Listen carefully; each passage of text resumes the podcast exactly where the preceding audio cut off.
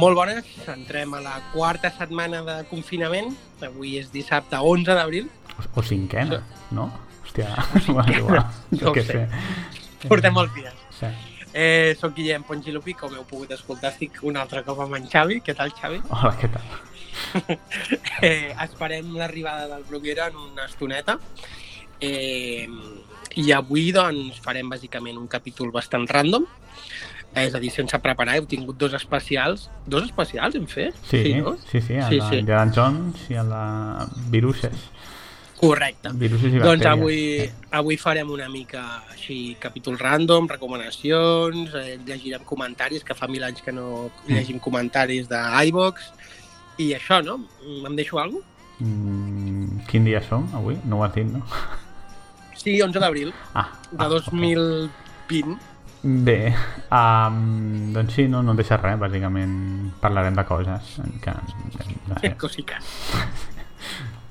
Vale, aprofito, aprofito per dir que, aviam, de fet, ho, comen, ho, ho comento ara en directe perquè ho vam... És a dir, ens hem Uh. començat a llegir, ens hem començat a llegir la trilogia de, del Xiu Xingling aquest, el, la, la trilogia dels... Com es diu? Del, Pero joder, el, el problema de los tres cuerpos.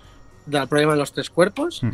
i farem un podcast em, especial sobre els tres llibres. Ara mateix el Xavi i jo anem pel segon, bueno, ja m'he acabat el segon, el Xavi pel segon i el Mm. Bruguera ha començat el tercer. És a dir que no sé si el proper podcast ja serà especial d'això o el següent, però si a algú li interessa, és a dir, si, no, si algú no se'ls ha llegit i li interessa llegir-los per, per, bueno, per poder escoltar el podcast quan surti, quan surti d'aquí un mes o així, doncs, o dos, doncs ja ho sabeu.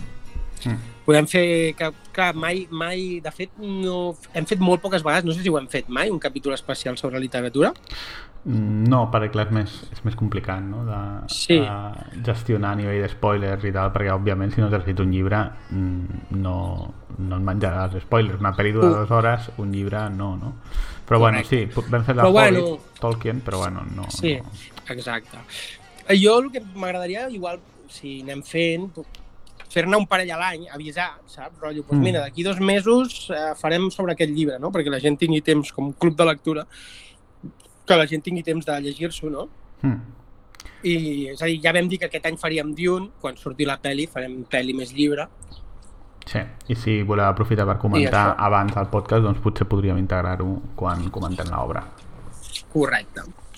Vale, doncs eh, comencem, comencem el capítol? Sí, vinga. Vale, doncs començarem eh, llegint comentaris de iVox, que fa dos milions d'anys que no, que no llegim. Dos Sempre milions que... d'anys no, però dos i mig sí. Correcte. O sigui que... Eh, de fet, hem mirat i l'última vegada que havíem llegit comentaris va ser el 2017, així que res, doncs reprenem una mica des del capítol 43, que va ser un capítol dedicat a Blade Runner 2049, Mm. entre altres coses. Crec que també vam parlar del tràiler de, de les Jedi. I... No? Sí, sí, Vale, quan, pues, quan com- pensaven que estaria bé o algo. Eh, i, Vale, i, doncs reprenem, reprenem a partir d'aquí, que sempre us diem que ens fa molta il·lusió els comentaris i que poques vegades responem, doncs mira, aprofitem avui per, per comentar. Eh, primer comentari és del Sport Initiative, que diu, buah, 5 hores, esteu bojos. Sí, és la tònica, clar, la nostra tònica habitual. sí, exacte, de les quals bona part va ser un, comentar un puto tràiler, o sigui que, mm, bueno, o sigui, Sí. diré Bueno, que... comentar un tràiler, comentar un tràiler i 2049, i Blade Sí, Runner. sí, però diré que també eh, es pot estar fatal per fer 5 hores de capítol. Es pot estar pitjor per escoltar-les. Correcte. De, de manera molt afectuosa, eh? Però... Eh, Sí. sí, sí. A més, l'esport és un trànsfuga dels motherfucker, no? Sí, que també són Sí, coneguts per la seva brevetat, sí. Que sí. Bueno, últimament sí, eh, els cabrits. Bueno. sí. Eh, tenim en, en Joan Cibership que diu Hol, nins, ja us enyorava, collons. Hauré de guardar un parell d'hores per les properes setmanes. Ara, les hòsties.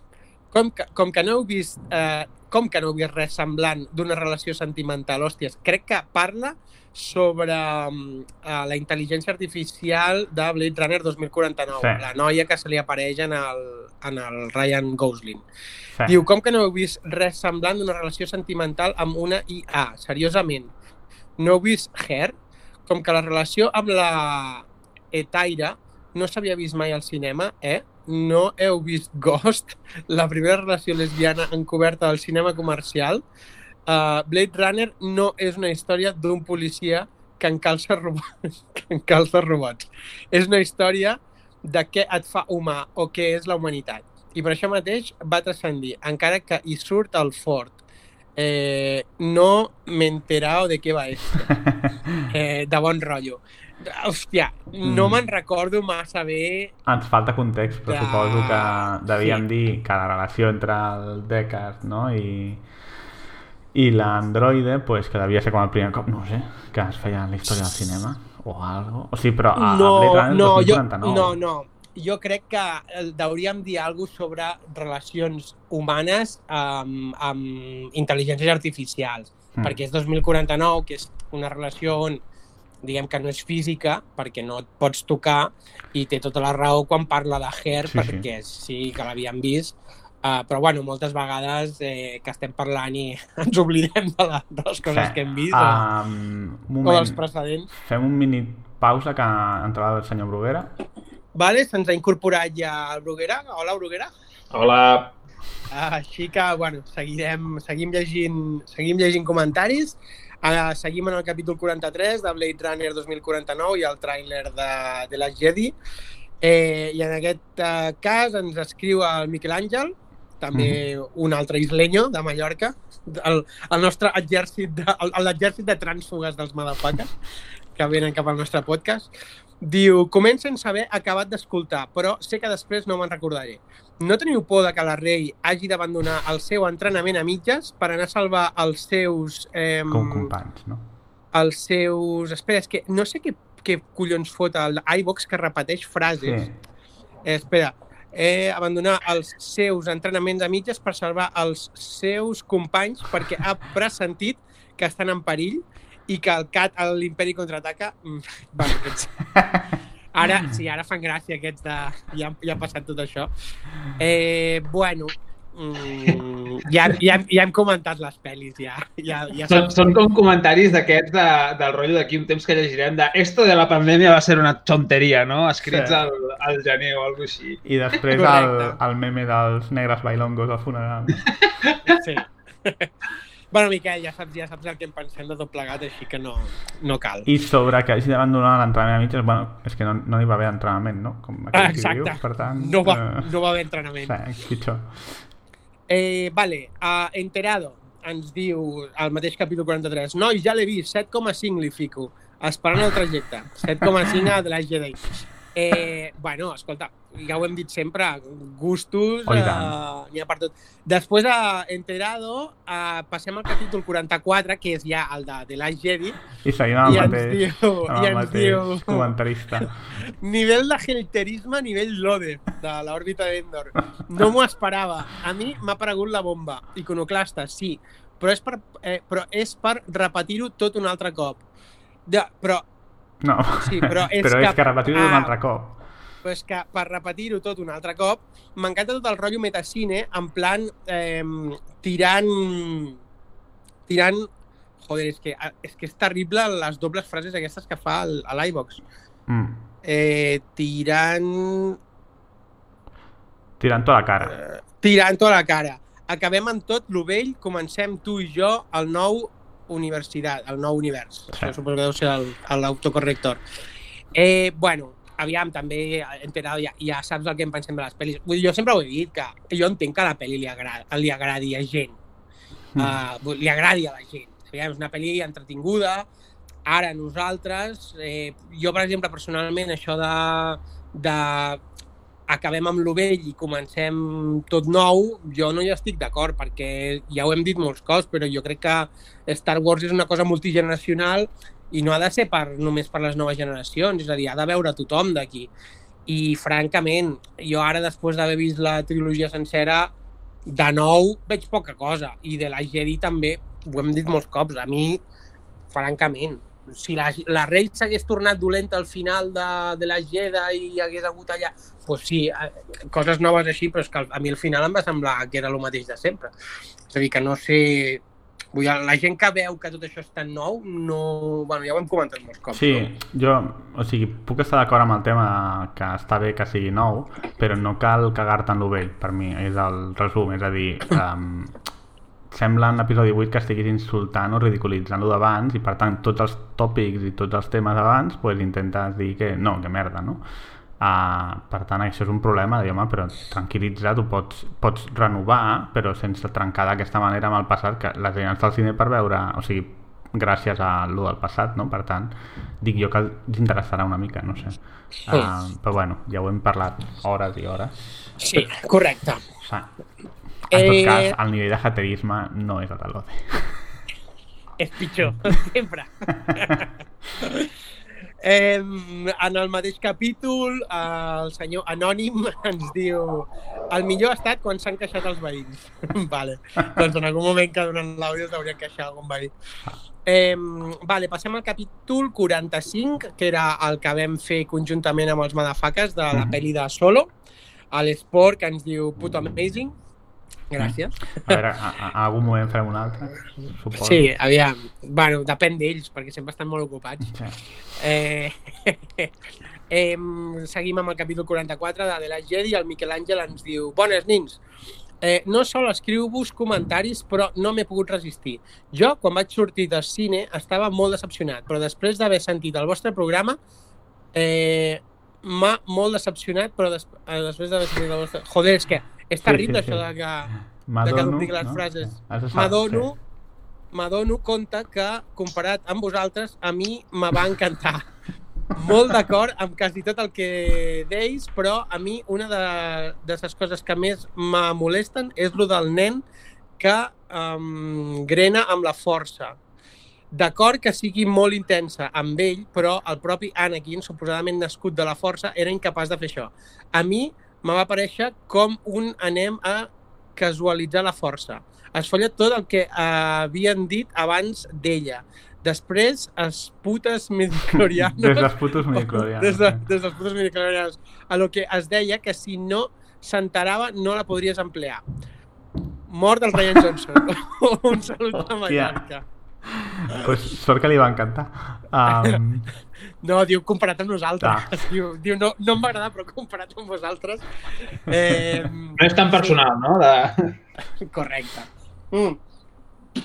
A mi també em sembla lamentable el del nen. Però bueno, és aquest, és aquest rotllo de carregar-se el cànon i de, bueno, i que ara la força pues, la té tothom, no? I és com, bueno, és un poder màgico més, més comú. Bueno, seguim. Eh, capítol, amb el de Solo, seguim amb el de Solo, a Enterado, que ens diu es plega l'univers amb el crossover final madafaques. Eh, bueno, eh, vale. Um, capítol 47, Star Wars Rebels i um, Star Wars Rebels i The Man from Earth.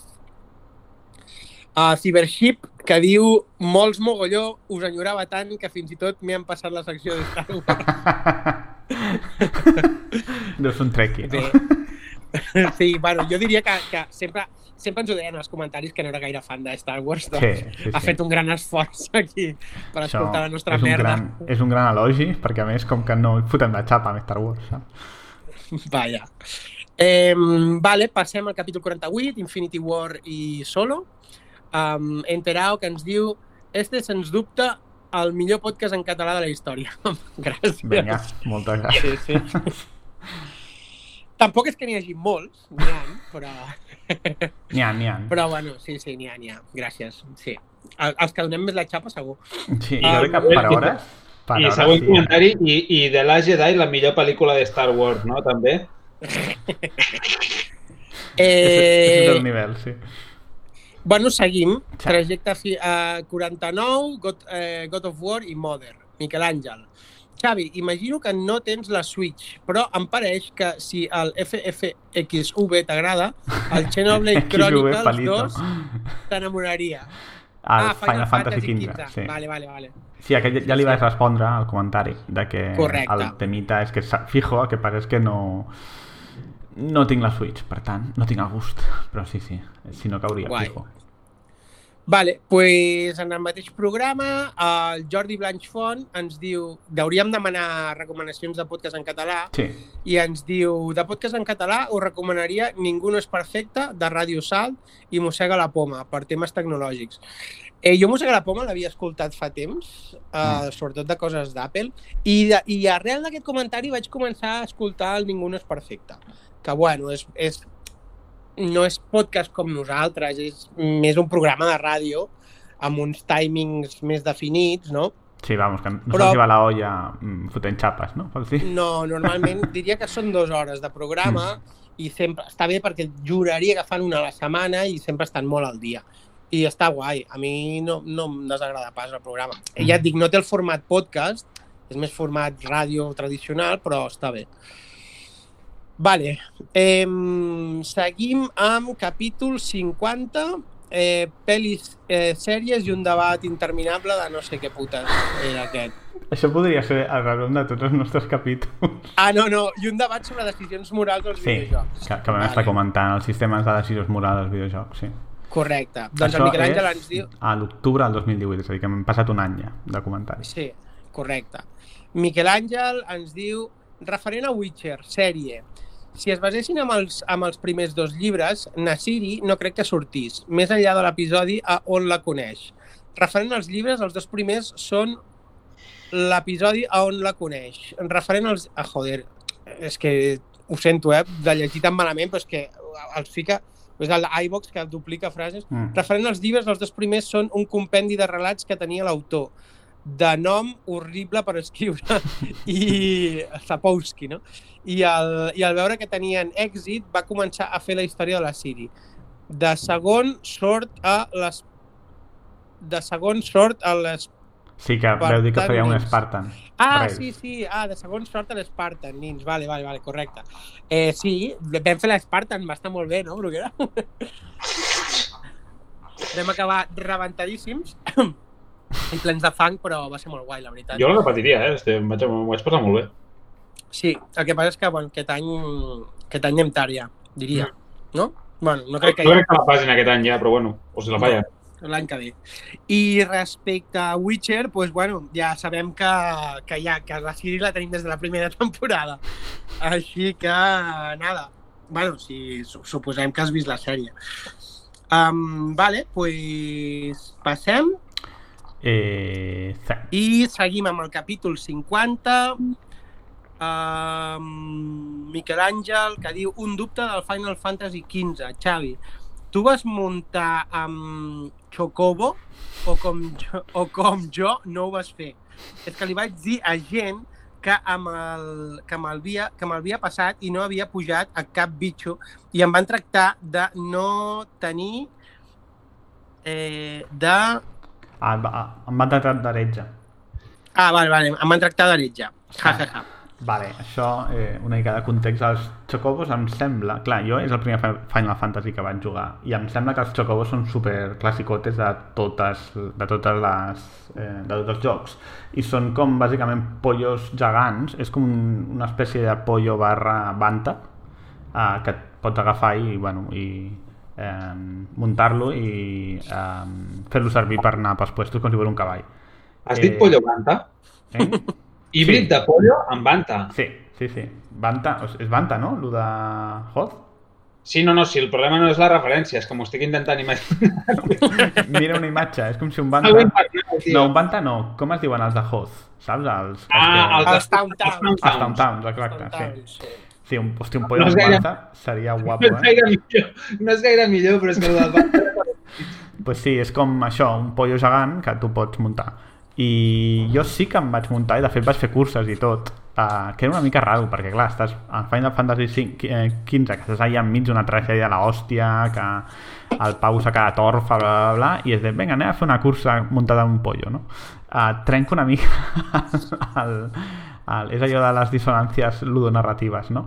Però sí, és divertit. Uh, va bé perquè, si no recordo malament, funciona força per anar per llocs més, eh, diguéssim, muntanyencs on el cotxe no arriba bé i aleshores pilles el xocobo aquest i pots anar rapidet. Però no ho vaig fer servir gaire, jo crec que estava més com a fanservice que no pas com a mecànica del joc.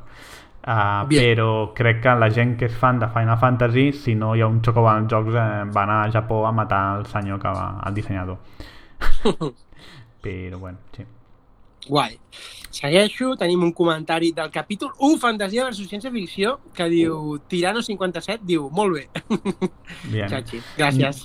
No, no ha fet cap més comentari, per tant, eh, que va, va escoltar un segon capítol Es, es va Been quedar aquí. i va quedar aquí. Va Uh, escoltar el d'Avatar i va dir, mm, a fail. uh, el d'Avatar, que és el menys escoltat de tots els nostres capítols. Diria que Ah, sí, diria que sí. Sí, sí, no m'estranya. Eh, sí, Tirano 57, si vas seguir escoltant, si us plau, torna a comentar. Estarem molt feliços de saber que no em vam perdre amb, per, culpa, canviat, per culpa del Cameron. Guai. Um, seguim pel capítol 53, el rigor històric a les obres de ficció. L'Esport ens diu m'agrada molt el nou format i el nou Edu també, que ja no, que va, va estar un capítol el nou Edu i punt. Però es nota molt que aneu contra els Madafaka contractar algú amb el nom de Edu. Jaja, èpic. Sí, doncs pues mira, és que està molt liat, l'Edu té molt de curro amb el, amb el joc i, bueno, igual en un futur es tornarà a incorporar. Però guai, almenys el nou format sí que l'hem anat mantenint, no? Mm, sí, el nou me- format aquest de... Diria que és quan vam començar a fer-lo de les notícies, recomanacions, Sí, el debat al final... que s'ajusta bastant més a, a un format així eh, per Skype.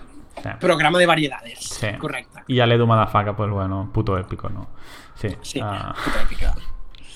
Vale, eh, aquí tenim un parell de missatges que igual no cal, que són els del tio aquell de l'ara, que va estar que va estar rajant a nosaltres Uh, perquè no, parlàvem thanks. malament, saps?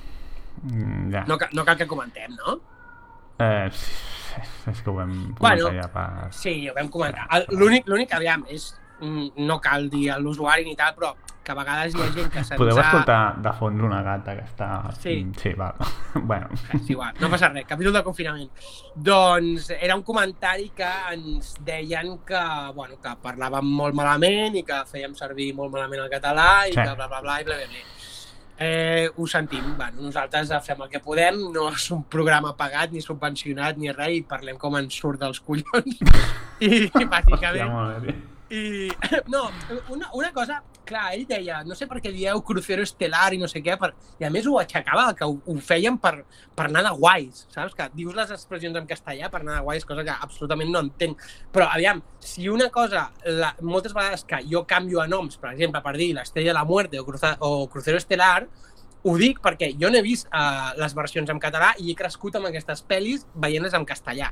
I a mi no em surt uh, dir uh, l'estrella de, la, de la mort perquè no estic acostumat. I com que parlem sense filtros i parlem ràpid i tal, jo dic, jo, clar, jo, jo dic com, com, com ho tinc en el cervell gravat de sempre. Mm. Si les hagués vist en anglès, igual diria Dead Star, saps? I si les hagués vist 40 vegades en català, doncs diria Estrella de la Mort, però no és el cas. I en aquest cas, o sigui, ja et dic, no, no és per, jo què sé, per fer-nos els guais dient-ho en castellà, que no, a més no entenc el, el format de, jo què sé, de, si ho digués en rus, no?, perquè sé rus, i volgués anar de guais perquè sé rus, però en aquest cas, no sé, no, no, no, no vaig entendre massa la, la polèmica. Bueno, jo, Però, bueno, per tindre la base que no entenc fer un comentari per rajar durant el programa, no, no l'escoltes i ja està. Eh, però és així de simple, perquè, clar, també ens va No, sé, dir... gràcies. no entenc un comentari només per rajar, només he sentit fins aquí la frase. és que és veritat. Uh, vull dir, gastar el teu temps amb això, no sé. També de que no tenim cap mena de rigor. Home, depèn del tema, no. No cal tenir gaire rigor per parlar segons quines coses. Mm, si estem parlant d'altres coses, pues, intentem cuidar una mica més els continguts, si parlem més de ciència i tal, però és que no sé, tampoc també és el tema. correcte. Bueno, seguim, no? Sí. Eh, vale, doncs, en el capítol 56, Avengers Endgame, uh, Enterado ens diu respecte a Willow, el tema és um, nan digital o nan real. Ah, vale, va, hòstia. Uh, no me'n recordo. Hauríem dir igual de si, fèiem, si feien alguna seqüela de Willow o alguna cosa, no? O, o, De si els farien bueno, digitals o els farien reals. En principi fa una, no, ja? O m'ho estic inventant totalment? Perquè és el que queda fer Mm. reboot, no?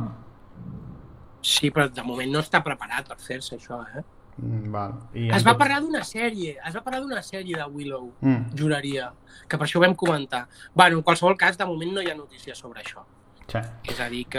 I Sí. bueno, aviam, si es fes, jo diria que haurien de ser nans reals. Mm, jo crec que farien una cosa rara estil el Hobbit que no són realment nans, ni digitals ni reals, sinó que són, no sé, saps què Clar, vull dir? però, sí, però Willow ja has agafat nans reals.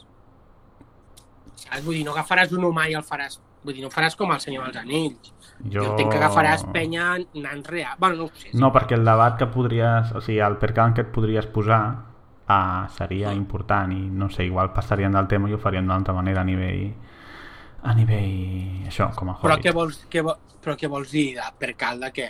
De racisme i això? Bueno, d'agafar Sí, ells- nans i és un tema que... Clar, però mm, jo diria, jo juraria que ells estarien encantats. Sí, però és igual, tindries molt de... diguéssim, tindries debats i mm, tindries articles en contra i saps com, com funciona Twitter, vaja. Sí, no ho sé. Sí.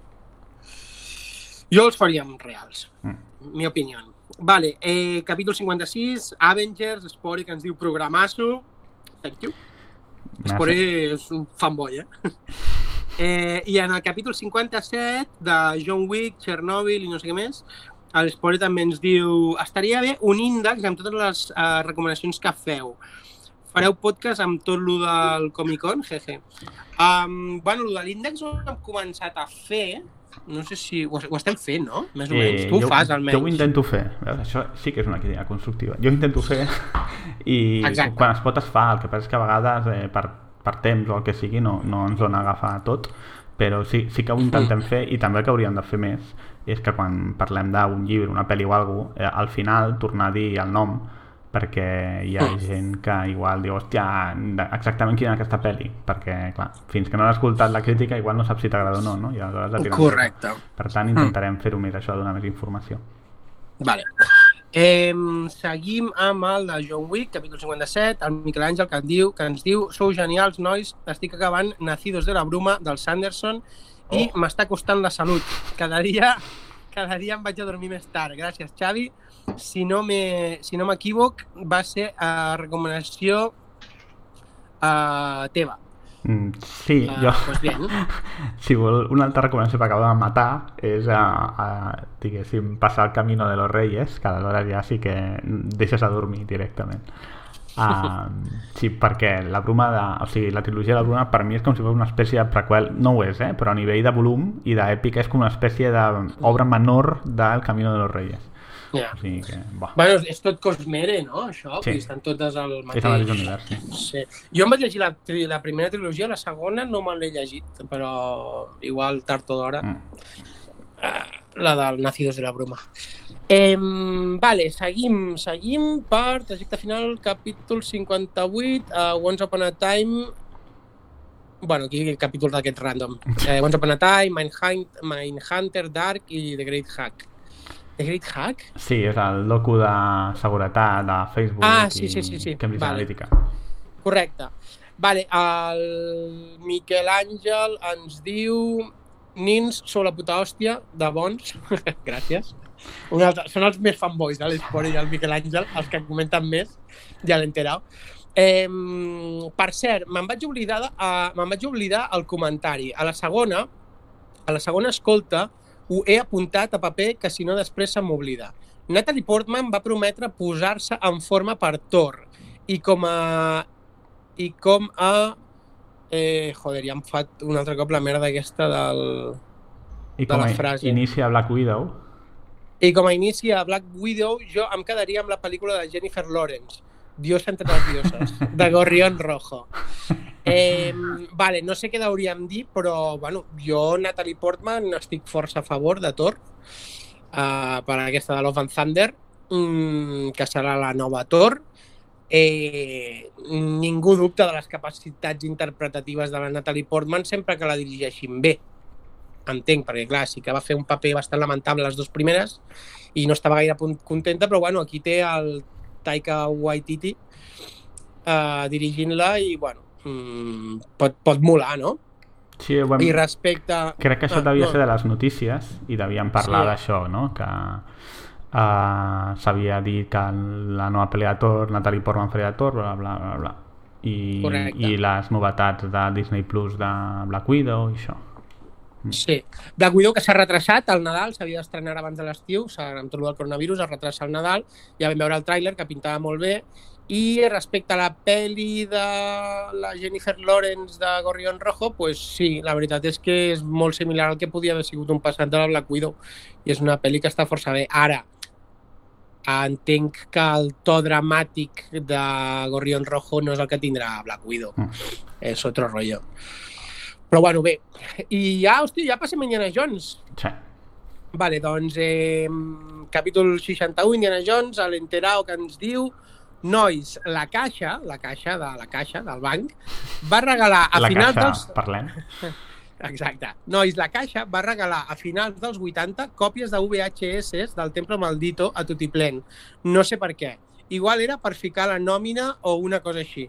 Juraria perquè tu en un moment dius que el Templo Maldito és la que vas veure més vegades i la que feien més a la tele. Sí, Suposo que aquí a Enterado especifica que, a més a més, doncs la Caixa va regalar còpies de VHS. que potser el motiu de per què cony eh, s'escoltava tant, o, o no sé, tenim en memòria més el Temple Maldito és això, que tothom devia tenir una còpia a casa, no? Sí. I bueno, i a part, és el que vam dir, tot i que és la més fosca i tal, jo crec que és la pel·li que més agradava als nens, eh? I Mhm. clar, tota aquella generació dels 80, doncs igual la que veiem més també era, era el Templo Maldito.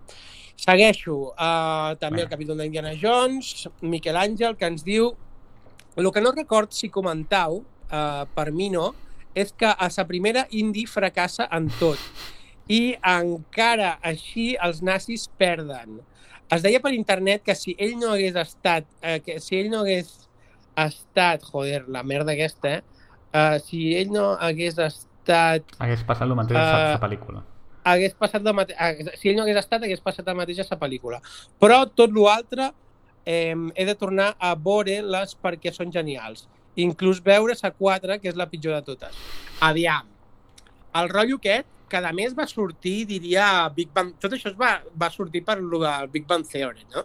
Però estava un d'abans, capítol- Eh? A Big Bang Theory Estava van, d'abans. fer, van fer-ho servir, però jo recordo que Es van el tema aquest de la- que sí, que l'arca perdida d'Indiana Jones és completament Sí. irrellevant. Bueno, Mira. això ho, no ho vam comentar en el capítol, si és aquest mite que diuen que el, si, el, si l'Indiana Jones no estigués a la història, eh, acabaria igual. Cosa que és, que és d'una falsetat absoluta. Eh, per què? Perquè la gent diu no, perquè si tal, perquè si l'Indi... Aviam. Perdó. Eh, hi, ha, hi ha un simple fet, que és el que arrenca l'aventura, que és que eh, a l'Indi és l'únic que sap on està la Marion.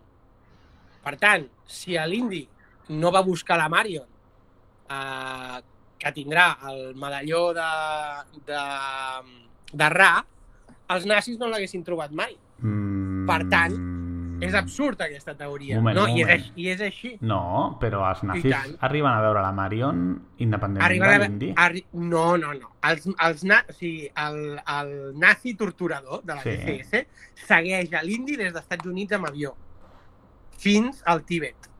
El Ah, persegueix. Però si a l'indi no hagués anat al Tíbet, els nazis no haguessin trobat. I a més només troben mitja. Per, o sigui, només tenen mitja part del medalló de Ra, que és el que té tatuat el nazi a la, a la mà. Vols dir que Però el sí. segueix? Seguríssim, seguríssim. Ah, però no, Ah. és, no és del pare d'ella. No és que segueixen el pare d'ella. No, no el... Hòstia, no ho sé si, si és veritat o no. Sí, sí, no, ja t'ho no, ja, ja t'ho dic, que aquesta teoria és, és una fal·làcia. Perquè ja et dic, només aquest fet, que és el que posa en marxa tota l'aventura, si a l'indi no arrenca, els nazis no troben l'arca. Punto. Que després l'indi, diguéssim que les coses que fa eh, acaben portant a que els nazis trobin l'arca, Sí. vale, això estic d'acord. però, però que l'indi és, irrella, és, és irrellevant per bé o per malament és fals. Home, jo crec que més que irrellevant és qui, per culpa de ga- gairebé, eh, els nazis guanyen, guany, o sigui, con conquereixen el món, perquè també hi ha Clar. el tema de l'avió, no? El, Sí. Si ell Però, no clar, però, això no, és, però, però això no és el mateix. No, És a dir, no és la mateixa teoria. La teoria de- aquesta diu que si a l'indi no està, passa el mateix. Doncs pues no, és mentida. Ho és que, de fet, si ell no es carrega l'avió, hagués importat l'arca d'aliança, a- o sigui, aquella lluita amb l'avió que ell si no ho fa, porten l'arca d'aliança a Berlín i quan la obren, l'arca d'aliança es peta a Hitler, no? Ah, Per tant, correcte. uh, per tant, per culpa de l'Indiana hi ha Segona Guerra Mundial. Bien. Vale, pues ja acabem. Uh, Enterado que ens diu... Um, ah, el de pandèmies. Capítol de pandèmies. Enterado que ens diu... Molt interessant el programa. Tinc l'internet sense funcionar. Comença el meu Hòstia. apocalipsi. Hòstios! Hòstia, ho sentim Hòstia, és molt. que... Sí, sí, uh, aquest, aquest confinament sense internet seria duríssim, eh? No, és... és... És, és, Bueno, és la- negra com diu ell, és mitjana, tio, directament, és el mateix. eh, seria molt, molt dur per tothom, però Sí. bueno. Uh, sí, sí, va. Sí, sí, hòstia, esperem uh, que l'enterado se li hagi arreglat el tema, eh? Perquè si Sí, no, sí. potser no ens torna a comandar mai més, pobre. Vaja. Potser no es supera el Eh, confinament. I res, passem a l'últim comentari del capítol de pandèmies, a la Billy, que ens diu Moltes gràcies per l'episodi. Crec que, en un cert sentit, el llibre del dia del juicio final, Doomsday Book, de Connie Willis, és també un llibre sobre plagues i les seves eh, conseqüències, les seves Sí. conseqüències. Sí, uh, és un llibre que no vam comentar. Jo m'he llegit diversos llibres de Connie Willis, però aquest no. El llibre del dia juicio final i crec que alguna cosa d'un viatge en el temps que va fins a l'edat, eh, bueno, la mitjana, el moment de la pesta negra a Anglaterra, si no vaig equivocat, i, i va una mica d'això, d'aquest context. Per tant, eh, sí, la veritat és que és un d'aquells llibres que tinc pendent perquè m'agrada força la Connie Willis i, no, i sobretot quan mescla història i ciència-ficció i no, no me l'he llegit. Guai. Doncs pues, bueno, fins aquí els comentaris. Uh, sentim haver-nos retrasat tant. Igual ja no, ja no tenia massa sentit llegir-los, però bueno, almenys uh, queden llegits. I agrair, òbviament, a tots els eh, comentaristes que Sí, home, eh, gastin un segon a eh, fer-nos eh, reflexions o crítiques constructives a, a, diguéssim, al podcast que fem. Correcte. Vale, doncs passem a la següent secció, que ara mateix no sé quina serà, Oh, pues, però... Les notícies, que només n'hi ha una que s'ha cancel·lat tot. Correcte. Vale. Escolta, fem un moment una pausa i continuant. Vinga. Captain Smith and Pocahontas had a very mad affair. When her daddy tried to kill him, she said, Daddy, oh, don't you dare give me fever. Passem a les recomanacions i començarem... Per què comencem, Xavi? Vinga, comencem un parell de pel·lis històriques. Uh, que la primera seria la nova producció de Roland Emmerich de la pel·li de Midway. Sí, bueno, eh, és curiós perquè comencem les recomanacions. En tot cas, aquesta és, un, és una antirecomanació. Uh, força, però, bueno, eh, els comentaris, si, si voleu, els anàlisis eh, totalment objectius. Um, Sí, lo, lo bo d'aquests dies és que um, moltes pel·lis d'estreno han passat directament als dojos, que, que sabem que vosaltres també uh, entreneu, no? Em, I bé, que això, que totes les pel·lis que vam tenir als Oscars i aquestes últimes, doncs les podem veure via Ninja. Sí. Eh, primer aquesta de Midway de, del Ronald Emmerich, que podríem dir que és quasi una continuació de la que ja havia dirigit Pearl Harbor, sí. que s'ha tirat mogollon de temps intentant buscar pressupost per fer aquesta pel·li. Hauria estar obsessionat no? en fer les dues batalles. Bueno, és, és, raro, perquè... Sí, és raro. És, a veure, bueno, Em, em refereixo que és un tio que sempre fa pel·lis de catàstrofes, eh, que, per exemple, la, aquella que va fer del Shakespeare i aquestes deuen ser com algú molt personal que li deu molar, no? Per, i per haver ser, fet. Uh, igual té algun familiar que va estar... Jo què sé. ah, no, però, potser sí. però un moment, Pearl Harbor és del Michael Bay, eh? Cuidao. Mhm. I aquest és el Roland Emmerich. No, no és del Ronald, no és del Ronald Emmerich, no, Pearl Harbor? no, no. Ah, Mm. vale, pues tota la meva teoria cau com passar. castell de naipes. Jo els Eh, confonc, tio. Eh? Jo els confonc. vale, Heu dit, heu dit Midway i la imatge mental que he tingut ha sigut l'Optimus Prime i pirotècnia darrere. Clar. sigui que... Home, aviam, el, el, el Michael Bay, el Michael Bay és un gran director al servei del mal. El Ronald Emmerich, el Ronald Emmerich és un director, bueno, que ha fet algunes pel·lis bones, però Sí. diguem que no té la potència visual del Michael Bay. Crec, Eh, no és tan bon director. No sé si heu vist aquest... Bueno, és igual, ja la comentaré després. Aquesta de Seis en la sombra, que ha anat directament a Netflix, del Michael Bay. És que. Michael Bay i bon director en aquesta frase, hòstia, em costa de digerir, eh? Uh, més que res perquè, hòstia, a mi, així, potser és un tema personal, però jo no m'entero en les seves pel·lis d'una puta merda. O sigui, les escenes de combat, i, tot, i el 90% de la pel·li són escenes de combat, són molt confuses sempre. No, no, o sigui, no es veu clarament què està passant, no tens un, una concepció de l'espai, de on està eh, Optimus Prime, està... Lo... Vull dir que, no sé, sempre m'ha semblat molt dolent, però si tu dius que no, pues, no sé, m'ho crec Bueno. o alguna Vale, pues, què estàvem, què estàvem Sí, parlant? Midway, Roland Emmerich, que no és segona part de Pearl Harbor perquè és un director diferent, tot i que a vegades no ho sembli. Vale. Um, és una pel·li de batalla de Midway del, del 1942, que és la batalla aquesta a on eh, mesos després de Pearl Harbor els, el, la flota yankee, els tres portaavions yanquis que estaven més o menys flotant en aquell moment es peten com eh, el gruix de la flota japonesa els, enfonsen els quatre portaavions principals i per tant diguéssim entre cometes salven a Estats Units de la derrota i donen el tom a la campanya del Pacífic no? No va fer iniciativa, no? O sigui, Sí, sí, li agafen la iniciativa a partir d'aquell moment, més o menys. No és així exactament, perquè de fet és Guadalcanal, però bueno. Eh, sí, no sé, és una pel·li de, típica pel·li bèl·lica històrica, no? Eh, dir que hi ha una pel·li dels anys 70 del Charlton Heston de, que surt per, por ahí, que també és de la batalla de Midway, és a dir, que és una... Sí, eh, Midway, de fet, es El dia més largo, no? És algo així? O... No, el no, dia el más dia largo más és el dia largo D. és el dia D. No, No, no doncs era. jo crec que es diu la batalla Midway. de Midway, eh? Sí, Sí, Midway, sí. sí. Diria que es diu Midway a seques, la pel·li, però bueno. Mm, sí, i... Bueno, sí, una d'aquestes clàssiques de guerra. Sí, que en aquell cas, una de les coses curioses és que el, que això surt a la pel·li del Roland Emmerich, que el, com es diu el director, conya, el, Ah, el John Huston estava, estava a la illa de Midway uh, quan els japonesos ataquen i per tant Hòstia. les escenes, bastants escenes de la batalla de Midway de la pel·li dels anys 70 són escenes reals de combat Hòstia. que és bastant curiós. Sí, de fet diria que a Netflix igual podeu trobar el docu del John... He dit John Ford? John Huston, no? John... Sí, John Huston Sí. és el del, el de l'ull tapat, no? Sí, John Huston. Sí. pues sí. I això, aleshores, bueno, la batalla és famosa perquè el, hi ha aquesta illa de Midway, el que, diguéssim, està a mig camí entre Estats Units i les, la, el territori con, controlat pel Japó, els japonesos van agafar la illa però és que els, els yanquis han trencat el codi naval japonès, mouen els portaavions i és una espècie de trampa per petar-se'ls.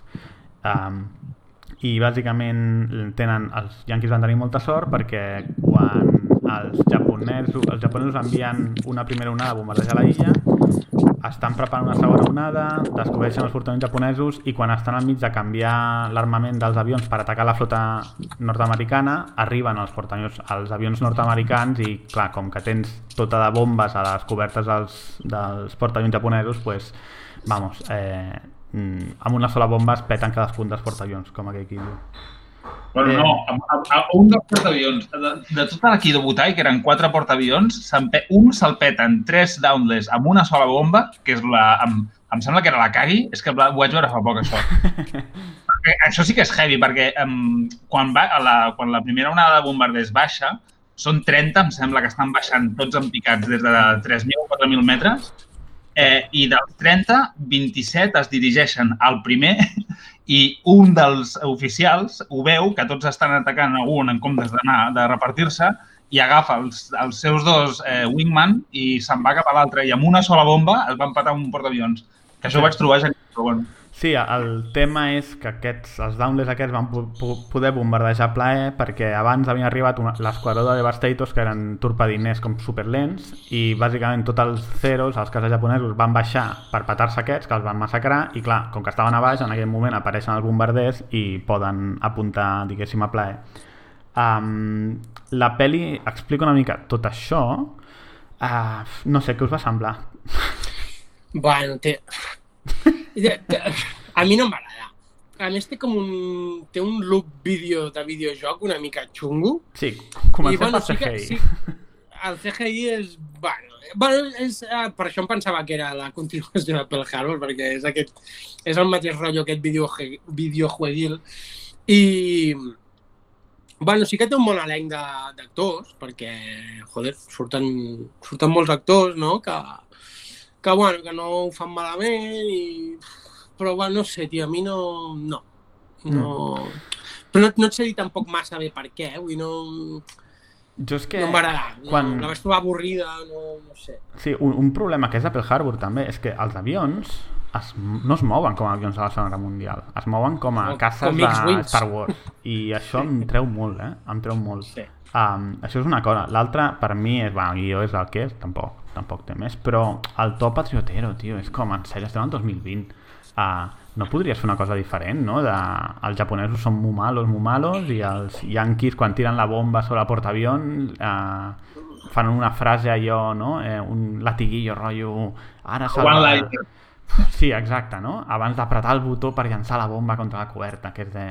A més, els, els Yankees... Estem parlant, estem parlant del director d'Independence Day, eh? Val, Sí. però Ja, Independence és Day és ficció. No, no li demanis massa. Independence Day és dels anys 90 i és ficció. Si fas una pel·li 2020 sobre japonesos i yanquis, o sigui, els pilots, per exemple, els yanquis, no tenen por, són com, no sé, eh, tots eh, màquines herois o alguna així, no?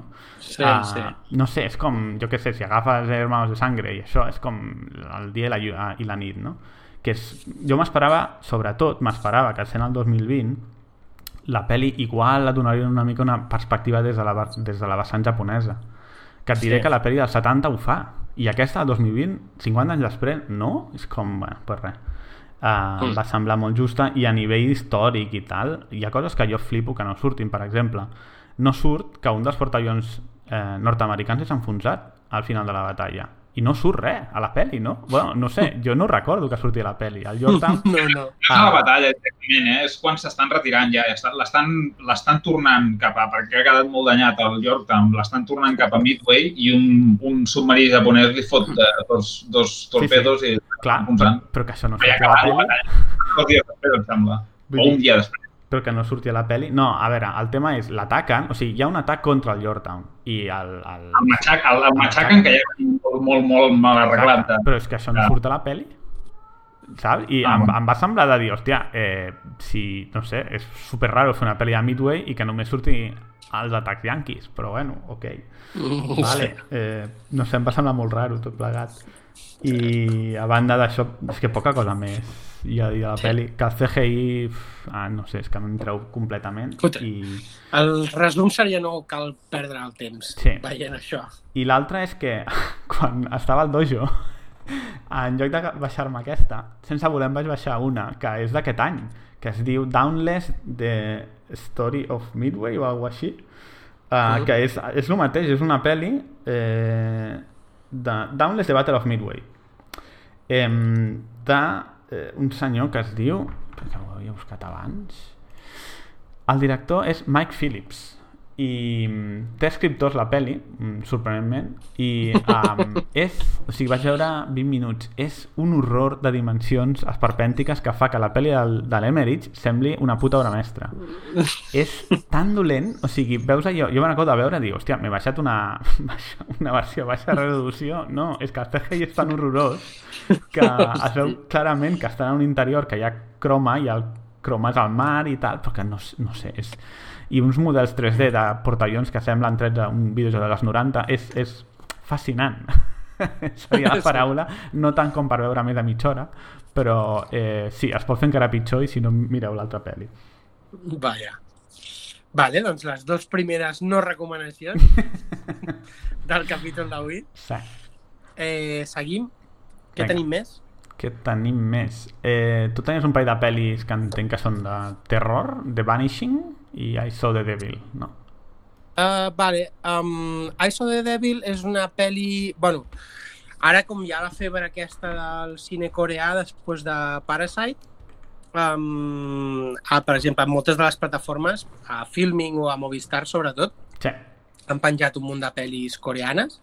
Aquesta de I Saw the Devil és del Kim Ji-won i bàsicament és una història de venjança superbèstia d'un policia que, que bueno, un psicòpata li mata la dona, que a més a més estava embarassada, i la pel·li és bàsicament ell um, buscant l'assassí. Mm, Podria dir més, però no vull dir més. I, bueno, um, si us agrada això, si, si heu descobert el cine coreà amb Parasite, aquesta és una bona pel·li per seguir. Um, mo- molt violenta, això sí, és molt violenta, molt gore, I Saw the Devil. La teniu a... Eh, aviam, la teniu a Amazon, Amazon Prime um, i a Filming. Vale? És a dir, que en aquestes dues plataformes està. Uh, I és molt xula, la veritat, molt ben dirigida, escenes d'acció molt xules i és que és això, no, no vull explicar, però el guió, diguem que no és només un policia al, al, a l'assassí, però no vull dir més perquè llavors us jorobo, jorobo la trama, saps? Que és una de les coses xules. I després l'altra és la de... Mm, The Vanishing. Quina, quin... Ah, The Vanishing eh, és... La, me la vaig veure perquè ja... Vaig veure aquella, i ara la vaig recomanar en un, en un podcast antic, um, aquesta de The Lighthouse, amb el, amb el William Dafoe i el de Crepúsculo, el, Sí. El El, Pattinson. el Batman, sí. El Pattinson, no? Sí. El Pattinson. el, Patti, el Pattinson, correcte. Que és una pel·li en blanc i negre, del director de The Witch, amb un trasfons, trasfons eh, fantàstic, que, que està molt guai. I, bueno, i vaig veure aquesta de The Vanishing, que surten al... Surten el... Joder, com es diu? El de 300, el... Butler? el Gerald Butler, i, bueno, i dos actors més, uh, un també molt famós. bueno, bàsicament, per això és aquest... que m'estic liant. Una mica... Em, perdoneu, uh, dirigida per Christopher uh, Nielholm. bueno, són tres tios, un vell, un de mitjana edat i un jove que se'n van a cuidar un fat. I aleshores, doncs, bueno, troben un, un cadàver a, a la platja amb un, amb un cofre ple de- d'or. I aleshores, doncs, bueno, vindran els tios uh, vindran una, uns, uns, uns dolents a, a la illa a buscar, a buscar això que ells han trobat. I bàsicament, pues, bueno, és la història entre els tres i com intenten defensar-se això. La veritat és que no té res de fantàstic, com ho tenia l'altre, però és una pel·li que està guai, sobretot si us agraden aquests rotllos de, de fareros, de llocs isolats, un Mhm. thriller ambientada, diria que és a finals del 19 o començaments del 20, molt ben ambientada, els actors ho fan molt bé i bueno, una pel·li per passar el rato que, que està xula. Li vaig posar tres estrelles al, al film, ai, al Letterboxd i la teniu a espera que us ho dic, aviam si està en alguna plataforma, està a Movistar i a, a Movistar només. I li vas donar un like també? No.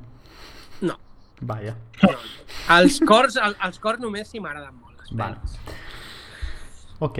Ah. Puc seguir, puc seguir, puc fer un parell més abans de que en fem algun altre junts? Oh, i tant. Vale, doncs una altra pel·li per recomanar dels directors d'Uncut Gems, que és aquesta pel·li que s'ha fet famosa produïda, diria, per Netflix amb l'Adam Sandler, no? És una pel·li Mhm. molt tràgica i dura.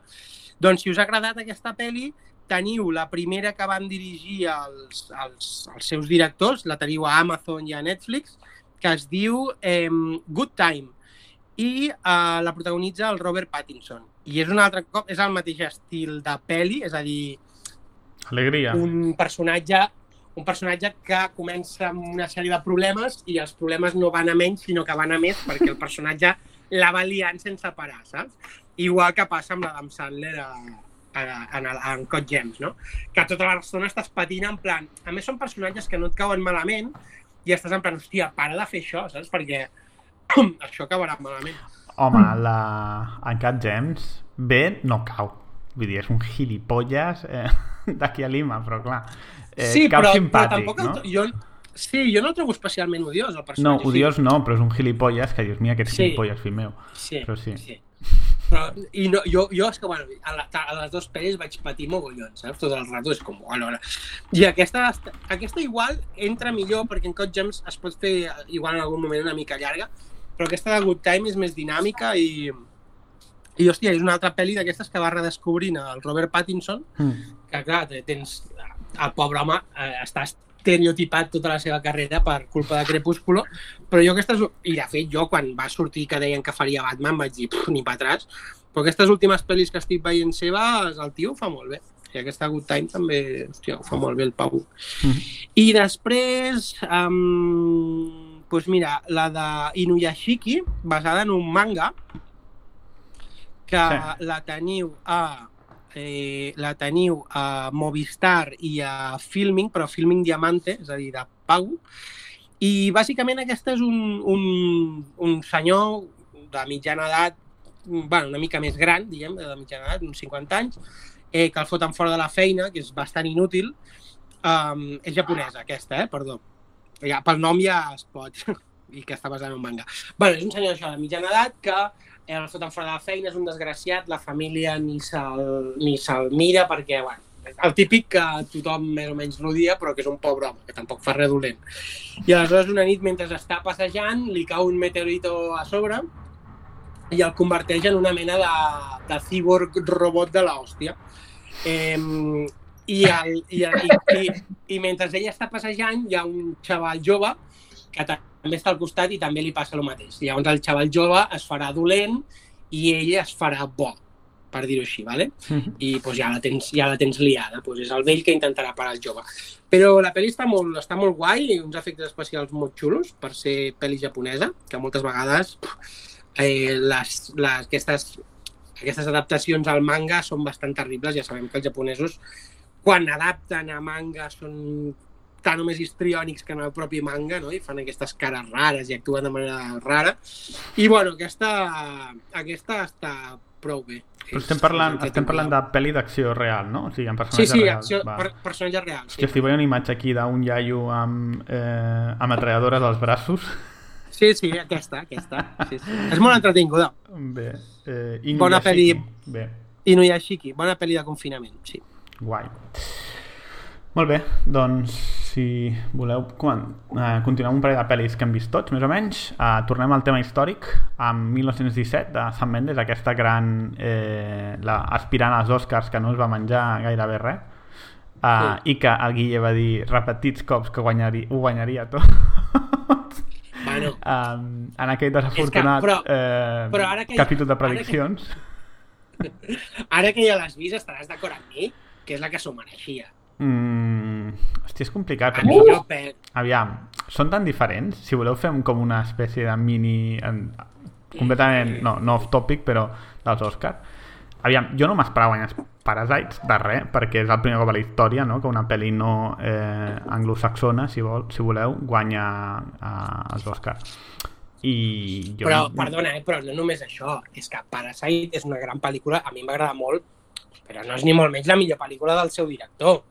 Jo, per exemple, la de, la de joder, trobo més bona la, de, la del tren, la de... Snowpiercer. home, jo- Snowpiercer no. crec que és millor. Sí? Jo sí. Bueno, és igual, en qualsevol cas no és pitjor. Snowpiercer és meravellosa, tio. Sigui, Aviam, um, jo sincerament, el, el rotllo aquest de Parasite és una obra mestra, aviam, està molt bé, la, a mi m'agrada molt, però tampoc veig exactament per quin motiu és una obra mestra de l'hòstia i, vull dir, i com si els Oscars ara premiessin les obres mestres, saps? Vull dir que no, no descobrirem ara que els Oscars no són justos i, i moltes decisions no es prenen per motius de qualitat eh, i ja està.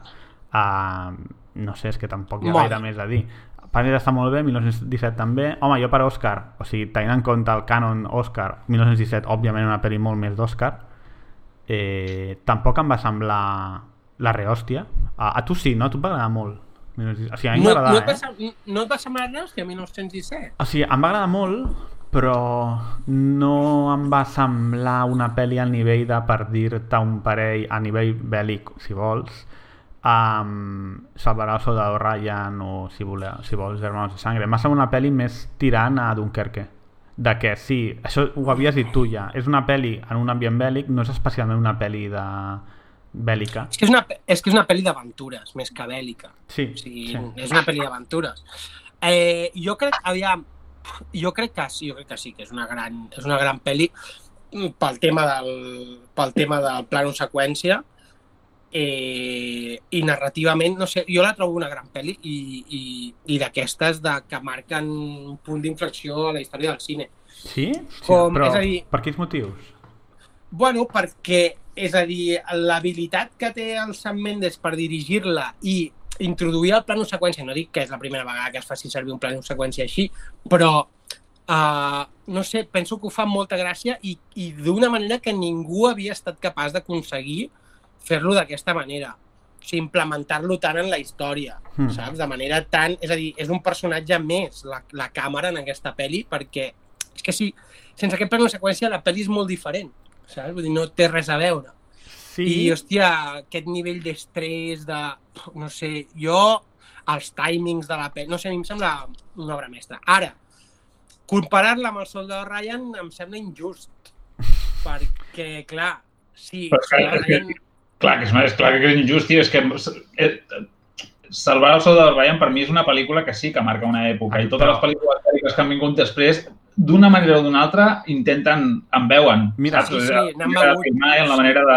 Per dir-te una pel·li molt diferent també bèl·lica, ai, de Primera Guerra Mundial, Senderos de Glòria, que no té absolutament res sobre el Soldado Ryan, però sí que em sembla una obra mestra que transforma el cinema. A mi no em sembla que aquesta pel·li arribi a aquests nivells. Ja et dic, és una pel·li que em va encantar, o sigui, està molt bé, però no m'arriba al També- nivell de...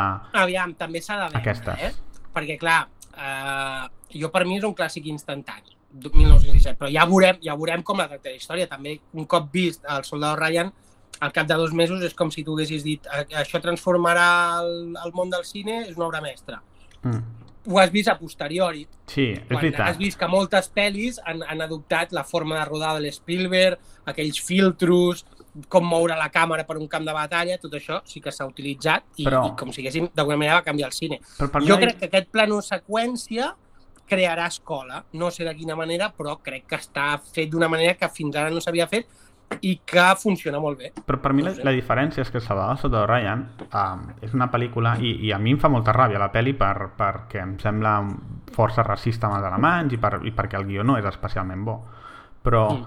Fa una cosa radicalment diferent de tot el que s'ha fet abans, que és uh, explicar-te aquesta visió molt més humana de la guerra des de la perspectiva del soldat i, i l'experiència del soldat. Eh, I Senderos de Glòria, amb un univers paral·lel, també.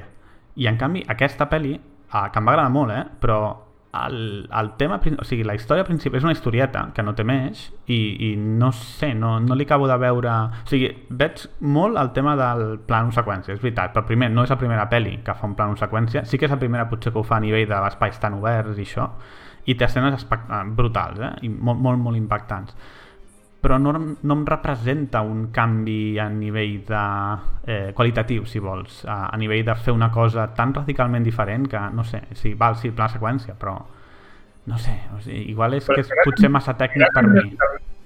Era tan radicalment diferent el Salvar el Soldado Ryan? Sí, perquè digue'm una pel·li d'abans de Salvar el Soldado Ryan que se centri tant en la psicologia de... Sí, no, de però jo. Sí, la psicologia, Jo no, per mi el del Soldado Ryan, que no, no l'intento en cap manera treure mèrit. És que a més em sembla que ho hem dit moltes vegades, ho he dit moltes vegades quan n'hem parlat, però a mi el que em va deixar aquella pel·lícula, sobretot, i és el que encara... La, la, la, un dels motius per als quals encara aquesta pel·li m'agrada, perquè me'n recordo molt de la, de la emocionalment de lo que em va suposar, de lo que em van suposar aquells 10 primers minuts. I a Sí. més és que me'n recordo molt del, del, de la impressió de les onades, de la, del primer plano de les onades, Mhm. Llavors, repassant tot, és veritat, joder, que és, és, la, és el, el, la tècnica, diguem, o, o el saber fer del, de l'Spielberg i de la gent que va dissenyar aquella seqüència, que és veritat que ho, que ho fa, fa algú que sembla molt diferent, però és que realment més enllà del que dius tu, de- d'això, de, portar una perspectiva més subjectiva i més Ah, però, crua, però això és brutal, la diferència, perquè de cop ja no tens... És, és una mica... En història militar, val? hi ha un tio que es diu John Keegan, que l'any 70 diu, val, anem a fer una història militar que en lloc de parlar dels herois i dels comandants, parli del el que sent el soldat. Salvador Soldado Ryan és l'equivalent a nivell, a nivell de pel·li, que és... Hi ha algunes pel·lis que ho intenten. Senyores de Glòria és molt més filosòfica. Després tens uh, El dia más largo, que té alguna escena, o, o la de, com es diu, Big Red One, eh, la de... Hòstia, com es diu? Bueno, Bi- Bi- del Fuller, em sembla que és. Però aquesta és la primera que dius, val, estàs veient un soldat allà cridant a sa mare ferit a, a la platja. La immens... O sigui, les pel·lis d'abans de Sal- Salvador Soldado Ryan, si t'hi fixes, en general no hi ha gent ferida. Perquè Tio, però- gent ferida és molt dur, és encara més dur que gent morta. la pel·lícula de la Segona Guerra Mundial, no? Perquè No. sé, el gènere dels anys 70 i 80, eh, eh, dels 80 i 90 de eh, Vietnam, hi ha pel·lícules que són duríssimes, tio. Però no és el mateix, uh, perquè Vietnam té molt més de, crític, de crítica política, si vols, que no pas de... Si potser Platoon una mica, però... No, estava pensant en una que, que no tornaré a veure mai més, que era el eh, Corazones de Hierro, la que surt Sí. al Michael J. Sí, el Michael J. Fox. Clar, tio, aquella pel·lícula aquella em va traumar d'una manera, tio, que... Sí, Però, però allò jo- jo, jo- sento un punt crec polític, que no és el mateix que, que el- l'objectiu Sí. de l'Spielberg, em sembla. però jo crec, jo crec que la, la peli passa, és a dir, en aquest cas, i en molts casos, sí que és un mix de, les, de totes les coses, eh? com dius tu, que la, la posició que t'ensenyen el soldats, però en el cas de, o sigui, el soldado Ryan fa escola per com està filmada, no pel que t'explica. Jo no també pel punt de vista, no pel punt de vista del soldat, sinó Home. perquè l'Spielberg fot, fot una càmera que no... És com el Tarantino quan fot la càmera en el, en el maletero d'un cotxe, que creen planos que no s'havien vist mai. Home, però- L'Spielberg Spielberg fot càmera a l'ombro enmig d'una guerra. I Però- això, tècnicament, és el que crea escola. Però tècnicament fas aquestes decisions perquè l'objectiu que vols és aquesta subjectivitat. Poses la càmera a l'ombro perquè el que vols és que l'espectador Bueno, se senti enmig d'aquests soldats que estan patint. per això, per això et dic que, que pot ser un mix de les, de les dues coses, però al final, és a dir, el que copiarà la gent no és la vida del soldat, sinó com l'Spielberg roda. Jo el que queda a les escoles de cine, jo crec que el que... És a dir, quan tu estudies cine i veus el soldado Ryan és per veure com ha filmat allò. Sí, però... Clar, eh, jo penso, igual, totes les pel·lícules que han vingut després, eh, la, de- la del Brad Pitt, la Fury, eh, encara que intentin això, el que intenten emular d'aquella pel·lícula per mi és l'estètica i el, el, el com es transmet la, això, la sensació de combat. Però és que no, No, no, no. no pots aïllar una cosa de l'altra. És a dir, si tu agafes i fas una, una tecnologia... O sigui, si graves a nivell subjectiu càmera a l'ombro, estàs donant la sensació Però, de... però si no poguessis aïllar una cosa de l'altra, totes les pel·lícules que han vingut després i que ho intenten emular haurien de provocar una sensació similar, No, perquè fan home, el no. mateix, bàsicament. Una cosa és la idea, l'altra cosa és la qualitat. Però Hermanos Clar, de perquè, Sangre... perquè per mi el, diferent, el que és el, el fet diferencial de- del Soldado Ryan és el Spielberg i tota la gent que tenia al voltant, que segur que tenen nom i cognom, però que no els conec, però que, que, que, que el seu treball conjunt fa que aquelles escenes siguin tan, tan crues i entrin tant. Sens dubte, I per, però... per tant, no és una qüestió, de, per mi, de guió, de dir, hòstia, aquí ensenyarem aquest plano per donar una perspectiva subjectiva del soldat. És Jo crec que sí, eh? donar aquesta situació com algú l'ensenya. I Per en mi- aquest cas, Per mi sí, Bueno. ja et diré que a mi, jo prefereixo Hermanos de Sangre o, o El Pacífico a, a Salvador Soldado Ryan. L'esperit d'Hermanos de Sangre és el de Salvador Soldado Ryan. Després, a nivell tècnic, òbviament, no és el mateix ni de bon tros. Però aquesta idea d'explicar-te la perspectiva del soldat pringat que està al mig d'allà i ha d'aguantar és exactament la mateixa i, i, i és una cosa que després Fury, per exemple, també ho fa, etc etc. Eh, aquesta, comparat, per exemple, amb la de Midway que just comentàvem, ah, la de Midway no té aquesta perspectiva i per això és el que va definir el cinema bèl·lic dels últims 20 anys el, el Spielberg amb, amb, bueno, és la meva opinió. 1917 també veu una mica d'aquí però no sé o sigui, és veritat, primer per mi eh, sí, però a nivell tècnic si té impacte és perquè t'està transmetent alguna cosa i 1917, a banda de la seqüència que sí que es fot enmig de tot allò no sé, no em sembla tan eh, significant o rellevant com Salvador Soldado Ryan però tot i això per mi és una gran pel·li eh? Bueno, al final, totes les pel·lis de la història del cine es van retroalimentant les unes a les altres. Jo estic més d'acord amb el Bruguera amb això, que, aviam, la perspectiva del soldat l'havíem vist. Vulguis que no, diferent, més polític, menys polític. Apocalipsis Now és la, la, la, el punt de vista del soldat a tope. mm, Des de, de, fins i tot a, a, a nivell de diari, de, de com aquest tio està visquent la guerra i com s'està tornant boig per culpa de tot el seu entorn. jo, jo Apocalipsis No és- Now bueno, no diria no que és una el pel·li de guerra però bueno Bueno, però tio, vale, és una pel·li d'aventures com 1917, Mm. mm. potser. Eh? Però, però sí que aquestes pel·lis del Vietnam tractaven molt més el punt de vista del soldat. No com ho fa l'Spielberg, no és el mateix, Mm. però és similar. En canvi, el tema de... Ah, el, el Kubrick no... Ai, el, el, el, ca- el, joder. El, el del Padrino, el, l'Apocalipsis Now, el, el Coppola no fica la càmera a l'ombro, com la fica l'Spielberg. És, és, és igual, és un debat absurd perquè són les dues coses que una va per, per l'altra. Jo l'únic que deia és que sí que hi ha, és a dir, que sí que estic d'acord amb que igual um, a partir del soldat Ryan a, a, es, es para més atenció a l'experiència personal del soldat en la batalla a l'hora de, de narrar una pel·li, però en una, en una escola de cine el que tu t'explicaran perquè l'altre ja és l'escript, com per dir-ho així, però el que tu t'ensenyaran és com l'Spielberg mou la càmera per allà, que això és el que no s'havia vist. bueno, mm, crec que totes les, les... Al final estem dient els tres més o menys algo similar. Sí, simplement... El que passa és que alguns li donem més importància a una cosa i als altres. Exacte. Jo simplement el que dic Però- és que les decisions tècniques sempre estan supeditades al que vols aconseguir. Mm.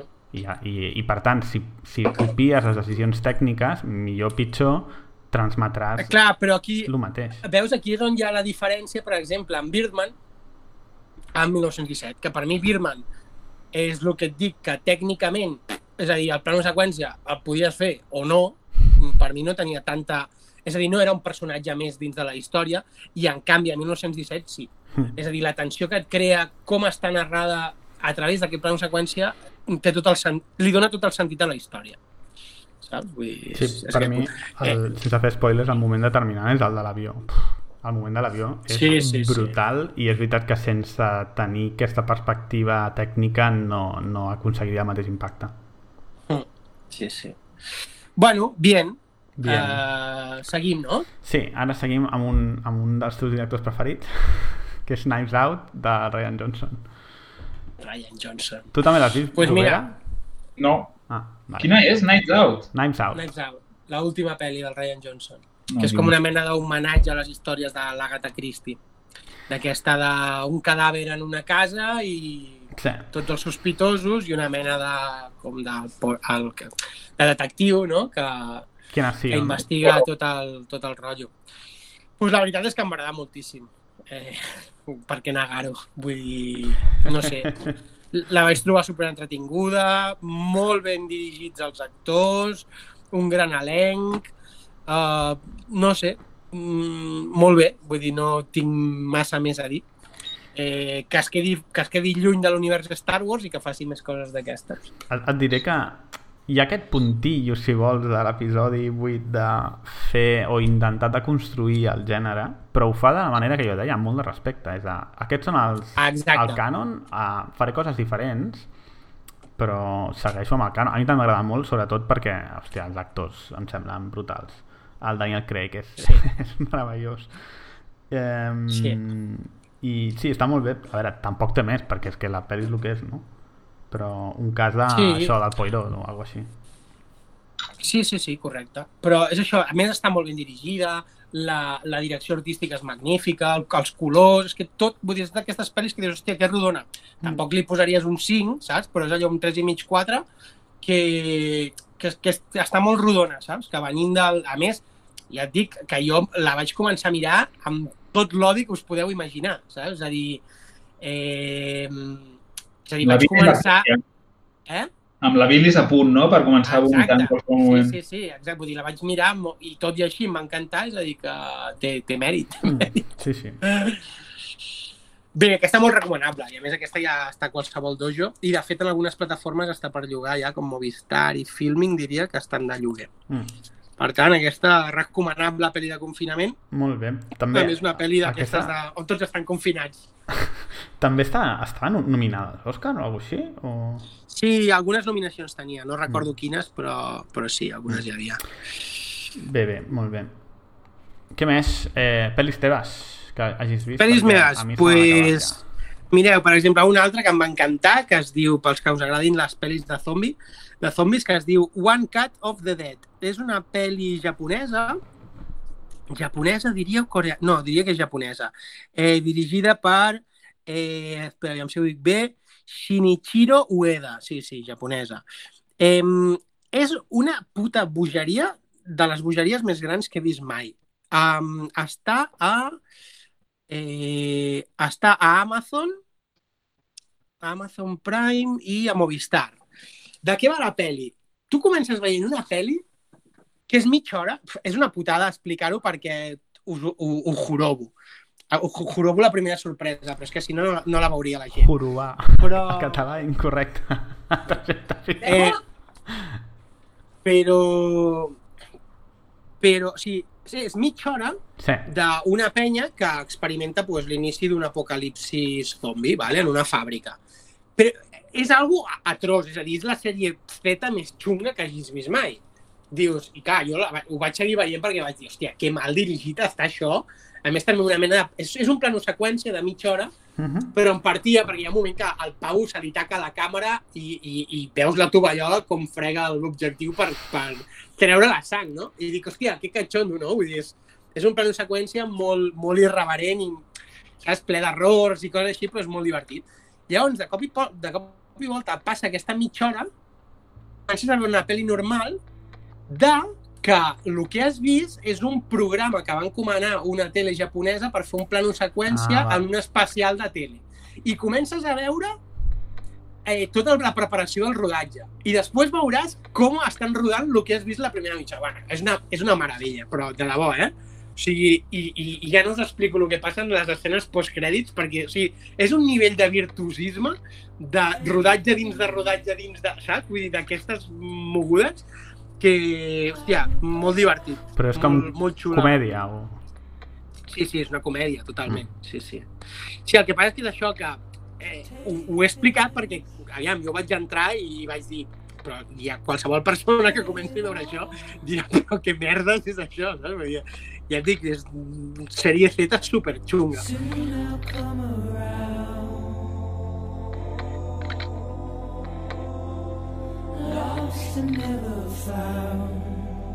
I, bueno, segueixo comentant algunes. Faré, aniré super ràpid, vale? només uh, quatre cosetes per... Bueno, per fer la recomanació i tal. A més, crec que vosaltres no n'heu vist cap.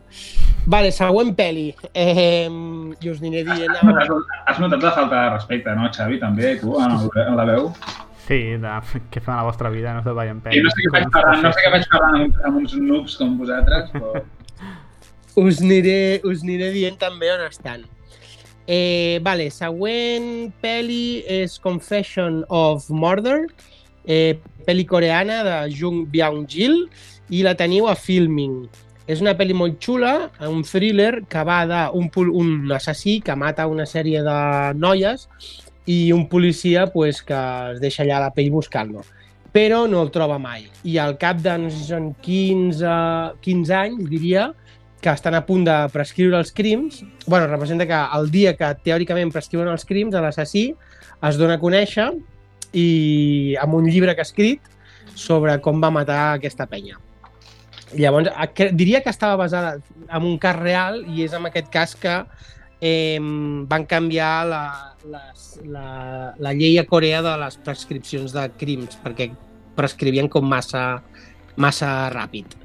Eh, molt xula la pel·li. Segueixo. Um, per exemple, a veure què he vist més... Eh, sí, Nameless, Nameless Gangster. Nameless Gangster, una altra pel·li coreana. Collons, has fet Eh, un... un... T'has abonat, no? Cine coreà? Sí, bueno, n'he vist bastantes. És que Filming n'hi ha mogollon. Mm. I aquesta pel·li és molt xula, també basada... La, la teniu a Filming, també? Sí. Eh, és una pel·li basada en un cas, bueno, una història real, que diguem és una mica el padrino coreano. ¿vale? És un funcionari de l'Estat de mercaderies en el port que comença... És a dir, és una mica tota la seva història, des de que comença a trepitjar, a, tripa, a trepitjar amb la màfia fins que arriba a ser un dels tops de la màfia coreana. El Padrino 2, I... no? Sí, sí, sí. I la veritat és que està molt bé la pel·li, um, per veure també una mica com, com funcionava. Diria que la pel·li passa sobre els a mitjans del 2010, 2000-2010, entre aquella època. I, I res, molt, molt xula, eh, tota la història aquesta. Eh, Nameless Gangster, i la teniu a Filming.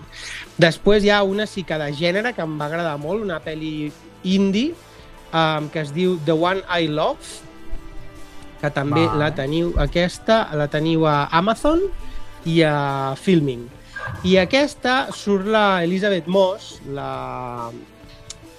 Bueno, aquesta, la, la criada, la, la cuento de la criada, la Sí, la- protagonista. Ah, sí. Pe- La Peggy Olsen a Mad Men. Sí. Correcte, que és una gran actriu. I, bueno, la pel·li va d'una parella en crisis que um, se'n van, a un, se'n van com si diguéssim a una casa rural, un, un, sí, una casa rural, uh, a passar un cap de setmana per intentar, pues, uh, no sé, eh, tornar a agafar, saps? Pues, Revivar la dinàmiques de, fama. Dinàmiques de parella i això. I aleshores descobreixen que hi ha una casa, és a dir, hi ha com si diguéssim la casa principal i, el, i, a, i a fora hi ha com la casa del, de la piscina. I cada vegada que entren a la casa de la piscina, per exemple, quan entra ella, es troba amb el seu, amb el que és el seu marí, una versió idealitzada d'ell. Hòstia. I ell el mateix amb ella, Sí, una no? versió idealitzada d'ella.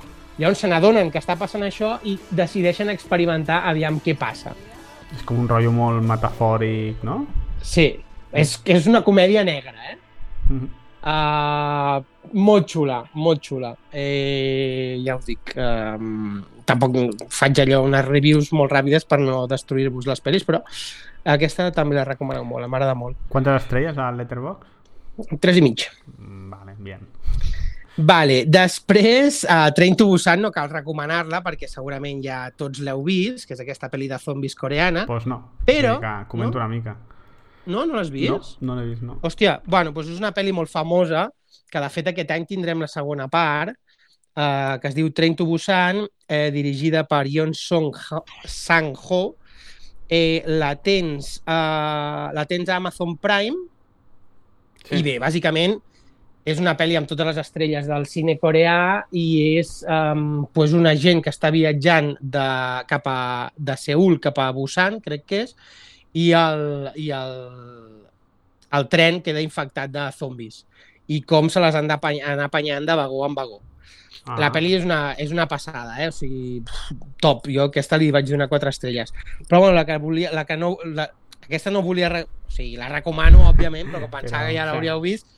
Però um, es va fer una mena de preqüela d'aquesta pel·li que es diu Seoul Station i és una pel·li d'animació. És a dir, que si us agrada Train to Busan, podeu veure Seoul Station, que és com s'inicia la pandèmia a, a, a Seul, eh, abans, de, abans dels fets de la pel·li de Train to Busan, i que és una passada, això, d'animació, um, bastant d'orilla la pel·li, una animació molt xula, i que la teniu a Amazon Prime, també. Bien. Per tant, us podeu tragar les dues a Amazon. Eh, Train to Busan i uh, Seoul Station. Després, què més he vist? Doncs, per exemple, una pel·li molt xula que es diu Bad Times at the Royal, que la teniu a... Hòstia, a mi um... que em Um, aquesta pel·li. la, aquesta està a Amazon Prime i Amazon Prime, ja està. I pues, està pues, el Jay Bridges, la Dakota Johnson, el Chris Hemsworth, eh, té un bon elenc de personatges i és una d'aquestes històries... Um, és a dir, passa en un hotel, en un hotel fronterer on, on com si diguéssim, convergeixen pues, cinc o sis personatges diferents. I vas veient les històries dels personatges com els han portat fins aquí i el liu que es fiquen tots en l'hotel. Um, no diria que és una pel·li tarantiniana, però té aquest punt, saps? Una mica així... bueno, pel·li de personatges, diàlegs, veient les històries passades i això, i com Mm. conflueixen. I està superbé. Vull dir, com Amazon és una d'aquestes plataformes que té més gent, Bad Times at the Royal, uh, molt guai, molt, molt Ok. recomanable. Eh, vinga, alguna més que recomano, per exemple, The Art of Self-Defense. Aquesta sí que Vendria a ser- Ja, N'he vist una. Vale. Diguem que és un Karate Kid oscuro, aquesta pel·li.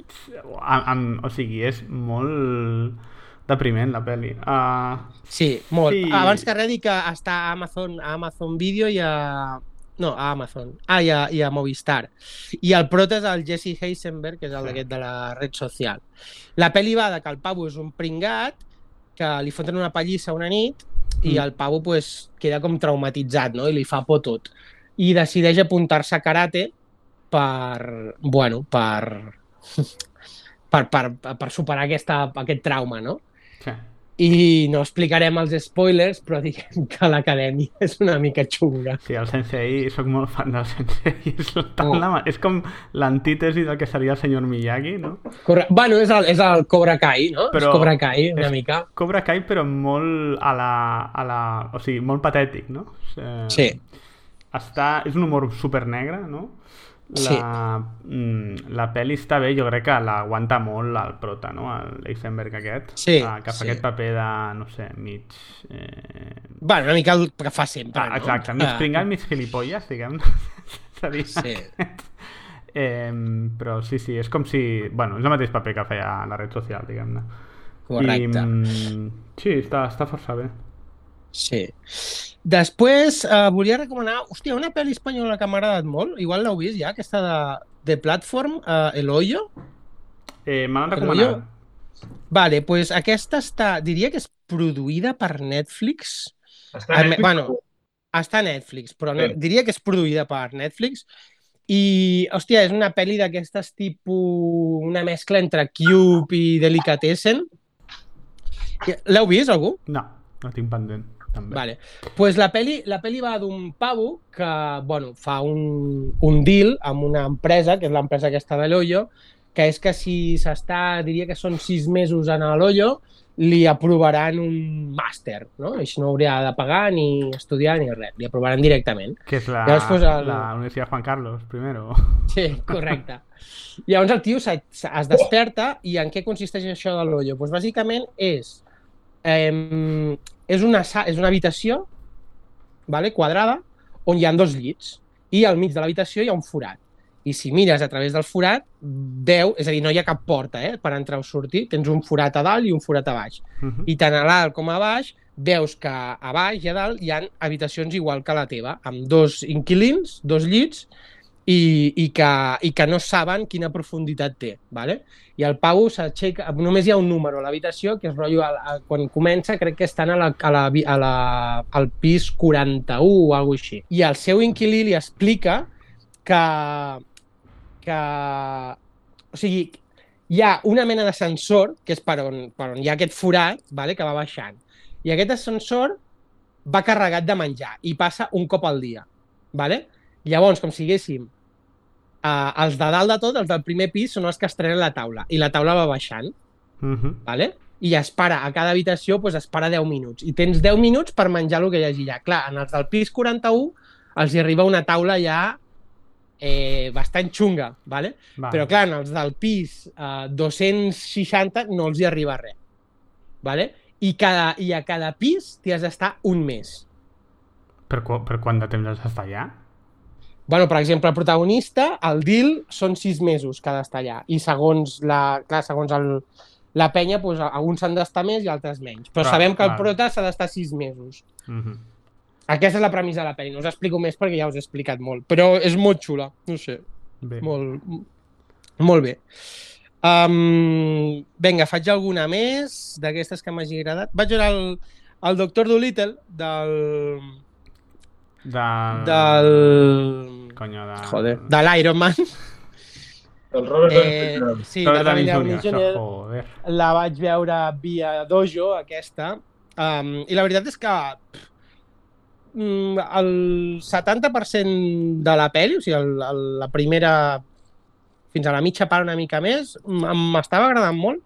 El que passa és que, no sé, es, després s'acaba de cop i volta, és a dir, s'acaba molt ràpid i vaig dir com, hòstia, eh, no sé, no, no és una pel·li rodona, tot mm. i Mm. que, bueno, es deixa veure. Després també vaig veure via Dojo la nova versió de Little Woman, Mara meravellosa, fantàstica, magnífica, eh, pel·lículon, gran banda sonora també. Eh, no cal dir res més. Ja, ja havíem comentat no? que l'havien que Mm. s'havia de fer aquesta pel·li, els Oscars. no? Mujercitas, Mujercitas, sí. Eh, molt xula. Eh, otra pel·li que m'ha agradat moltíssim és la de The Gentleman, del Guy Ritchie, tornant a ser Guy Ritchie, és a dir, aquestes pel·lis tipus Snatch, um, a Luke and Stuck, sí, aquestes, amb el prota que és el, el Matthew McConaughey, i superbé, o sigui, pel·liculon, també via Dojo, la podeu trobar. Um, Onward, la última de Pixar, Eh, tot i que li he posat tres estrelles, també via Dojo, aquesta. Eh, sabeu de què va, no? Aquesta dels dos germans que són, són una mena d'orcos, bueno, com de trolls, eh, viuen en un món de fantasia. O sigui, la premissa és, eh, a la Terra hi havia màgia, magos, dracs, unicorns, de tot, i ho segueixen havent, però és com que va arribar la ciència i va jorobar una mica la màgia. Ja està. Això ja d'entrada és com... eh, aleshores, doncs, eh, ells segueixen havent-hi faunos i elfos i tot això, i tota aquesta penya doncs, que viu en un món on ja no s'utilitza la màgia. I aleshores doncs, aquesta, aquests dos nens van perdre el pare de molt petits i reben una carta eh, quan han de complir 16 anys que els diuen que amb un hechizo de no sé què doncs, podran estar amb el seu pare durant un dia. Uh -huh. Els dos protes són el Chris Pratt i el Tom Holland, el Spider-Man i el, i el Star-Lord de Guardians de la Galàxia.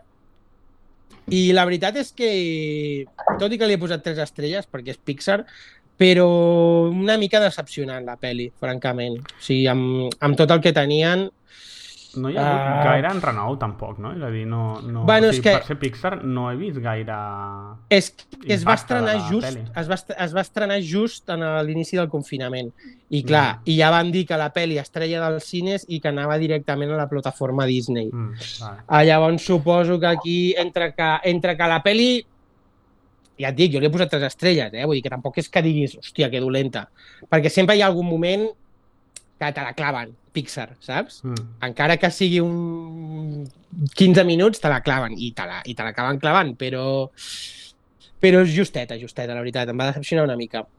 I ja per anar acabant, eh, vaig veure també Via Dojo, que m'agrada moltíssim, eh, The Call of the Wild, eh, aquesta nova adaptació del mític llibre del Jack London, Mm -hmm.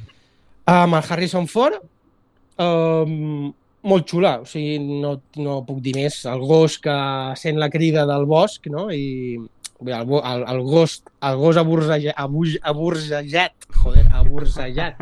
Abuja, sembla- Abursejat. abuja. Aquesta dislèxia. Avui no- In the beginning, in the... Avui no em surt. pues que és d'això, de, diria que és de, de, de, Vir- un gos que està a Virgínia o alguna així, el segresten i se l'enduen a Alaska a, ti, a tirar de trineus i tal, i bueno, sent la crida del bosc i s'acaba trobant amb el Harrison Ford i, bueno, meravellosa pel·lícula. Molt xula. Molt Després... Eh? Molt lacrimògena? No, no, la veritat és que no. I, Vale. de fet, té un final contrari al... Bueno, és que ja... No sé si heu llegit la novel·la, però... Sí. Bueno, pues, mm, ja veureu. Hòstia. Però bueno, és com la novel·la, vull dir, és, és una adaptació, vull dir, no... Està molt bé, està molt bé. Em, després aquesta pel·li d'Underwater, aquestes últimes que estic comentant són Via Dojo, eh?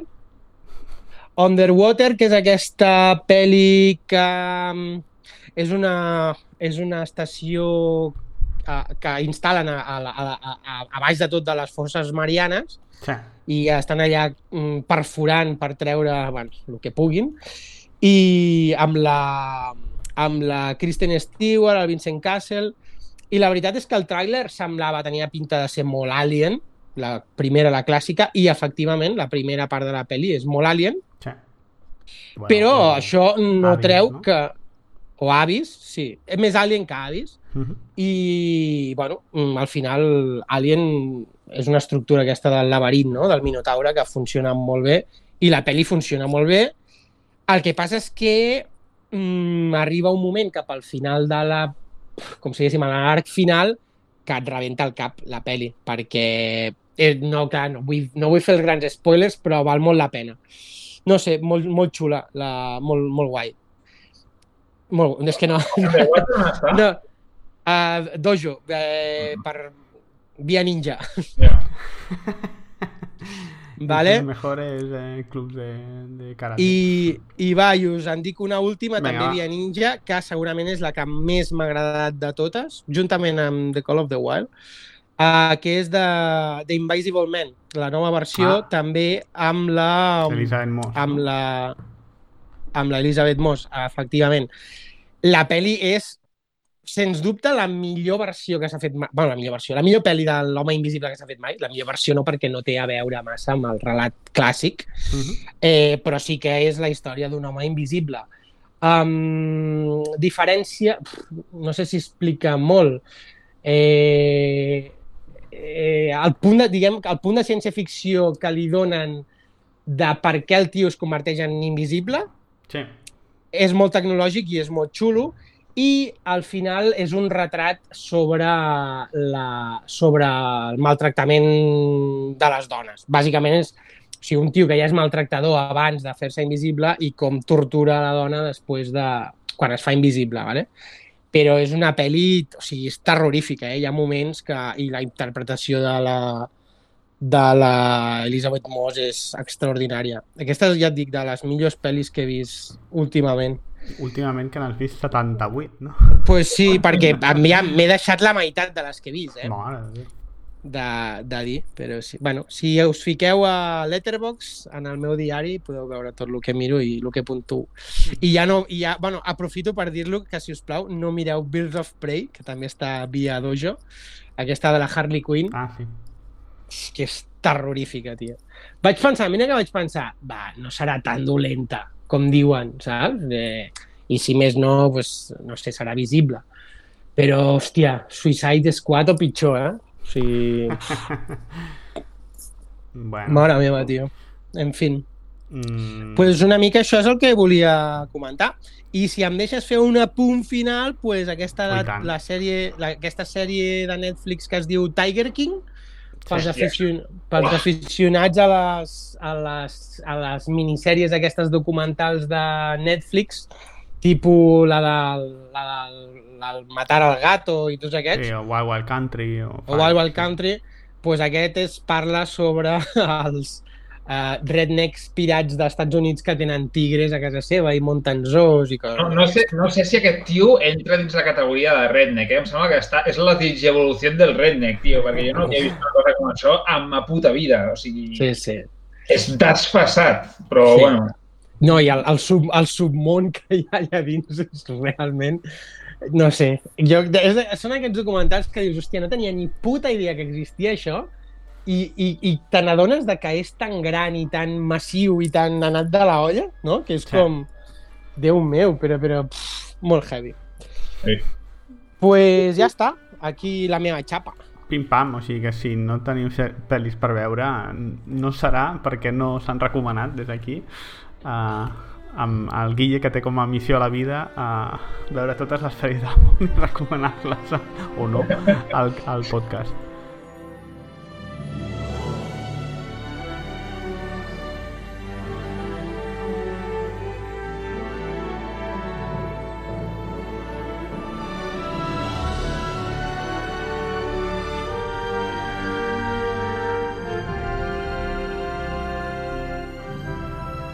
Eh, vale, doncs si voleu passem a sèries, tot i que no n'hi haurà Sí. gaires.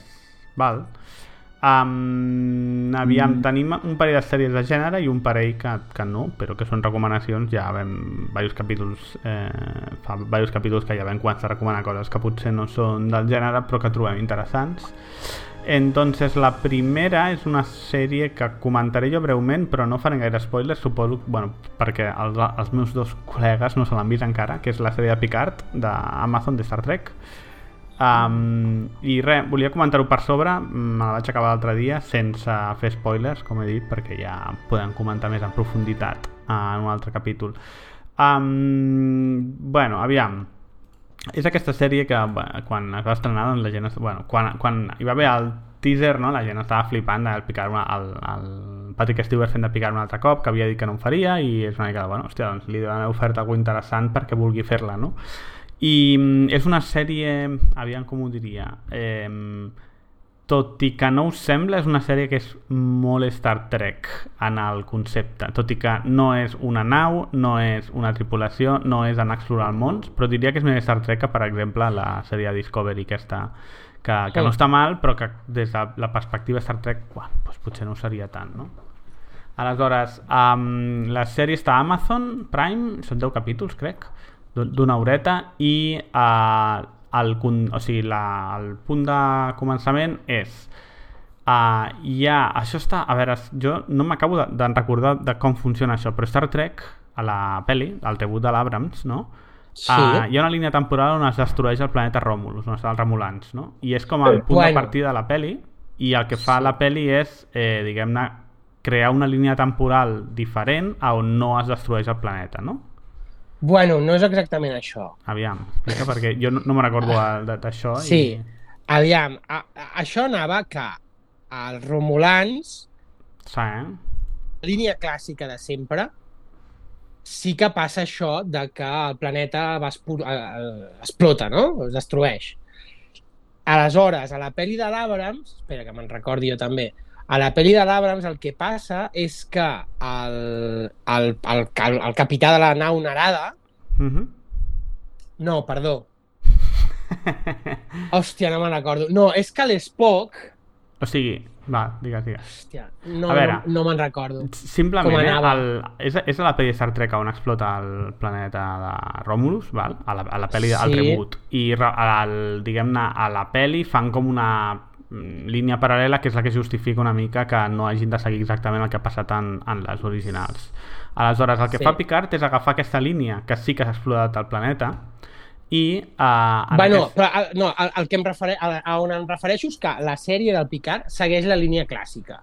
No té en compte Exacte. les pel·lis de l'Abrams. Sí, no, té, no, té en compte la, la, el Star Trek, la primera de l'Abrams, perquè quan explota el planeta Romulus i després es crea la línia paral·lela, és com si seguís a la línia anterior. És a dir, que ha explotat el planeta Romulus i segueix a l'univers no, a partir d'aquí. però és que el planeta Romulus explota en la línia clàssica ja. No, explota només a la pel·li de l'Abrams. No, no, o no, sigui, tio. Sí, que sí que sí. Sí? No, sí. perquè és a, a, a Star Trek Genesis... No, a Genesis no és el no que explota. passa. No, és un altre rotllo. Bueno, eh, és igual. Vale. Bueno, Diguem-ne que... Vale, aceptamos barco i si estem equivocats és probable, sí. no passa res, disculpeu-nos. Però el tema és que explota sí. Romulus i al mateix temps hi ha el que sí que ve de Nemesis que és, eh, que és com l'última pel·li, diguéssim, de la, de la nova generació que apareix al Picard que el Data mor. Val? Sí, o aquests són els dos punts eh, principals i el tercer punt és que hi ha una espècie d'atac a Mart per part d'uns androides que són eh, com no sé, no se sap ben bé exactament per què, uns androides que ataquen Mart, matxaquen a tothom i això fa que a la federació, un, no es doni suport, o sigui, no s'ajudi als romulans gaire en aquesta evacuació del seu planeta que està a punt d'anar a la merda perquè estan ocupats amb el tema de l'atac a Mart. I segon, que es prohibeixin els eh, androides, és a dir, la vida, la vida artificial dins de la federació. Mm. Aleshores, aquest és el punt de partida en que Picard va intentar, quan eh, hi va haver a, a, aquesta explosió, va intentar ajudar els Romulans, la federació va sudar d'ell i el que va passar és va dimitir, diguem-ne, es va enfrontar a la federació i se'n va, i, i va pirar. Eh, uh -huh. en, I aquest és l'inici de partida del, de la sèrie. Ell està retirat, està en una vila allà a França amb els seus, eh, amb els seus vins i coses i eh, bé, està com retirat de la vida pública i també com va acabar força malament amb la, amb la federació, tot i que, clar, estem parlant de, de Picard, que és com una llegenda, no? Però eh, des d'aquesta perspectiva no, no, no participa en, en la vida pública. I en aquest context li arriba una noia que representa, o bueno, que és, és un... ho dic, no? no és del primer capítol, no? Sí. Eh, sí, doncs és una noia que és un androide, acaba de descobrir que és un androide i de fet és la filla del Data, és a dir, d'alguna manera el Data la va crear i eh, li demana ajuda mm, i a partir d'aquí aquesta, diguéssim, filla del Data que va donar la vida passava al Picard, doncs el Picard es va veure obligat a intentar ajudar-la. I mm, aquest és l'inici, aleshores hi ha una sèrie de personatges per allà, una eh, experta en intel·ligència artificial, després hi ha un capitan per allà com mig, eh, una espècie de Han Solo i tal, no vull comentar gaire més de l'argument, perquè això que he dit és bàsicament de primera mitja hora. Eh? Um, i a partir d'aquí es desenvolupa una sèrie que, com podeu imaginar, no és gaire semblant a Star Trek en el sentit de que no hi ha una nau explorant universos, és una trama de el Picard ajudant a una a la noia aquesta i eh, tot plegat dins aquesta trama dels de Romulans per una banda que són com a, eh, els Romulans són aquesta espècie de, de planeta militarista ambientat com si fos inspirat en Roma aleshores tens els Romulans per una banda tens a, tota aquesta eh, trama dels androides prohibits i del trauma de l'explosió del planeta i per l'altra tens el Picard fent cosetes. Um, a mi m'ha agradat força la sèrie, crec, trobo que li sobren potser un parell de capítols, uh, és com molt lenta la sèrie en algunes parts. I crec que a vegades el, no funciona especialment bé el càsting, és a dir que no sé, no... potser és perquè és la primera temporada eh? i després tiraran més, bueno, si hi ha més temporades eh, doncs eh, a, diguéssim que milloraran una mica els personatges. Però hi ha alguns personatges que no, no m'acaben de fer el pes i oh. eh, bé, no sé eh, com totes les sèries de Star Trek pues, suposo que cal esperar una mica més aviam si eh, millora i tal però està força bé el punt de partida Um, L'altra cosa és que van sortint, òbviament, a nivell de fanservice, van sortint alguns dels mítics personatges de, de la nova generació i oh. això està força bé, no només de la nova generació crec que surt algun també d'altres eh, sèries vale, no, no, diguis, no, diguis, no, no, diguis massa no, eh? no diré res però eh, està, està bastant bé i home, quan surten aquests personatges pues, bueno, eh, té certa gràcia més estan raonablement ben lligats amb la història i com que sempre tens el data que està allà no? perquè cony, és el tema principal doncs eh, bé, eh, no sé, es fa veure bastant, bastant bé i òbviament si heu vist la nova generació doncs eh, és un plus. Jo recomano haver vist la pel·li de Nemesis abans, perquè si no oh. l'has vist, eh, tot i que no és que sigui una gran pel·li precisament, però si no l'has vist, eh, jo crec que et perds molt del context inicial. Aleshores, potser veure la pel·li de Star Trek Nemesis abans i després començar a veure la sèrie. Mm, vale. Vale. Correcte. Què més? Eh, sí, volia també recomanar una sèrie de manga, una, una sèrie d'anime, eh, que és, és com una nova versió d'un anime superfamós, o una franquícia superfamosa a Japó, que és La leyenda de los héroes galácticos, Legend of the Galactic Heroes, que uh -huh. a, a Netflix, crec, hi ha una temporada d'una nova sèrie que han fet que es diu The New Thesis, la nova tesis de què va aquesta sèrie? Jo és que recordo quan era petit, bueno, quan era petit no, havia tenir 14 o 15 anys, al 33, eh, vaig veure una sèrie de... Allò que passa que veus una cosa que et flipa, però després no te'n recordes, no ho busques, i com que no hi havia internet, doncs te jodes i, i ja està, no?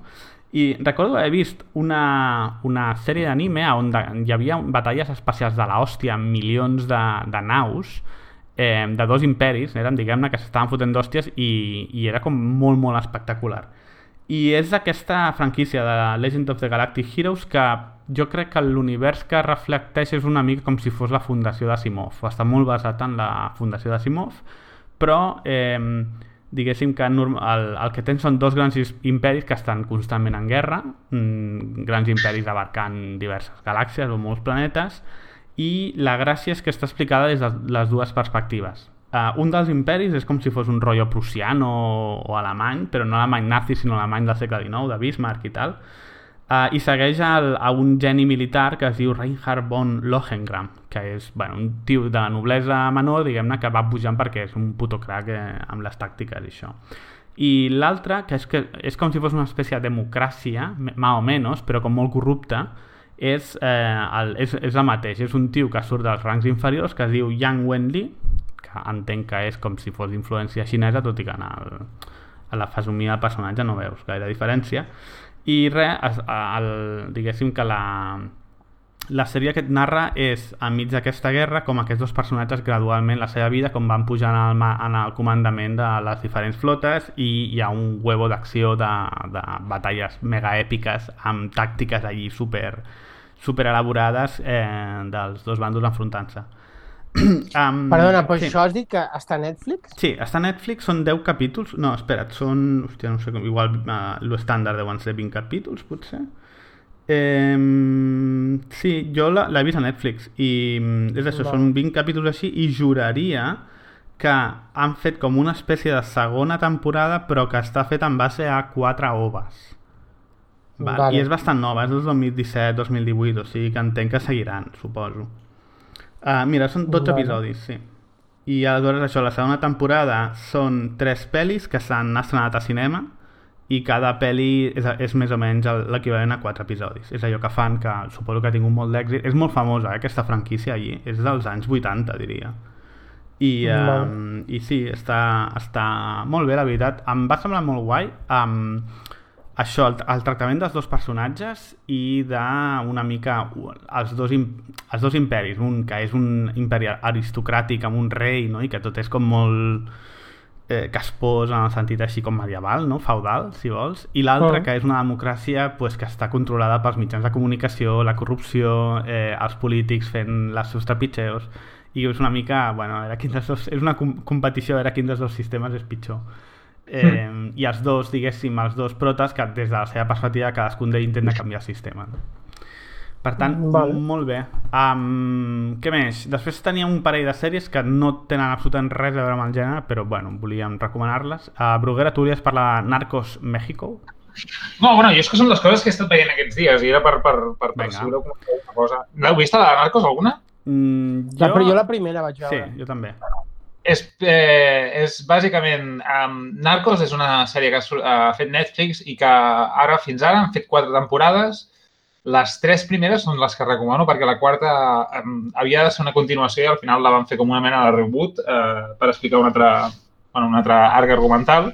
Però, bueno, bàsicament, com diu el nom, és eh, una reconstrucció de a l'ascens i caiguda dels grans càrtels de la droga colombians i mexicans. Eh, començant amb la història del Pablo Escobar, després anant cap a, a la segona temporada. La primera temporada són 10 episodis d'una hora, explicant el, això, d'alguna manera el, a l'ascens del Pablo Escobar com a eh, el, el, la figura aquesta mítica, diguem, dins del, del món dels narcotraficants a Colòmbia, Uh -huh. com es crea el càrtel de Medellín i com el càrtel de Medellín eh, bueno, reconverteix tot el, el que és la, el tràfic de drogues i des del punt de vista de dos agents de la DEA que són els encarregats d'alguna manera de, inicialment de perseguir-lo, doncs com tot aquest imperi es munta i bé, d'alguna manera va, va oscil·lant entre el, el, la, la investigació que fan els, els dos agents aquests i, i tots els cossos de seguretat d'alguna manera per intentar perseguir l'Escobar i com l'Escobar i, i tots els narcotraficants van, van creant aquesta mena de- de- d'estructura. De, I, bueno, no sé, ja et dic, les, les, la primera temporada em va agradar bastant, vaig mirar-me la segona que em va agradar molt,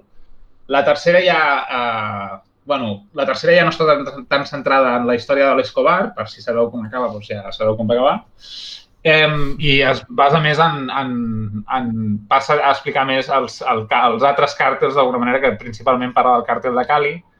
Eh, no sé, és, és una sèrie que la vaig trobar molt interessant perquè són tot això dels càrtels de la droga, d'alguna manera, sempre n'hem sentit a parlar i no, a mi no em quedava massa clar exactament què collons, com, com era possible que existissin coses tan, que tinguessin tant de, tanta influència, tant d'impacte, diguem, a, no aquí, però diguem allà. I, hòstia, eh, realment, no sé, la, la vaig trobar molt entretinguda, eh, perquè a més, ja dic, intenta mullar-se bastant a l'hora d'explicar eh, qui era qui i per què les coses funcionen com funcionen a Mèxic i Colòmbia. Eh, no sé, em va, em va agradar. I a més també perquè puguent ser una sèrie que l'han fet des dels Estats Units, puguent ser una sèrie molt centrada en la guerra contra la droga i des d'un punt de vista així més patriotero o més eh, esbiaixat, la primera temporada potser és així, però a partir de la segona eh, queda bastant... Eh, trobo, no sé, m'ha agradat, queda bastant clar que, que aquestes diguem, aquestes coses com el, el control a gran escala del tràfic de drogues eh, que no és una cosa gestionada només per criminals o per eh, persones, diguem, fora del sistema, sinó que el mateix sistema, d'alguna manera, s'ha encarregat de canalitzar-ho i, i fins a cert punt de controlar-ho de forma més o menys activa. Una mica com la pel·li de Sicario, no? que també dona aquesta idea de... Sí, però... Que no és allò de els, els traficants de drogues i l'Estat i la policia, Clar, sinó però que hi ha com un... La idea és que els traficants de droga eh, d'alguna manera se'ls descontrolen i es, creixen tant que es converteixen en una amenaça real Sí. i el que Narcos intenta explicar és que mm, no va ser ben bé així. En certa manera van créixer perquè els van fer grans perquè eh, eren una font de diners brutal Ah, hòstia, no? i, i, I clar, el que van fer va ser bàsicament, bueno, a, a Narcos hi ha un moment en què veus clarament que això que deien d'un narcoestado eh, no és cap exageració, sinó que realment el, el, diguem, el, els càrtels eren com, eren com un ministeri més, de, de, amb, amb connexió directíssima amb tots els estaments de l'Estat i, i, i protegits de forma superactiva per totes les institucions eh, governamentals. Eh, eh, no sé, és, és, és heavy realment de, de, de veure. La vaig trobar interessant. I ja et dic, jo recomano les, les tres primeres i, i si us enganxa molt el tema. La quarta ja és massa delirant, perquè la quarta han, han començat a fer un reboot i en comptes d'explicar el rotllo colombià expliquen el rotllo mexicano. I el rotllo mexicano és una nadolla tan descomunal que, que no sé, que ja se't passen les ganes d'alguna manera de veure més misèria, però bueno. I aquesta està, és, és entretinguda, està bé de veure. és Clar, un capítol recomanes més que la de México, la de Colòmbia, l'original, no? I les tres primeres temporades trobo que són més entretingudes de veure. És que la quarta ja et dic que pff, és massa, per mi va ser massa, massa, massa heavy. Mm. No, no, i mira, ara que està, hòstia, ara estava pensant, una que vaig començar a veure i no l'he acabat, però vull fer una mica de flame d'aquesta. Eh, Ja, per si, si la voleu veure a Netflix, la, una sèrie alemana que han estrenat fa relativament poc, que és la de Freud. Ah, sí. I Eh, no? Hòstia. Eh, jo és que li tinc molta mania, tio, a la figura de Freud. És el que i- t'anava a dir, és que a mi em fa molta ràbia el puto Freud, dels collons. però una ràbia espantosa. I tota la sèrie és tot el que em fa més ràbia d'aquest personatge eh, i del, del que representa i de, la, de les corrents que representa amb concentrat. I a més amb, amb, amb un punt entre oníric... No, què cony, un punt... És que no sé quina qualitat, no sé quina és la, com descriure aquesta qualitat, però el mateix que van aportant al porno els alemans, doncs, amb aquesta sèrie ho aporten al món de les sèries. És una cosa bizarra i estranya que et deixa molt... molt... No sé, és, és traumant, tio, ja et dic. Ja, eh, si la voleu veure, jo he vist els tres primers capítols, eh, enganxen algunes de les trames, però ja et dic que en general, eh, si sou rigoristes en plan Xavi o, o jo, em, em sembla que no, Rigorista, hòstia, no m'havien dit mai rigorista. Rigoristes en el sentit això, de que, saps? Ja et dic, van... Ja et dic que tota la pel·li, per exemple, van de que tu pots tocar en algú i el sotmets a hipnosis només tocant-lo, d'alguna manera, saps? Vas d'aquest pal. Eh, ja et dic que és una mica... Però entenc que és la Bueno, vida, la vida del Freud i de com el Freud desenvolupa cony de psicoanàlisi? No, no, no, és o... molt més centrat, és molt més centrat en una... És, comença quan el Freud encara no és relativament jove i no se n'hi ha establert encara com a... Està intentant d'alguna manera fer-se un nom i assentar-se i és un, és un iconoclasta d'alguna manera que està en contra de tot el que fins a llavors són les primeres eh, escoles de pensament en quant a, a, a la fisiologia del cervell i a com funciona la psique humana i tot això. I, Sí. Tot això ho, ho mesclen amb rotllos polítics entre, de, que deia, entre el entre l'imperi austro-húngar i, i bueno, entre els, el, el, el que ha de ser l'imperi austro-húngar i els húngars de tota la vida nacionalistes que d'alguna manera estan intentant liar-la. És, és molt, molt, molt, molt, molt peculiar i bastant dark, però bueno. Bastant dark com la sèrie o bastant dark de... Ja, ja, no, no, la, la temàtica, és que ja et dic, es, es, uh, és, és, una, és una cosa molt tètrica, tio. És que estic intentant buscar alguna, algun referent o alguna comparació, però té un rotllo molt, molt peculiar, molt, Mm. molt estrany. Ok. Uh, bueno, pues desanotada queda. Tampoc tenia gaire intenció de veure, però després del que m'has dit, uh, pf, quina mandra. Uh, Ja, sí. Molt bé. Uh, val, jo volia també recomanar, en aquest cas positivament, uh, una altra sèrie no vinculada al gènere, que és The Marvelous Mrs. Maisel. No sé si us sona. Ah, sí, jo l'he vist. Ah, tu l'has vist, molt bé. Però ja, ja havíem parlat d'aquesta sèrie, no? Vols dir? Jo no recordo. no ho sé. Bueno, faig 5 cèntims i Mm. uh, jo crec que és una sèrie perfecta pel confinament perquè és bastant lleugereta, diguem-ne. És una sèrie que traça el camí als anys 50 d'una dona que una mare amb dos crius i eh, que, bueno, bàsicament té el marit que vol eh, la seva obsessió és ser eh, humori... bueno, monologuista no? de, del típic club de stand-up comèdia a no, no, Nova York, eh, però el tema és que el, el pobre home no és que sigui especialment brillant i dotat per això, però en canvi ja sí que ho és i uh, en el moment que passa això, bàsicament el primer capítol el marit la deixa per, una, per la secretària, eh, o sorpresa, i ella decideix tirar la seva vida endavant, sent mare, diguéssim, soltera amb dos crius i eh, dedi intentar dedicar-se al món de la comèdia i del monòleg. Um, aquest és el punt de partida Uh, la sèrie, a mi el, el que m'agrada molt és que sembla intentar recuperar una mica l'esperit de les pel·lis d'allò de les comèdies d'enredos dels anys 40-50 de Howard Hughes, el Cary Grant i tal en el sentit que és un diàleg frenètic, superinventiu, molt ben, molt ben treballat, eh, molt divertit, sempre el típic rèplica contra rèplica molt, molt ràpida. Uh, no només en els monòlegs que fa ella, sinó també en general. Tota la sèrie té aquesta perspectiva i la manera de... El to, diguem-ne, la manera de filmar té sempre aquest, jo crec, aquest esperit.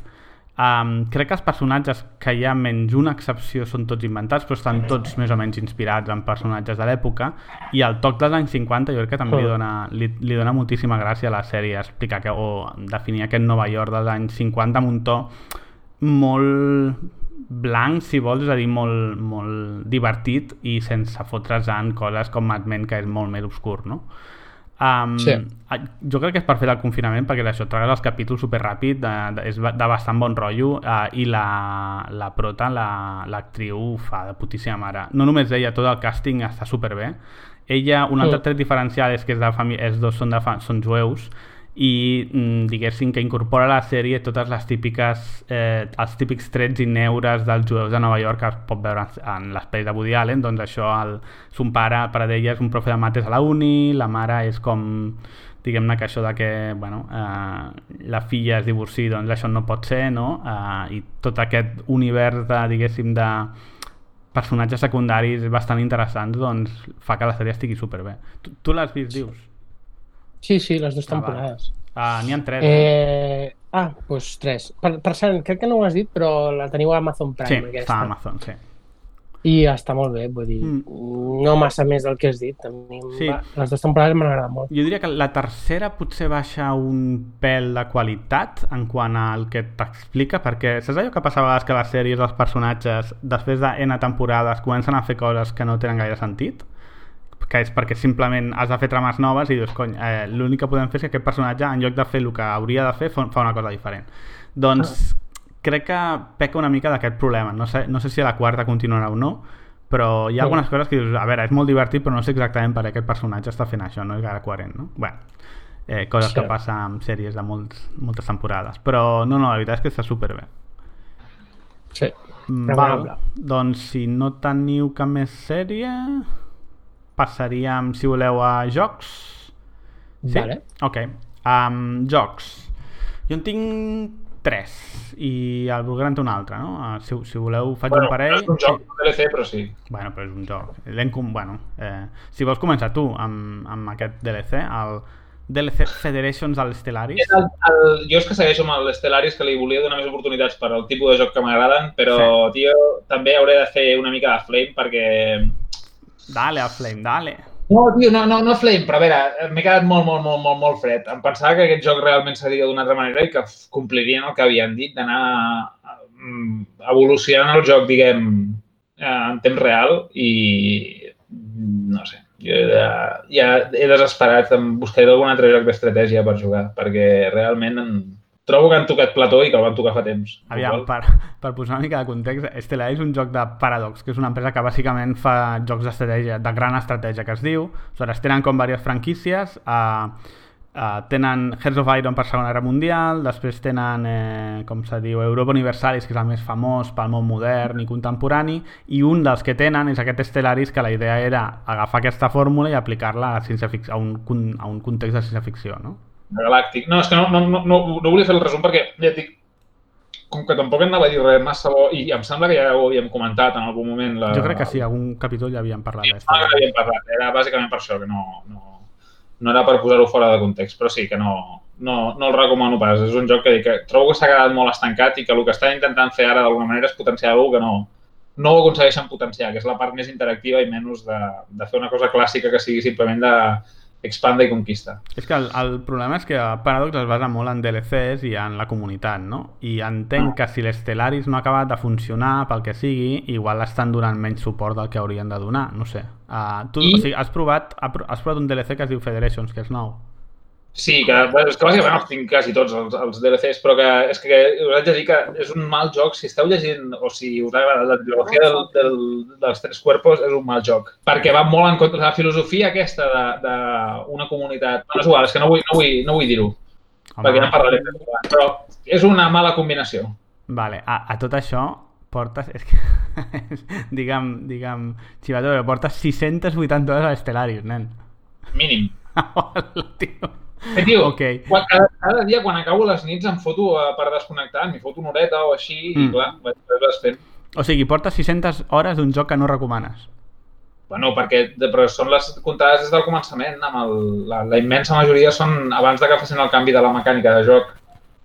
O sigui, de fa un any, Ah, pràcticament. ok, ok. O sigui que van com refer parts del joc i això no, no et va... Van refer del tot la, la, la Ah. mecànica, sí, la, la van canviar del tot, per això vaig tornar a aprendre a jugar, perquè havien canviat la mecànica econòmica, de, Ah, caram. i va molar per això, perquè realment era un canvi de, de, de, de, o sigui, de canviar una part del joc del tot, saps? Ja. I, i, I això em va molar. Perquè vaig pensar bueno, mira, t'agradés més o menys, donava, donava pes a la idea aquesta de que estaven fent alguna que, que era una cosa que aniria evolucionant amb el temps i que anirien perfeccionant amb, amb el feedback. Però, hòstia, ja et dic que Mm. o jo soc raret o... o, o Vaja, que els canvis no, no han anat a millor, no? no. Bueno, vaja. Um, jo és que els jocs de part, hosti, mai m'han... m'ha- Sé que m'haurien d'agradar, però és que no, no, no sé. Jo crec que el fet de que els hi falti molt una narrativa i tal, i, i sobretot, um, o sigui, la narrativa te la fabriques tu, no? No, no està allà, i això no... Però Clar. l'altre és que m'estressa molt el tema temps real. Jo prefereixo per torns, tranquil·lament, saps? I, I encara que, que vagi lent, no li donin pauses, que no, que no. M'estresso i aleshores ataco i la cago, ja està. Yeah. Um, ok. Doncs canviem totalment de tema. Jo volia parlar d'una aventura gràfica uh, que es diu Broken Sword, um, la cinquena part, eh, La maldició de la serpiente, Serpent's Curse. Tu, no, no, no sé si et sona aquest Broken Sword. No. Val, doncs... Home, és um, molt mític, no? és, és, o sigui, la primera és com super mítica, és una, és una espècie d'aventura gràfica de El Código da Vinci, ¿vale? o sigui, amb misteris de templers i anar visitant puestos així, eh, esglésies i coses així, i, i eh, diguéssim, bueno, a París, de fet, la primera, i ets com una espècie de... mm, Eh, crec que ets un tio que es dedica a fer investigacions per compa eh, companyies de seguros, a Yankees i diguéssim en aquest context doncs el, els dos protes són aquest tio que és, se diu Nick Stobar i la Nico no sé quants que és com una periodista francesa una reportera, in- intrèpida reportera francesa el tema és, jo no, vull dir, havia jugat la- les dues primeres, però tampoc és que per mi fossin la rehòstia. Uh, estan bé, però tampoc. Però um, vaig veure, no sé com ara, eh, vaig veure imatges de la cinquena part que l'han fet amb Kickstarter, bàsicament, fa 3 o 4 anys, crec. És del 2000... una miqueta més. Del 2013. Doncs... Um, i, hòstia, és que bàsicament la temàtica central està relacionada amb Catalunya i la Guerra Civil i va ser de, coño, pues, anem a donar un cop d'ull. Bàsicament, el, és la, la típica aventura gràfica en 2D, val? Doncs vaig veure un parell d'imatges de Montserrat i, i va ser de, hòstia, i esto? I res, em va donar la, la curiositat de jugar a l'aventura gràfica. Um, i us explico la trama perquè és que fa certa gràcia. El tema és que la trama va de un, una, una galeria d'art eh, es presenta un quadre que es diu eh, tu, tu, tu, aviam, un moment que ho miri La maledicció, en català, es diu La maledicció eh, d'un tio que eh, l'autor es deia el, el, serpent que és una mica de... Han traduït malament perquè li, deien, el, li diuen el serp, que home, serà la serp en tot cas, però bueno. Uh, és que es fa bastanta gràcia, perquè moltes de les coses del joc estan en català i a vegades bé, però eh, a més el, la pronunciació, diguéssim, del doblatge és bastant surreal.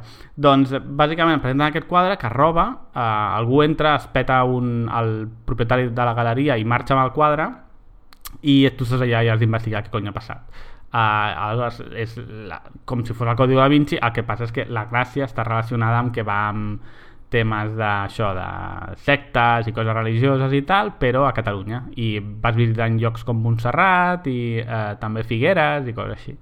Um, hòstia, el que sí que vaig notar és que uf, la fórmula d'aventura gràfica, sobretot la de Broken Sword, està bastant, bastant antiquada per mi. Eh, no sé si sou gaire d'aventures gràfiques vosaltres o... De fa molt que no.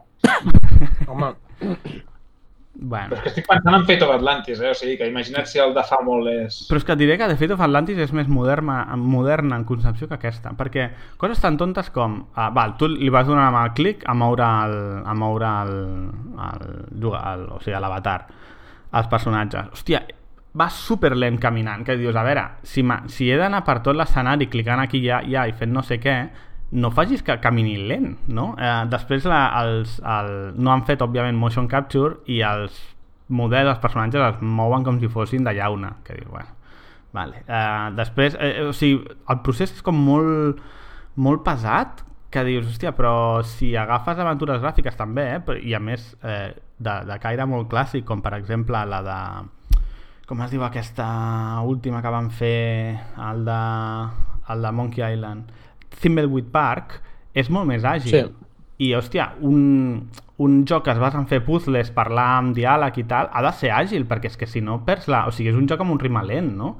I, i és molt lent el joc. Mira, me'l vaig acabar perquè, mira, volia acabar-me'l i, i em feia gràcia. I, I sobretot veure els 2D, no? Els dibuix, les il·lustracions 2D perquè són bastant xules però bufa, m'ha costat molt eh? el, el joc, no el recomano especialment. Si, vol, si teniu monos d'aventures gràfiques jo crec que Thimbleweed Park per mi li dona mil patades.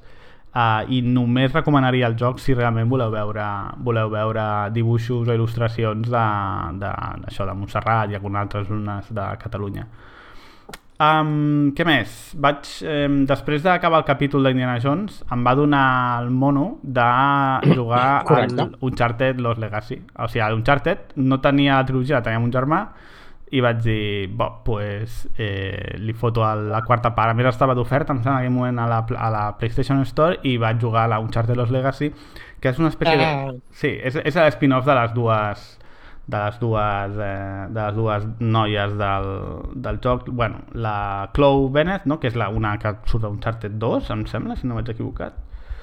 I l'altra és la mercenària que et trobes a Uncharted 4 la Nadine no sé quantos eh, eh, Nadine Ross. I en aquest context aquestes dues eh, s'alien diguem-ne per intentar trobar eh, el a, a l'ullal de Ganesh que és, bé, mitologia índia. Aleshores, eh, el joc és idèntic a l'Uncharted 4, el que passa és que amb un escenari diferent, bastant xulo, he de dir, el tema aquest de, de l'hinduisme i tot, em sembla molt guai, està molt ben fet, i la qualitat del joc és l'estàndard que trobaries en qualsevol joc de Naughty Dog. Potser un, un punt per sota dels Uncharted, del, del, del Nathan Drake, però està superbé, la veritat. Um, i no sé, és que poca cosa més, ja és una mica més curt, una miqueta més, eh? però tampoc gaire més que un joc normal, potser dura 8 hores o així, i eh, pues això, eh, dolents carismàtics, eh, una química bastant interessant, bastant bona entre les dues eh, protes i unes mecàniques a prova de foc i, i super espectacular. Per tant, si heu jugat la trilogia, jo recomanaria també jugar aquest, eh? perquè la veritat està, està molt bé. Jo jugaré tard o d'hora. Pues métele, eh? Està, està molt bé. Uh, et diré que potser han depurat una mica Uncharted 4, de que algunes coses d'Uncharted 4 que no estaven bé, com el tema del Jeep l'han expandit i no sé, està, està molt bé. A mi m'ha agradat molt.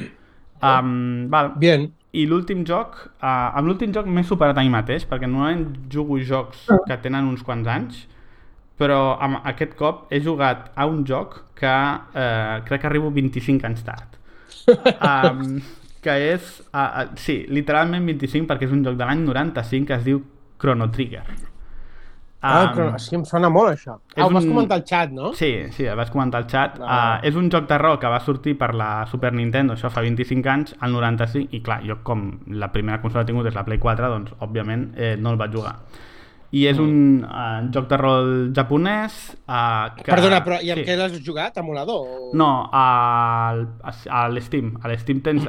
Fa pocs anys Ah, vale. van treure una versió per PC que al principi es va criticar molt perquè bàsicament van fer un port per iPad i van agafar el port d'iPad i van enxufar al PC i era horrorós. Eh, jo la versió que he jugat està bé, vull dir, és, hi ha una cosa una mica rara amb els controls, suggereixo jugar amb el gamepad, jo enxufava el de la Play i ja està, i um, és un joc de rol que la, la, o sigui, el tema és que està fet per una espècie de trio de genis uh, i d'aquí ve tot el mite del joc. Eh, és a dir, és un joc que s'ha considerat un dels millors jocs de rol de la història i sempre si veieu el top 10 de jocs, mm, millors jocs sempre està por ahí.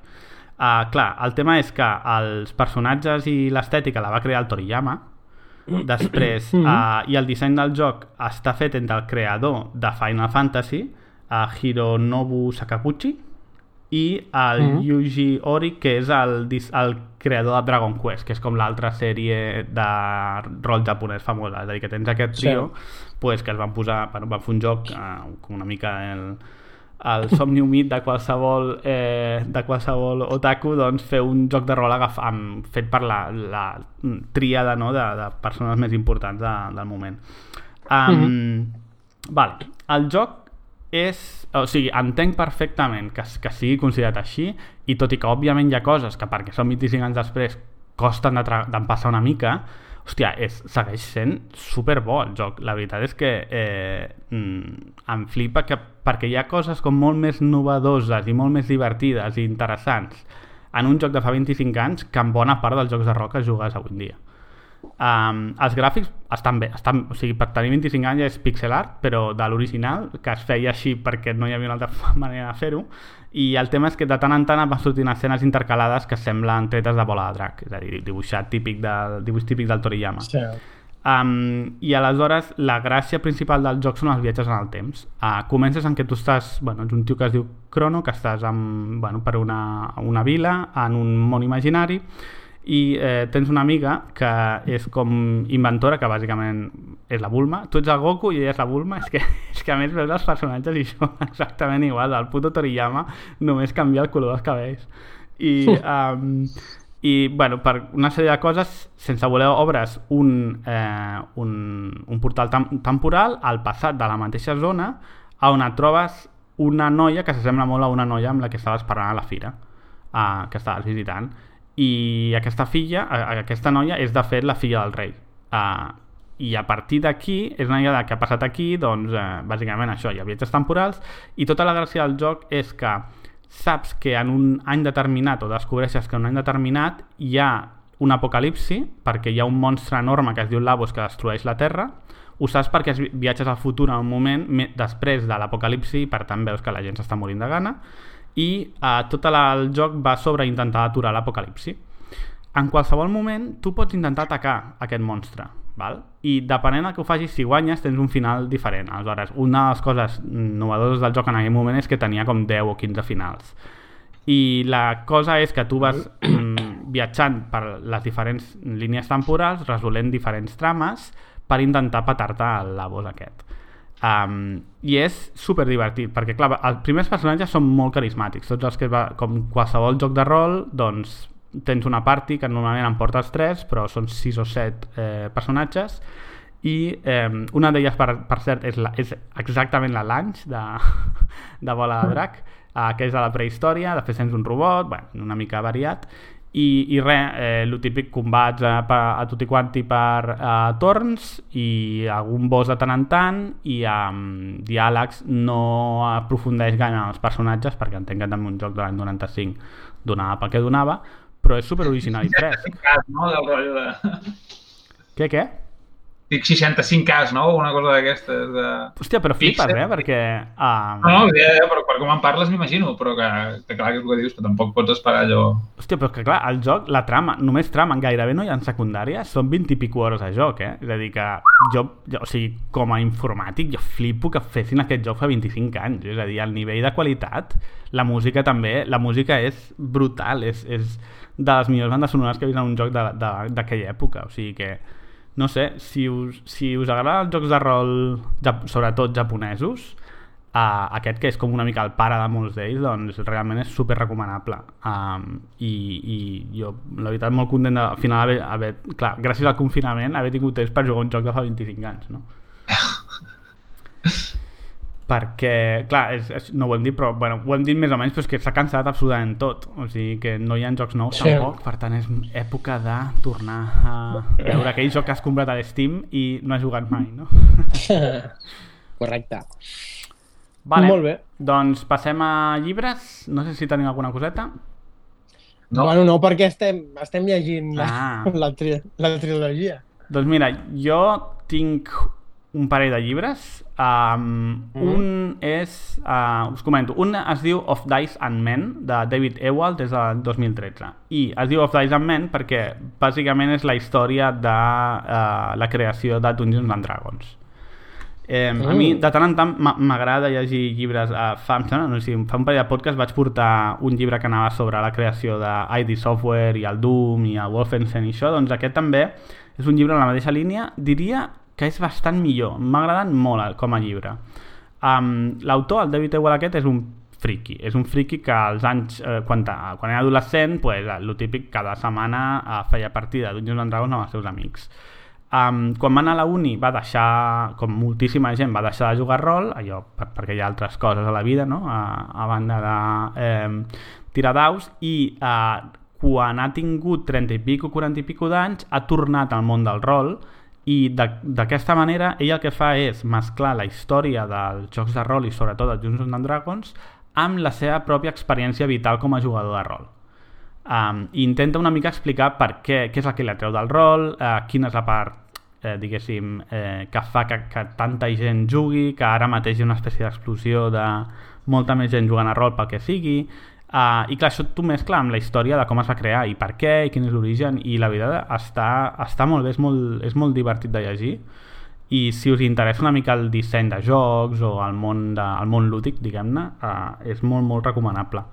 Um, per exemple, jo no sabia que de fet Dungeons and Dragons prové del món dels jocs de wargames, de jocs d'estratègia uh, dels anys 70, uh, que és un tema que no t'imagines, perquè si agafes el concepte clàssic de joc a rol, clar, no té a veure no? amb jocs de taula i fitxes i tal, per tant, uh, és com curiós. I res, simplement aquesta... Ja, bueno, els creadors van agafar i van començar a tirar per la banda fantàstica i van començar a crear-se els seus propis món i a partir d'aquí doncs, eh, ha- està tot el tema de la creació de, uh, del Gary Gygax i el Dave Arneson, que són els creadors, no? Uh, TCR és la- l'empresa, Mm. i com es va, va haver l'explosió, diguem-ne, de tothom volia jugar rol, aleshores tota, també explica quan els diaris i els mitjans de comunicació van començar a dir que jugar rol el feia un psicòpata, és a dir, una mica tota la histo història del món dels jocs de rol, però basant-se molt en Dungeons and Dragons. Hmm. Uh, Que ja, guai. Ja us dic, em va, em va agradar molt, molt recomanable. I... Què ho has llegit això amb àudio... lli- Ai, amb eh, llibre digital, eh, e-book? Sí, en e-book, uh, en e-book tret del dojo també, un dojo Vale, vale. literari. Sí, perquè Correcte. clar, amb el confinament anar a buscar llibres és eh, una Ah, mica arriscat. complicat. No? Um, I l'altre és un... també curiosament va de jocs però no té absolutament res a veure que és eh, un llibre que vaig veure eh, fa uns mesos allà a Edimburg a la, a la Waterstones que és la llibreria gran d'allà em vaig quedar amb les ganes i com que bueno, no he pogut anar a Edimburg per motius obvis doncs eh, me'l vaig també pillar que és A Game of Birds and Wolves eh, una mica Game of Thrones pues, eh, joc d'ocells i llops del Simon Parkin i és d'aquest any mateix, del 2020. I aquest joc explica, és un assaig que explica uh, una, un cas molt concret de la Segona Guerra Mundial, que és la unitat que, que van crear a, a Regne Unit per dissenyar jocs de taula per intentar guanyar la batalla de l'Atlàntic. És a dir, és, sona molt raro, no? Ho és. Um, el tema és que els eh, britànics, els, a l'any 40 o així, el, la gran amenaça que tenien era que els U-boats, els submarins alemanys, s'estaven patant la meitat de la marina mercant i eh, és real, bueno, Churchill va dir de fet que era el tema que creia que podia fer doblegar el genoll de Regne Unit. No? Més que la bata d'Anglaterra, més que l'exèrcit alemany, era que si tallen el cordó umbilical logístic entre Estats Units i Regne Unit, o entre Regne Unit i totes les seves colònies, es, si es queden sense menjar hauran de rendir-se. No? Aleshores, el, en aquesta desesperació, entre altres coses, el, un dels problemes és que no sabien com afrontar els atacs dels submarins alemanys. No sabien com atacaven els submarins alemanys i no sabien com reaccionar. No? I el que fa el llibre aquest és explicar una mica la història d'un tio el, eh, que es diu eh, Roberts, em sembla, Eh, sí. Eh, un tio que era, era un, un oficial de la Royal Navy, de la Marina Britànica, que es va, per, va pillar... Um, hòstia, diré demà... Eh, eh, com, cony, com es diu la malaltia que, crònica que et destrossa els pulmons? Eh, tuberculosi. La tuberculosi. Va pillar tuberculosi, per tant el van donar de baixa del servei i clar, era un tio que estava retirat, capità però estava retirat i, i no podia participar en combat i li, li van oferir, eh, perquè era un tio que ho havia fet abans en, en diguéssim, en, algunes, eh, en alguns events, doncs crear un eh, joc d'estratègia a Liverpool, a una base secreta que tenien els britànics, crear un joc d'estratègia per intentar entendre les tàctiques dels U-Boats i quines tàctiques es poden fer per contrarrestar el seu atac. Aleshores, aquest tio va agafar a 10 o 15 Wrens. Les Wrens són les, eh, diguéssim, dones, volunta bueno, dones voluntàries que, que van enrolar-se a la Marina Britànica però que no els, òbviament, no els, bueno, òbviament per la, el sexisme de l'època no els deixaven fer servei actiu, no podien sortir amb vaixells i per tant la feien servir en tasques auxiliars. Doncs aquest tio i, i aquestes dones van dissenyar un, un joc que eh, els va servir per descobrir exactament coses com que, per exemple, els submarins alemanys el que feien era entrar dins el comboi en lloc de- en lloc d'atacar des de fora.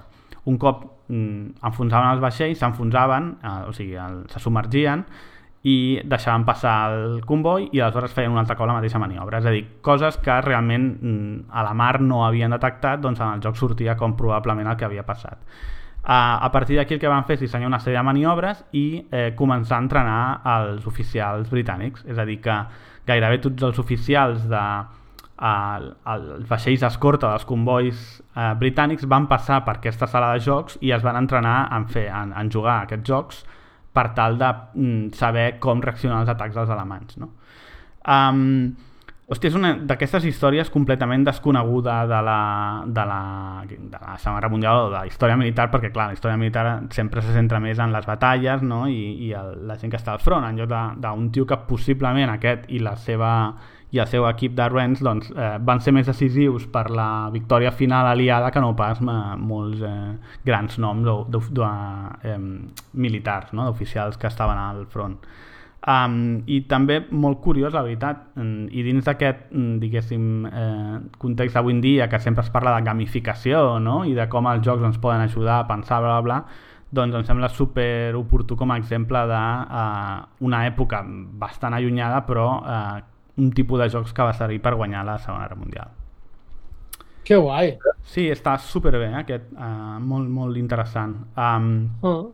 També explico una mica que, clar, les dones que van participar... O sigui, ell sí que li van donar mèrits i tal. Uh, les dones que van participar com si fossin mobles, saps? No, ningú es recorda Ja. d'elles. Uh, molts cops va ser per l'autor molt difícil trobar informació d'elles i en general les va maltractar força uh, i pff, ni elles volien parlar del tema perquè mm, bueno, és, és com si després de la guerra li treus importància a, a qui no t'interessa, no? Ja. El tema és que arrel d'això i arrel també del confinamiento uh, vaig posar-me a veure coses de, de submarins, no sé, allò que et dona a vegades dèries, i vaig veure una pel·li i una sèrie que volia recomanar o no uh, relacionada amb submarins, per si us dona la mateixa dèria que a mi i us interessa el tema de confinament sota... Si, si, si hi ha alguna més agobiant que el confinament, no és el confinament sota el mar. Vaya, en un submarino. Sí, um, les dues diria que són d'Amazon. Um, una és la sèrie de Das Boot, el submarino. No, sé- no sé si us sona la pel·li Ah, del sí, Wolfgang sí. Petersen. Sí, home, clar. La, la pel·li és un pel·lículon, la de l'any 80 i pico, eh? l'any 81 Mm. em sembla que és. Doncs um, el 2018 van fer una espècie de sèrie que era una seqüela del, de la pel·li, val? Que ha sigut Dashboot també, està a Amazon. Ah, és una, és una seqüela? Sí, és una seqüela. Sí, el que passa és que són personatges diferents, però és més endavant en la guerra. Mm, Vale, vale. I, hòstia, mira que tenia ganes de veure alguna de submarins, però és que pf, no la puc Mm. recomanar gens, perquè no em va agradar. Fail. Mm, sí, hi ha dues trames paral·leles, un, són dos germans, val? Uh, un que, sense, com era l'Univer, la foten dins d'un U-boat, estan a, a la, la base de submarins alemanyes a l'Orient, a França, i l'altra, que, és una, que és la seva germana, que està por ahí, i diguem-ne que pel que sigui eh, es vincula a una trama relacionada amb la resistència francesa. Però, hòstia, és que no, no, el, el guió és horrorós, no, no, no m'enganxava gens, els actors tampoc és que fossin especialment bons, no sé, no... Per mi, bastant desastre la sèrie, no... tot el que fa bo a Das Boot, a la peli, aquí no es veu en lloc, no? que és el tema aquest de l'ago- l'agobio, no? del submarí, Sí. de... doncs aquí no, no, no es veu per enlloc. I és com una sèrie estàndard de resistència i coses així que no, no sé, no, no m'ha agradat gens. Vaja. En Bueno. canvi, uh, l'altre que volia, que aquesta sí que recomano bastant, és eh, El canto del lobo de Jean Dul- Duluth, que és una pel·li francesa de l'any 2019, eh, dirigida per Antoni Baudry, sobre un submarí francès uh, d'ara mateix, d'una crisi, la típica crisi nuclear d'avui en dia, Um, i un, bueno, una, un submarí francès que s'enfronta a aquesta crisi a on se li ordena llançar, bueno, la, la típica trama de submarins com Marea Roja em sembla que és, no? Sí. pues una cosa així uh, el, la diferència és que és una pel·li francesa i per tant eh, diguéssim el tipus de trama i de personatges és bastant diferent del que trobaries en una pel·li, en una pel·li yankee em va agradar força, està molt bé la veritat uh, com ja dic, jo crec que la diferència és que la trama i la reacció dels personatges és com molt més, no sé si realista, però com a mínim és molt més europea, no? És, no és tan patriotero, sinó més a, en relació a eh, les reaccions personals més realistes que podrien tenir. I la recomano molt, la veritat, em va agradar molt uh, i ja et dic, està a Amazon, em sembla. Sí, sí, o sigui que... Eh, Joder, m'ho he canviat l'Amazon, tio. jo. mm, sí, és que, hòstia, és que últimament crec que a nivell de, home, a nivell de pel·lis jo diria que Amazon té bastant més cartell que no pas Netflix. Es veu, es veu. Es veu, que es veu, que es nota Sí. per lo que dieu, és que realment... Sí, sí. Pues res, eh, entenc que si no tenim res més a recomanar, no? O et de recomanar, passaríem una mica a fer eh, la secció especial, no? Sí. El que passa és que no sabem de què cony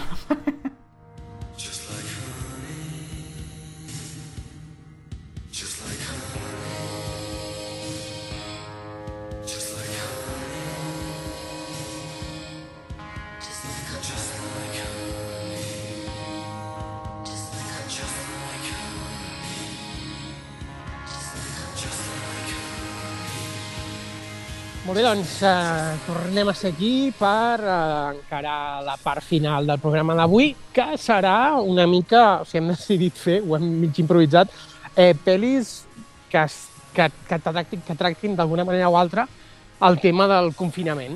No? Si vols explicar-ho tu una mica millor, Xavi. Eh, és que vull dir, és que tampoc és tan Ja, original, no? El que No fem és ah, ah, bé, eh, comentar diverses pel·lis on el tema principal de la pel·lícula sigui el, el confinament, la- l'aïllament d'algú, eh, sigui a nivell temporal, espacial o social, no? Eh, una mica aquesta idea de les pel·lis que exploren què passa quan et tallen tots els llaços i estàs en un lloc i no pots sortir o estàs en un moment i no pots avançar en el temps el que sigui i uh, hi ha, de fet, hi ha moltes pel·lícules que tracten aquest tema des de diverses perspectives i aleshores anirem comentant.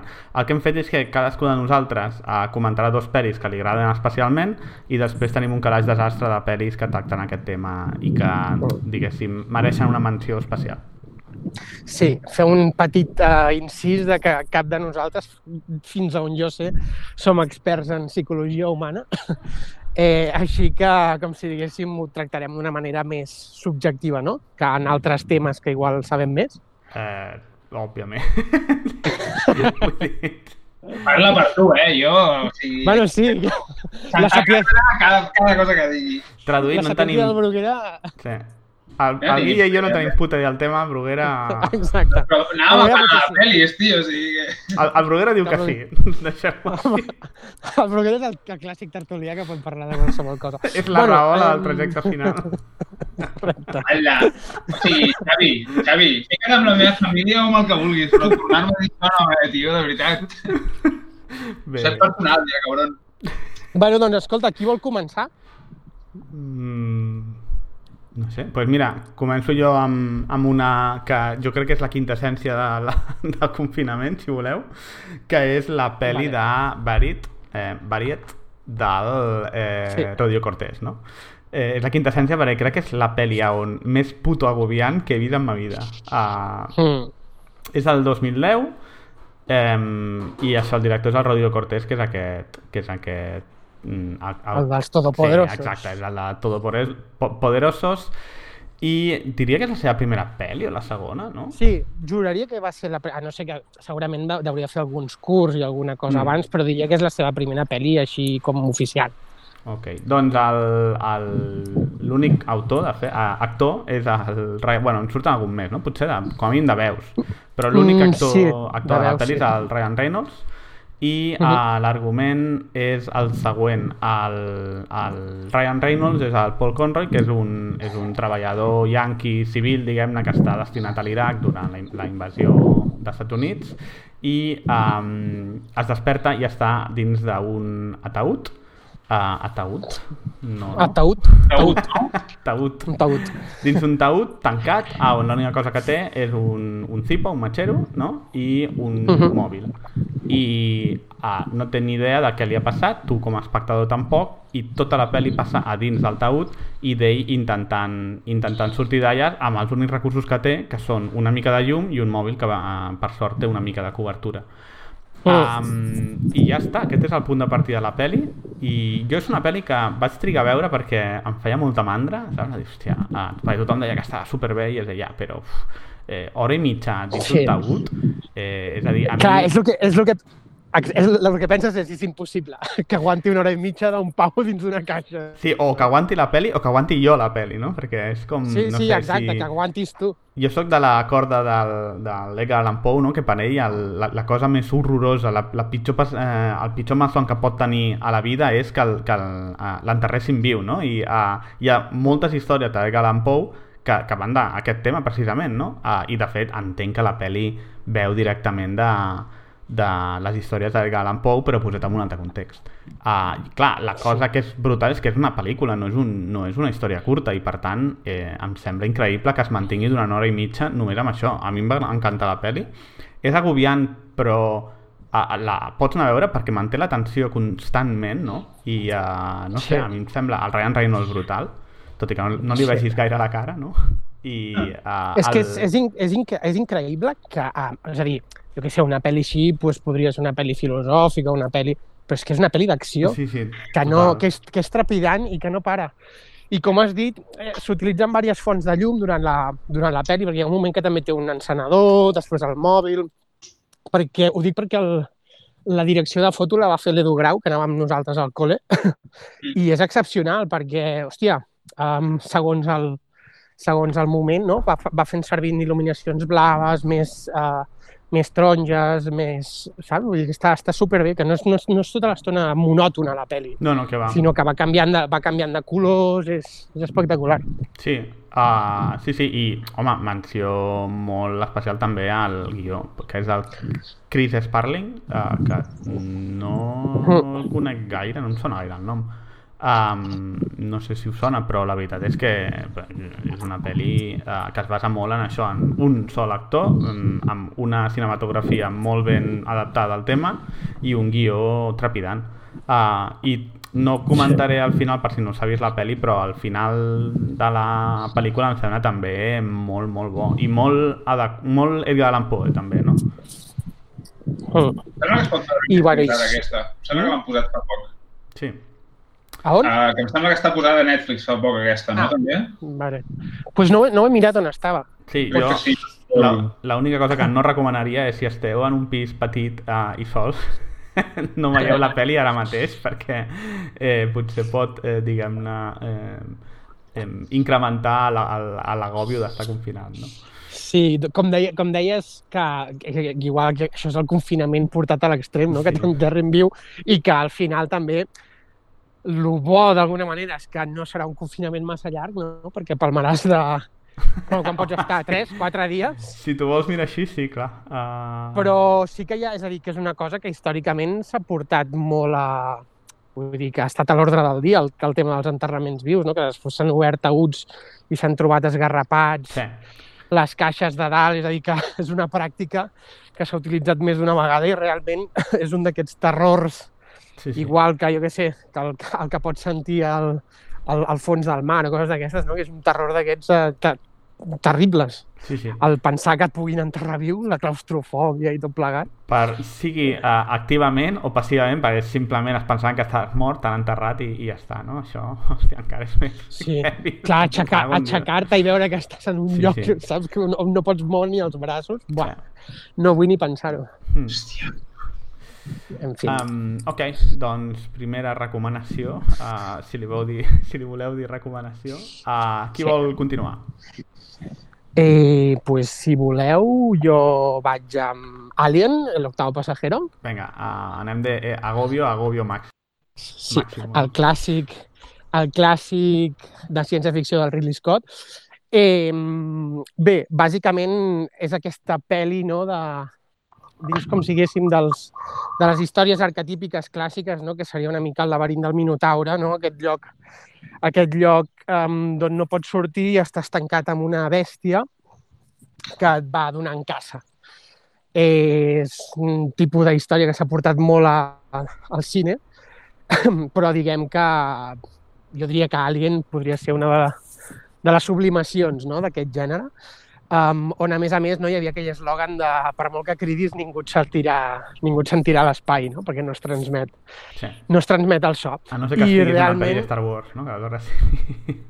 Sí, i aquí en aquesta pel·li sí que veiem doncs, tot el tema del confinament primer perquè, és a dir, ells baixen al, en el planeta dels aliens i un patogen, el Corona Facehugger, se li enganxa, se li enganxa la cara a un pavo, no? I llavors pues, han de fer, el tenen en quarantena fins que, fins que el Chessbuster li rebenta el pit i comença la festa, no?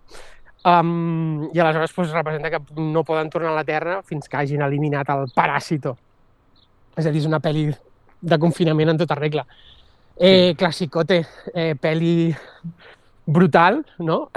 De les millors pel·lis de la història de la ciència-ficció i de terror, que és una d'aquestes pel·lis que mescla gèneres.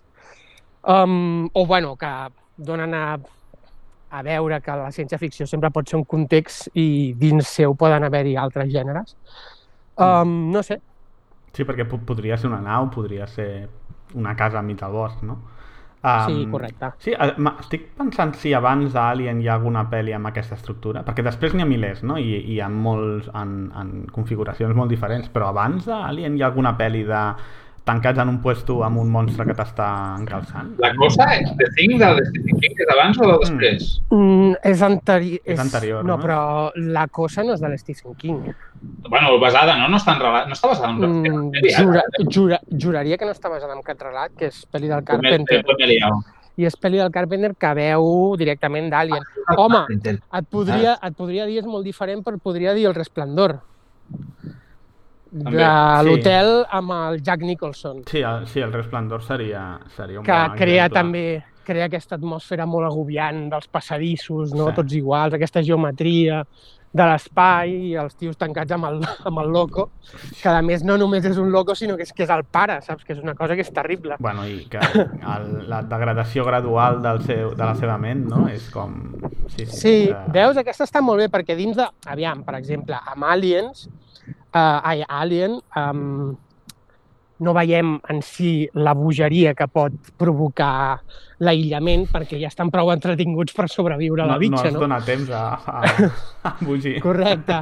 Però, en canvi, en aquesta del Resplendor que sí que tenim a l'embogiment del protagonista, no? que hi havia el gag aquell del Simpson de sin, sin tele ni cerveza, Homer pierde la cabeza, que és el que, que, és el que li deu estar passant a molta gent avui en dia.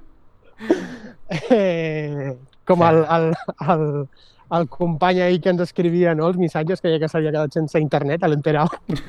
pues, pues clar, aquests són els efectes que pot provocar el confinament. Esperem que tingui cervesa, com a mínim.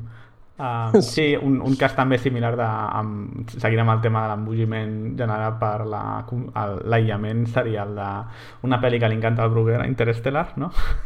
I el, Sí. el eh, Matt Damon i la seva xaladura en el planeta aquell que es, Ah, queda, sí. es queda tirat sol.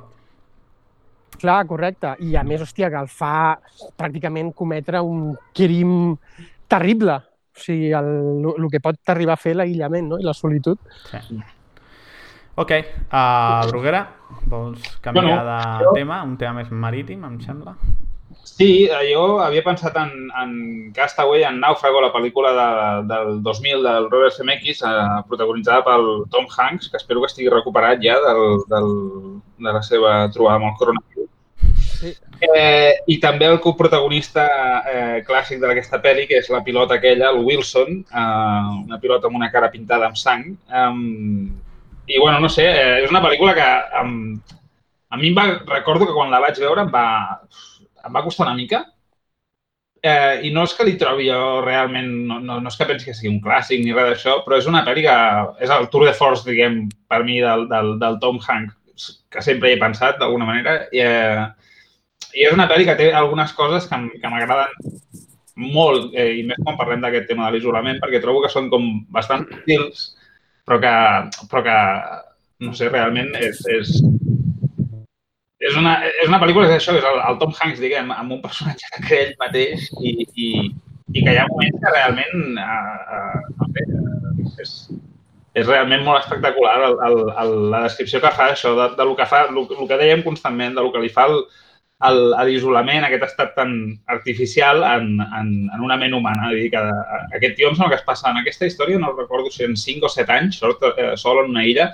Ell, la història és, és, ell és un responsable de FedEx, crec que era, d'una empresa d'aquestes de transport ràpid, i amb un dels Sí. viatges improvisats, eh, eh, així amb un viatge que, fa, que ell accepta de fer, eh, diguem, sortint-se una mica de la rutina, eh, a l'avió en què viatja eh, s'estavella, diguem, al mig del mar, i ell apareix en una illa, eh, en una illa relativament petita, eh, perduda al mig de l'oceà, eh, no té massa idea d'on està eh, i res, és la seva història de com se les empesca per eh, sobreviure i intentar no tornar-se absolutament boig eh, per això, pel fet de que s'ha quedat completament aïllat de la civilització. I és una pel·lícula sí. que té detalls que em van agradar molt, tant de l'aspecte pràctic de l'isolament com de l'aspecte més mental i, i, i interior, diguem, de, de lo que fa això, el, el, el que et separin de la, de la civilització, d'alguna manera, o de la societat. Sí, i, i un altre punt interessant del final de la pel·li és quan, quan ell torna, la, la, vull dir, que no es pot adaptar. És a dir, que li ha canviat radicalment la vida, ja no pot Ah. tornar al punt, al punt d'on va marxar, no? Que això pot ser interessant. Aviam, és un, és un exemple molt, molt diferent no? amb el que estem vivint, però que segura, no, és el que comentàvem, no? que puguin haver canvis socials respecte, respecte al que ha passat no? i el temps que ha estat la gent confinada a casa. O sigui, diferents tipus de comportament que fins abans igual no es contemplaven, que ara igual la gent contempla, no ho sé. Eh? Mm.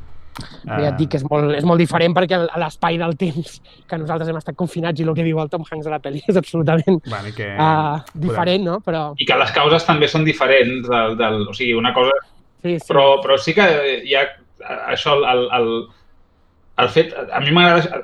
No ho havia dit, però volia insinuar que és una de les coses que m'agrada d'aquesta pel·li, que el que li passa, diguem, a, a aspecte descriptiu en el tio aquest és que es queda tirat completament en un lloc que eh, no pot sortir d'allà de cap manera i és ell amb ell mateix i, i acompanyat per ell mateix i quan passa el temps d'alguna manera i surt d'aquí, aquesta experiència de quedar-te en un lloc, eh, d'alguna manera també l'ha canviat a ell. I eh, no sé, que hi ha coses d'aquesta pel·lícula Clar, és com... Mm, però també jo entenc que Sí, la, és com la el fet- diferència és que en el seu cas el gran tema que, diguéssim, et torna boig és que no saps si sortiràs d'allà, no? És a dir, nosaltres sabem que, a banda, salvant sí. les distàncies, però com a mínim nosaltres sabem que hi haurà, hi haurà un moment que el confinament s'acabarà i tornarem a sortir al carrer normalment, no? O, o encara que sigui gradual. Mm. Però clar, el problema és la incertesa de no saber si et rescataran o no. Això és el que crec que et, et passa factura més, més bèstia. No? I, i davant d'aquesta incertesa, el recurs que empren el protagonista, que és això, que és, que és una cosa que ja et dic, que és com molt evident, però que després quan la penses és com, hòstia, que estrany que siguem d'aquesta manera. Mm. Que el que ell necessita per sobreviure és això, és crear algú altre i ho fa això, agafant un objecte inanimat i dibuixant-li una cara humana o algú que li recordi una cara humana. I ja només això, d'alguna manera, crea un... un... És, és una cosa que la trobo com... La donem per sentada, però per això, no em faré el psicòleg ni res d'això, però és que és realment molt raro, tio, que, que veure una cara tingui aquest efecte. I ara que, no sé, vull dir, jo m'he passat aquests, aquests dies sol eh, i surto super poc a casa i, hòstia, és que realment ho trobes a faltar de seguida, tio. Interacciones, amb, a la mínima que et trobes algú, intentes interaccionar, saps? És com que et fas pesat, inclús anar a comprar el pa i vols parlar. És, és, és una cosa estranya, però que és una necessitat humana primera, diguem, que sense això és que realment et tornes eh, loco, tio. Sí, jo això és el, de, clar, jo com que no ho estic experimentant, tot i que jo també, en certa manera, sóc una mena d'heroi perquè estic passant el confinament amb els sogres i la dona. Em, Però diguem que, diguem que, que, hòstia, la gent que esteu sols, uf, vaya putada, tio. O sigui, realment, eh? Ja et dic, putada, no és que sigui... Jo no, estic, no, no em sento malament, ni, ni, ni, però, però realment quan... Ja, però la necessitat, no? És a dir, surt la necessitat de, de veure gent. O sigui, Ja, ja la tinc jo.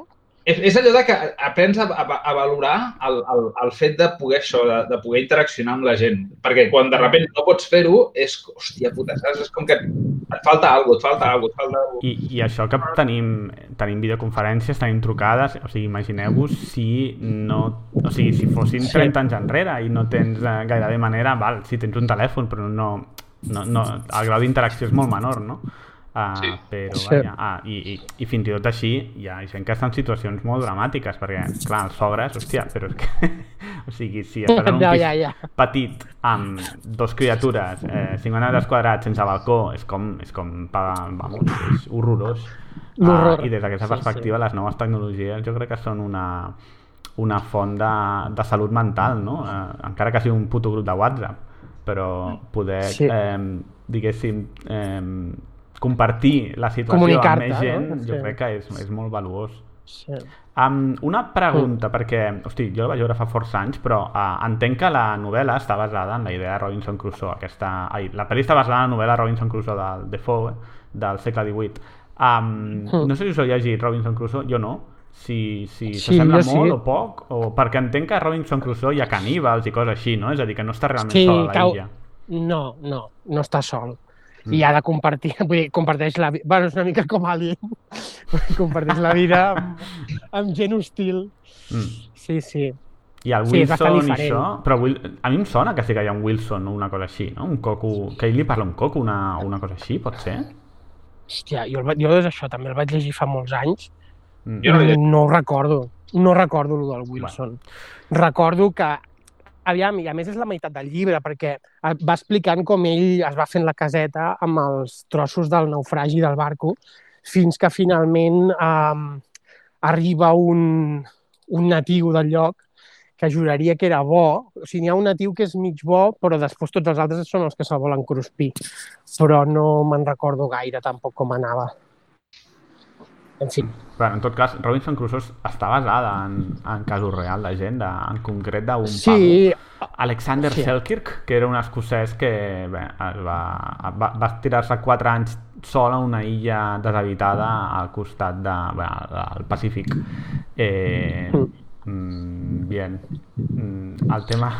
Bueno, eh, el van salvar després de 4 o 5 anys i després de 4 o 5 anys el que va fer és... Eh, se'n va, es va tornar a embarcar i, en algun, i poc després va morir d'una malaltia tropical.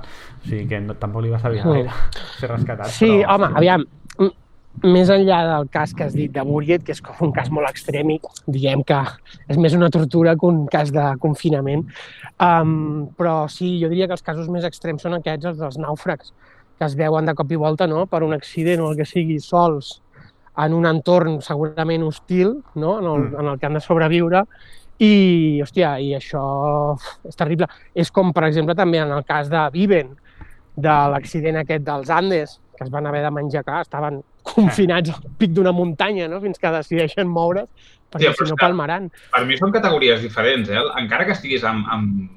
És que el, el que deia la Robinson Crusoe, encara que estiguis envoltat d'enemics, mentre els enemics siguin humans, és que t'ho juro, jo per mi ja, ja compta com a interacció. Mm. El, el, Sí, sí, no. rotllo és tot- Sí, sí. Això, l'isolament eh, amb tu mateix, d'alguna manera que ets tu i ja està, això sí que jo trobo que és, que és el que et torna boig. Que en el cas de Nàufrago, és això, la pel·li que el tio, doncs, quan ja d'alguna manera ha après a, a sobreviure i té la, la supervivència d'alguna manera assolida i garantida, eh, se segueix, és del rotllo, em pirdo d'aquí o em suïcido, perquè això no és una vida d'alguna manera que valgui la pena de viure, no? sí o no, eh? Perquè el, el pobre home aquest, el Salkirk aquest, clar, a ell li va passar durant la Guerra de Successió Espanyola, o sigui, la guerra de l'11 de setembre i tot això, no?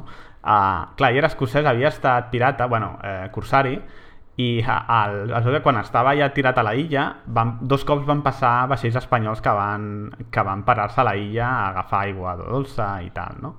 Clar, aquí què fas? Perquè si agafes i, i dius, ei, sa- salveu-me, igual et maten. Aleshores, el tio va Ja. decidir que no, que no, que s'amagava i quan marxessin tornava a sortir. Per tant, durant dos cops va preferir estar sol a la illa que no, eh, diguéssim, rendir-se als espanyols.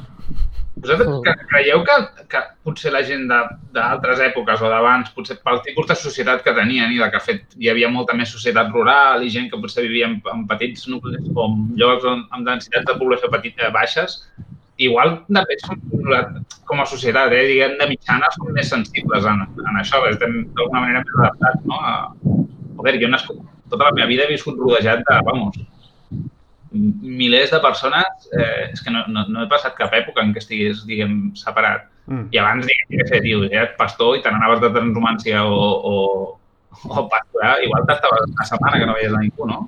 No sé. Uh, Sí. Que sí, depèn. coses eh, pels Highlands, allò, o, o la, la infància, doncs igual eh, Home, quatre que, una i me dejan tranquilo, tio, no sé. el que segur que és cert és que si et deixen tirar tonilla, aquest tio té més, tenia més probabilitat de sobreviure que jo, que en probablement 15 minuts ja hagués menjat una cosa verinosa i m'hagués fet un antic. Tant, Correcte. Eh, Fent detalls entrant a l'aigua, no? A veure, tiburones venim. Exacte. Bonito. O imagina't algú, jo què sé, és que clar, és com uh, que tens miopia, se't trenquen les ulleres, saps? I, i bona passa? sort I- identificant un gat d'un tigre. Però bueno. sí.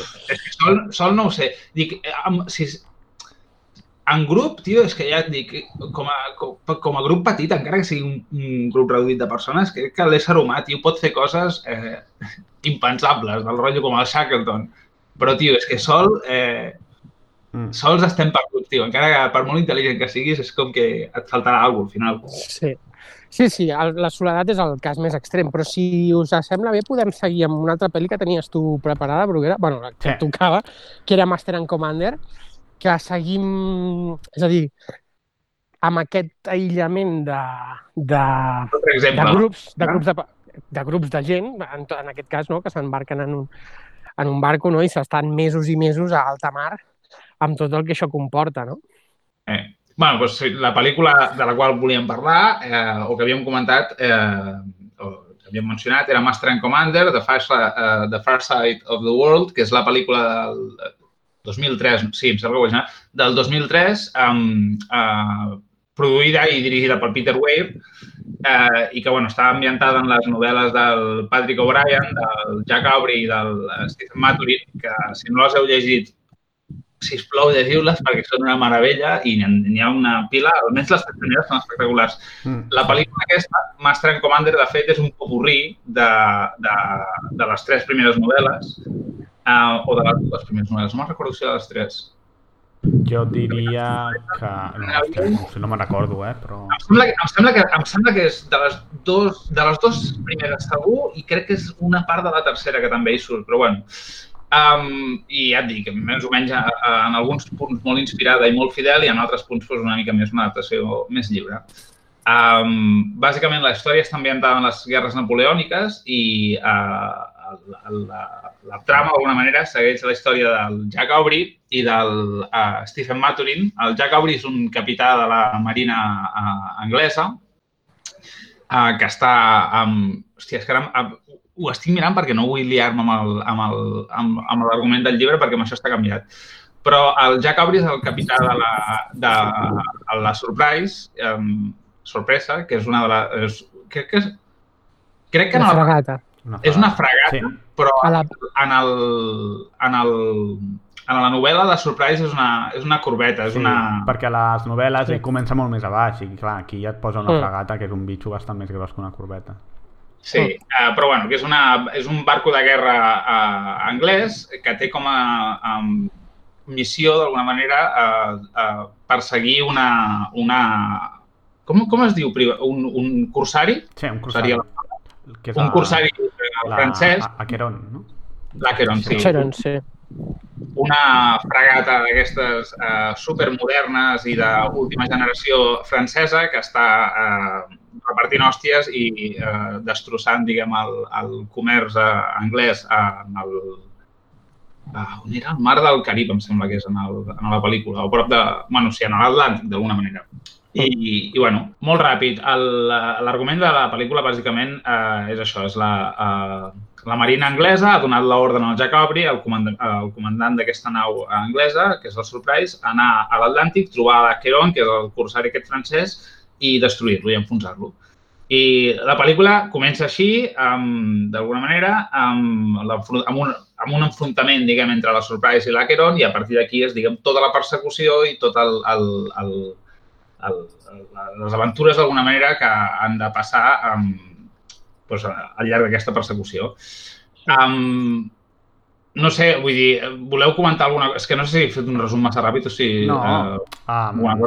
Clar, en el fons és una espècie de relectura bèl·lica de Moby Dick, no? És a dir, el, el tema d'un vaixell allà aïllat, no? Que és, els vaixells del segle XIX, que són super, per molt que siguin, és que són molt petits, són igual 50-60 persones en una cosa que fa, no sé, 50-60 metres de llarg màxim, i Sí. um, eh, aquesta idea, en aquest cas, eh, diguéssim, la balena és el corsari francès i el capità està obsessionat amb, amb anar per ella i això genera la tensió de situacions extremes on tens la, la tripulació que ha de reaccionar. Jo, sobretot, eh, comentaria, si, si pots comentar una mica més, el, les dinàmiques internes que surten a la pel·li, sobretot per mi el que, el, que- el, el més dur, n'hi ha dos moments, no? Un és quan, han de, quan hi ha la tempesta i han de... Um, bueno, hi, ha, hi ha un tio que està allà penjant i han de tallar la corda i deixar-lo anar, aquesta és una. L'altra és el tio que tota la tripulació es pensa que és un cenizo i com li fan bullying, no? Ja. Sí. Sí, a punt de... Digues, digues. no, no, tu- acaba- No, no, dic, fins al, fins al punt que es suïcida. Que és el tema aquest també, que les històries aquestes de mariners són... bueno, jo les trobo, clar, francament les trobo apassionants i entenc perquè a les, a les senyores no els hi pugui agradar perquè normalment són històries de senyors, no?, que estan tots en un barco junts eh, fent guerres, bàsicament. Sí. Uh, però clar, són molt interessants les dinàmiques que es creen i això i superstició, i més en, aquest, en aquesta època, no? Supersticions i tot aquest, i totes aquestes coses que clar, li foten bullying a un pavo fins al punt de que el tio se suïcida. Mm. Eh, o també relacions homosexuals que surten, que això podríem veure a, a la sèrie de, de, de, de Terror, que és bastant similar, no? Sí. En el, en el, a Master and Commander. I, i bueno, és aquest tipus d'aïllament eh, en, en companyia amb tot de gent del mateix sexe eh, mentre es guerrea. No sé, són molt guais. I les condicions d'aquests vaixells que eren, eren, especialment a la Marina Britànica, eren terrorífiques a, a nivell de la disciplina tan bèstia. Ah, clar, si voleu un atac... Mm. Parla, parla d'això perquè... és- Sí, és el, el eh, com es diu, Rebellion a Bordo, no? que hi ha diversos remakes, per mi el millor és el del Marlon Brando, no? Uh, que Sí. també és una de la mateixa època uh, i això de com que tens gent tancada i en general la gent de la Marina Britànica uh, primer eren obligats, és a dir, uh, sovint el que feien era a la Royal Navy, quan, quan necessitava mariners, segrestaven els, en els ports els mariners mercants per enrolar-los en el vaixell, els segrestaven, els fotien al vaixell i sortien.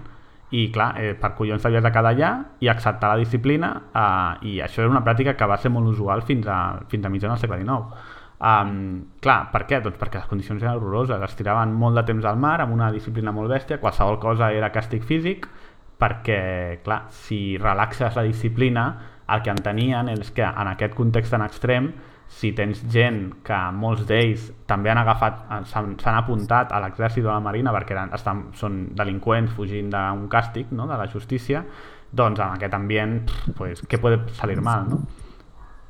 A mi és que això és una cosa que em, que em, em flipa i no és per fer... O sigui, em, em flipa el fet de, de que quan tens un, un ésser humà sol estigui tan desemparat i en el moment en què tens un grupet humà petit i de funcionar, diguem, en un espai reduït, lo estrany és això, és, tio, és que l'única manera que sembla que tinguem de fer-ho funcionar és adoptar... És que sona molt Lions, però adoptar una societat totalitària, no?, d'alguna manera. És com... Clar, però, però és, un exèrcit, és a dir, l'exèrcit de terra era idèntic, eh? Uh, no era gens diferent, era allò de Wellington no, que Perquè de deia... terra no estan, no estan tan isolats, o sigui, no, No, no funcionen però- com una, una unitat, diguem, separada de tota la resta. Però I la en quan- disciplina sí, sí, sí que és idèntica, eh? El càstigs físics, el fet de segrestar, entre cometes, gent per entrar, perquè són professionals, no, és, no, no, no hi ha mil, diguem-ne, però també el fet de que són, com deia mi, Wellington, mira, que els seus soldats aquest- eren escòria, deia ell, no? Uh, En perquè, aquesta- vamos, és que si no, no t'apuntes a, a, a l'exèrcit o a la marina. jo t'ho dic perquè en aquesta hi ha un detall que em molava molt i que em mola molt, que en els llibres hi posen més èmfasi encara, però em, que em mola molt perquè hi ha un parell d'escenes de la pel·li que trobo que el Peter Weir, amb tot el seu geni, ho sap com expressar amb, amb dues imatges que són com molt guais, um, que és això, és el fet de que, per exemple, um, la diferència d'edat dins d'aquesta societat artificial no compta per res.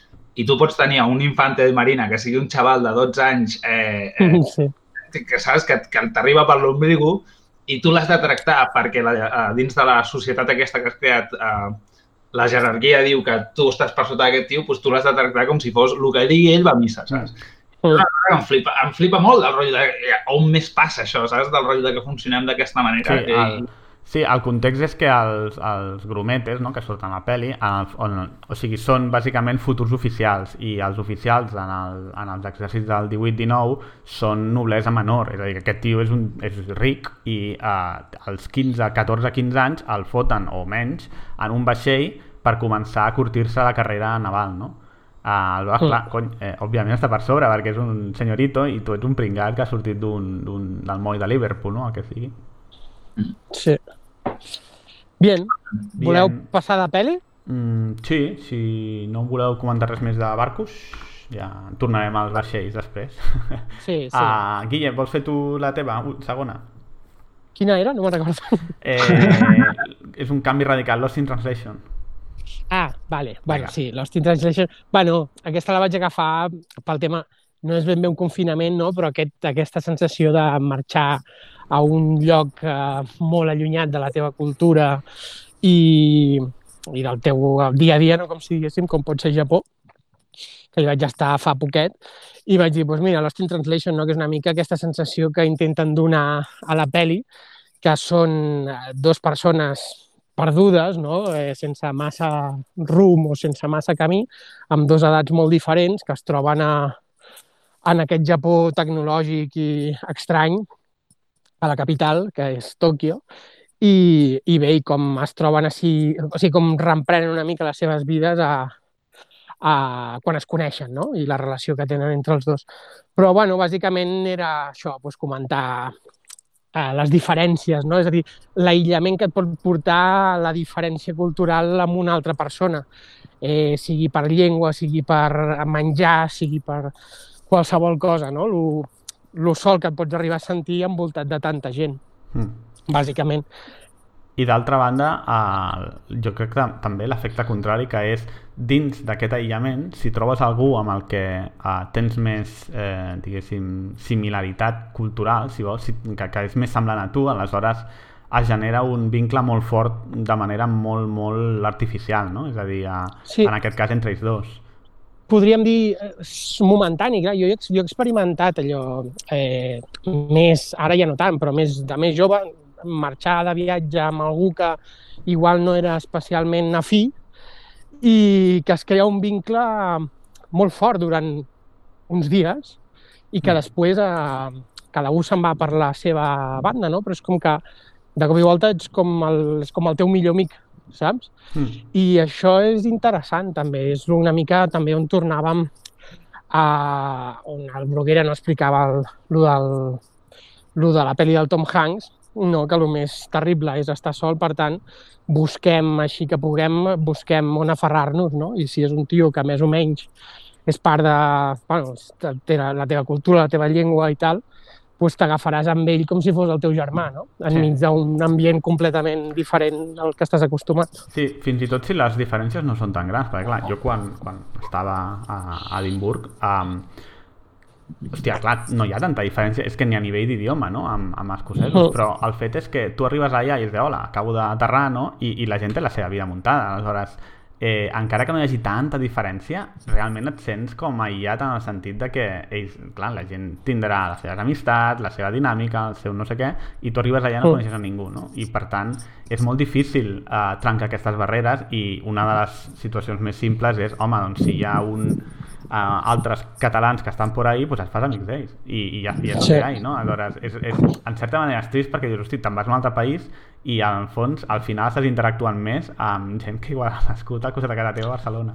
Però, Clar, però el problema és, és el que dius, que te, és que és difícil també entrar en certes comunitats. Mm. És a dir, en certes comunitats, que és el que dius, la gent es crea la seva vida i, i moltes vegades, bueno, eh, imagina't que estem a...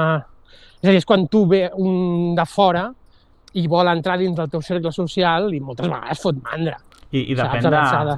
Depèn del teu moment vital, perquè en el, clar, dins, dins la universitat, dins l'acadèmia, els doctorants no tenen aquests problemes per una raó molt simple. Tens molts doctorants de la mateixa edat, 20 i pico, no tenen obligacions, i en, en general, eh? estic parlant així en general. I per tant Mm. és molt més simple dir, va, doncs anem a fer una pinta, anem a fer no sé què, i, per, i, i es genera una situació molt diferent que si ho fas de més gran, per exemple en el meu cas, que clar, els Sí, teus clar. companys de feina tots tenen crius, tenen la vida muntada, tenen no sé què, i aleshores és de, eh, vale, eh, òbviament no és el mateix, o sigui, no és tan fàcil eh, fer amics, si vols, o, o relacionar-te amb gent a mesura que va passant el temps i és, és cada Sí, cop més sí. complicat, no? Perquè la gent ja té altres sí. temes, altres marrons que no pas eh, eh, fer noves amistats. Correcte, sí, sí. I més enllà d'això, la pel·li per mi és un pel·liculón, un clàssic, amb el Bill Murray i la Scarlett Johansson, Sí.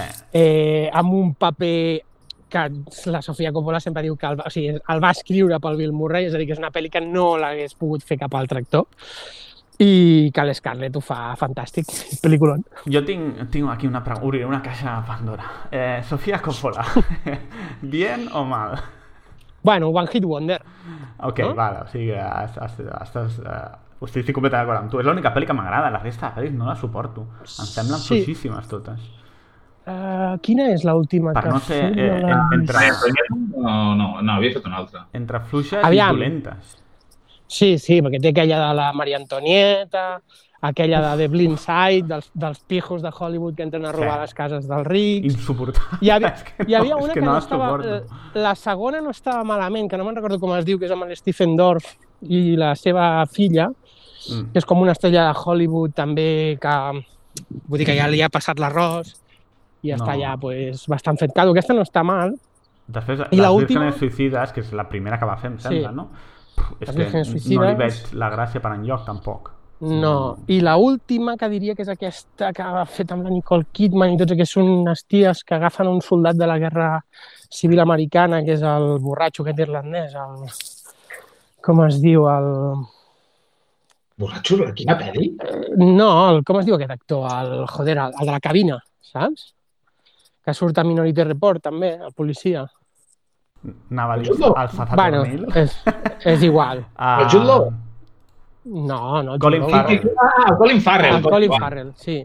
No, eh, que, que, diria que aquesta és l'última pel·li que ha fet. Una del Colin Farrell, que és un soldat de la Guerra Civil Americana i que va parar en una casa plena de dones o alguna així. Mhm. Perquè ja et dic que no l'he vist. En fi, ja m'estic liant, m'estic liant. Um, Eh, però sí, sí, jo per mi, o sigui, ha fet una pel·li que és una obra mestra i totes les altres pues, són morralla. La propera pel·li, perquè veig que el 2020 se suposa que s'estrena una, uh, Mm. seva que es diu On the Rocks, i és de Bill Murray, també. Ah, Uh, pues I la mira. Bill Murray i la Rashida Jones, que és la l'actriu aquesta que està a Parks and Recreation i The Office, um, Sí, que és bastant divertida. La... No sé, a veure, igual amb el Bill Murray la cosa és més fàcil que surti bé. bueno, sempre que hi hagi el Bill Murray, encara que el director sigui mediocre, és més o menys fàcil que la pel·li t'agradi, no? Sí, ara canviant Sí, t'agrada el. Bill Murray. Heu vist Zombieland 2? No. Sí, No, les... sí però ja m'ho va- ho vam comentar. Ho vam i comentar, no, i no, no? I Vale. encara no he vist, el, encara no he vist les escenes postcrèdits. L'escena Bill Murray és el millor de la pel·li.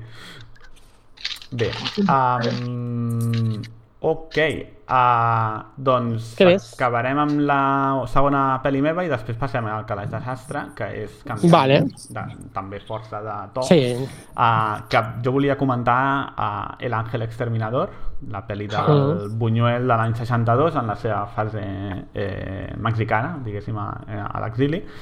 Um, Mm. que és aquesta pel·li surrealista, òbviament, que uh, tracta d'un... bé, una situació una mica rara en la qual bàsicament hi ha, una, hi ha un sopar no? de tota la burgesia d'un lloc, de, doncs, entenc que és, la, és Mèxic, ciutat de Mèxic, uh, en aquesta mansió està tota la burgesia, que entra està al sopar, uh, hi ha un moment que els, eh, els servents, no? la gent que no està ja convidada, doncs eh, marxa de la casa i el que passa és que quan intenten marxar els convidats de la mansió, de la mansió doncs no poden. Hi ha una raó que mai s'explica i que fa que no puguin sortir de la casa i hagin de quedar-se allà a conviure entre ells, no? intentar trobar una solució.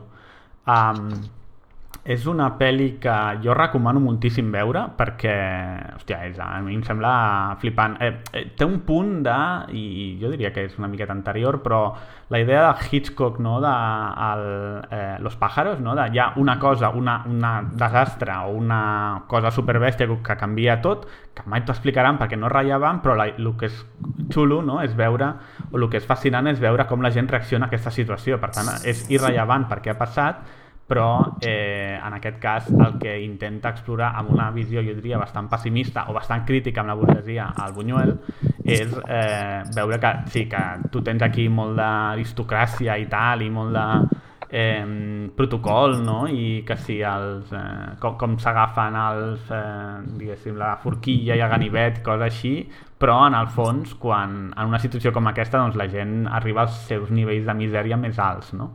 Uh, mm. i, i com es va degradant tot plegat una mica, si vols, a Walking Dead però versió burgesia mexicana Sí. l'heu vist, vosaltres? Sí, sí, però fa molt, jo Ja, fa molts anys. eh? L'hauria l'hauria de, l'hauria de reprendre. De Mm. fet, miraré aviam si està filming, que és probable que estigui, Mm. i, i, i li foto. Sí. Força, força interessant. Eh, doncs amb això acabaré passaríem al calaix desastres, si no voleu dir... Sí, anem comentant. Vinga. Sí, Va, jo aniria comentant, no?, les que surtin. Sí, eh? doncs uh, mireu, uh, havíem dividit el tema de l'aïllament en tres grans grups o en tres grans temes, no? que serien, per una banda, l'aïllament en l'espai, és a dir, una mica com Variet o Alien, que estàs en un lloc tancat i no pots sortir, això seria un. Mm. L'altre seria l'aïllament en el temps, de que estàs en un moment temporal concret i no pots eh, moure't d'allà. I finalment el tercer tema que tractarem serà l'aïllament social, de si estàs amics de gent però eh, són tan diferents a tu que no tens manera de, eh, de sortir-ne, no? Uh, Sí. I per l'espai, un dels, òbviament, com és l'espai, doncs un dels temes més recurrents o dels contextos més recurrents és eh, l'aïllament a l'espai, a l'espai sideral, diguem-ne, no? Uh, Sí. Una d'elles, una clàssica, seria clàssic, un clàssic modern, que es diria, seria El Marciano, no? Eh, Mhm. L'obra de l'Andy Weir i portada a la gran pantalla pel Ridley Scott, no? Em sembla, sí. Sí. Ridley Scott fent coses que estan bé, curiós. Uh, sí. Ja va ser un... Uf. Mm, que en aquest cas... Què? Sí, digues, Burguera. No, no, no, jo deia que, que va ser l'incís del Ridley Scott que me'l va salvar, tio, perquè realment és una, és una novel·la que m'encanta i és una pel·li que, que trobo que l'adaptació és, és... Amb totes les llicències del Ridley Scott que ens les havia de prendre no podia ser d'una altra manera, eh, que està molt bé, tio, que, que s'aguanta bé. Mm. Sí. Sí, en aquest cas jo crec que l'autor passa molt de tot el tema psicològic, si voleu, o de bogeria, d'agòbia i tal, i es centra en la supervivència i com un enginyer enfronta aquesta supervivència, que jo crec que és la gràcia de la novel·la, aquesta perspectiva més de MacGyver, si voleu, de això és el que, Sí. això és el que tinc, com puc sobreviure aquí uns, un, una temporada llargueta, no? Sí, és, és Robinson Crusoe a Marte. No... Però bueno, que en el, a, és veritat, eh, que s'ho ventila, inclu- en, la, en la novel·la està també més referenciat i s'ho ventila de forma molt... Ja, ja planteja la història per no haver, no haver d'entrar en aquí d'alguna manera, però que sí que el, a, joder, en la, en la novel·la eh, el seguiment que li fan al, al, a la CNN fan l'entrevista amb la psicòloga aquesta, que quan no saben encara per què el tio està fent el que està fent i només ho poden veure i intentar inferir què collons intenta, eh, una de les hipòtesis que la tia diu és sí, sí, aquí tots estem molt contents veient que el paio està actiu i que segueix fent coses, però que una de les possibilitats, i és el més probable, com suggereix, és que, que el, tio se sent sol i està aïllat i que quan la gent està així i eh, eh, s'enfronta a la mort, eh, una de les úniques coses que desitja és trobar algú altre qui comunicar-se. I que potser el que està intentant d'alguna manera és simplement arribar a una ràdio per tenir algú a qui dir-li que, que adeu i que se'n va. Mm. Eh, És una, és una cosa que m'agradava, això de, de, Mm.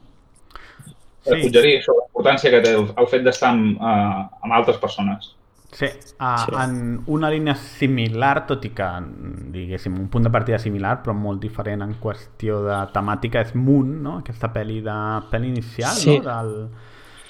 Òpera prima, sí, Sí, del, del- fill del David Bowie. Com es diu? Home? Correcte. Uh, bueno, doncs el fill del David Sí. Bowie, que en aquest cas tracta la vida solitària d'un tio que està gestionant una estació de mineria, em sembla, a la Lluna, no? Sí, correcte.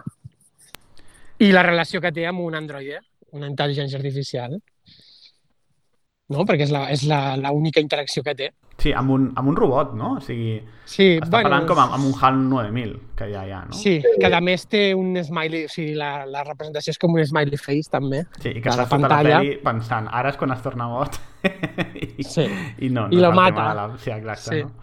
Sí, eh, Sí, a vegades, de, de, de fet, està molt bé, perquè al final és, és, és bo el robot. No? Vull dir, quan es destapa el percal, en aquestes altures ja tothom que ens escolta haurà vist munt, no? I si no, que la miri i, i ja, perquè... Però diguem que està bé perquè, el, perquè t'estàs esperant tota l'estona el HAL 9000 i no, és el contrari al final. mm. Sí, Està molt bé.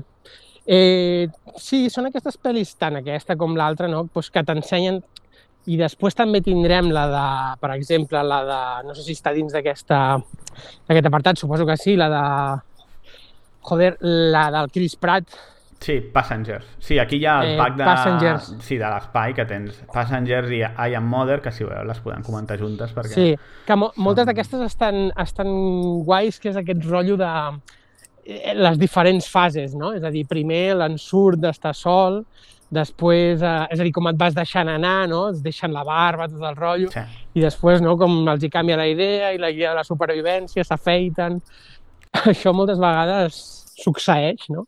Bueno, i que sempre els I acaba, és divertit. sí. els acaba passant el que abans comentàveu, de que són dues persones que en una altra circumstància i rodejats d'altres persones i d'altres opcions, entre cometes, probablement no interaccionarien o, o no, es, no, no, no, no, no trobarien la forma de relacionar-se d'una forma constructiva i que pel fet de ser les úniques persones que tenen eh, eh, disponibles d'alguna manera és com que troben la manera de, o han de trobar la manera de fer-ho funcionar, no? És com... Sí, sí. Bueno, aquest és el cas de Passenger, que és el cas extrem, Sí. que es, veu, es veuen tots, no? És a dir, es veu la depressió de la soledat, que, bueno, la Passenger, si algú no l'ha vist, és aquesta pel·li que és una mena de nau eh, immensa, no?, que porta la gent en hibernació cap a un altre planeta, i el protagonista, que és el, el Chris Pratt, pues, se li desconnecta la cambra d'hibernació i llavors pues, es desperta 100 anys o por ahí, no? 100 anys diria abans de que... Sí, condemnat a viure a la Abans de- nau, diguem-ne, no?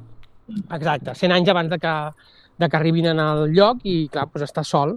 I teòricament, doncs, clar, passarà, aquests, passarà la seva vida dins de la nau sol i fins que mori, no? I aleshores doncs, s'enamora de manera, diguem, platònica d'una noia que està també hivernada i va veient els seus vídeos, perquè tots tenen com videodiaris, no?, per conèixer quan teòricament es despertin, Mm.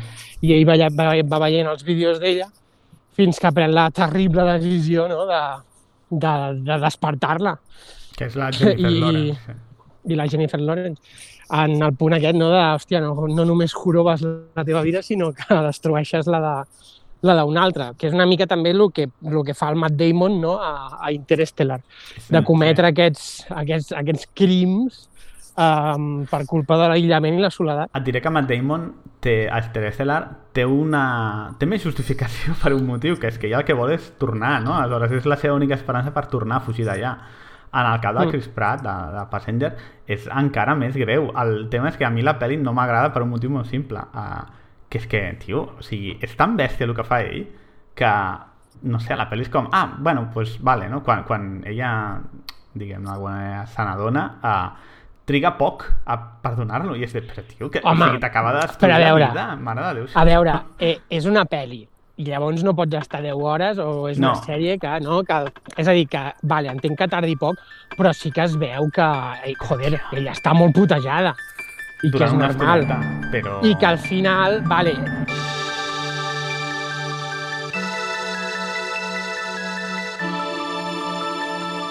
Ala, tot i que al com a final no- spoiler, Ja... no, bueno, vale. vale. Eh, És igual, però en tot cas eh, és aquest cas extrem, no? que Però- la Bruguera de, sí, de però bueno, estem aquí sols, doncs ens hem de portar bé. que, que en el fons la pel·li, el gran, el gran ganxo de la pel·li era Chris Pratt i, i Jennifer Lawrence Sí. en una pel·li romàntica, però que el, Sí. la gravetat del crim que fa ell és tan tan absolutament bèstia que es podria haver fet una pel·li sobre el, això, no? sobre la reacció d'ella envers ell, no sobre, ai, al final se besa. Però, però d'alguna manera, bueno. no, això jo crec que ho vam parlar amb vosaltres quan veiem bé, aquesta pel·li. No és com el mateix, que és com l'intent d'explicar que la... són dues persones que fan el mateix en circumstàncies diferents, però que en el fons estan fent el mateix, que és que necessiten algú altre. Sí.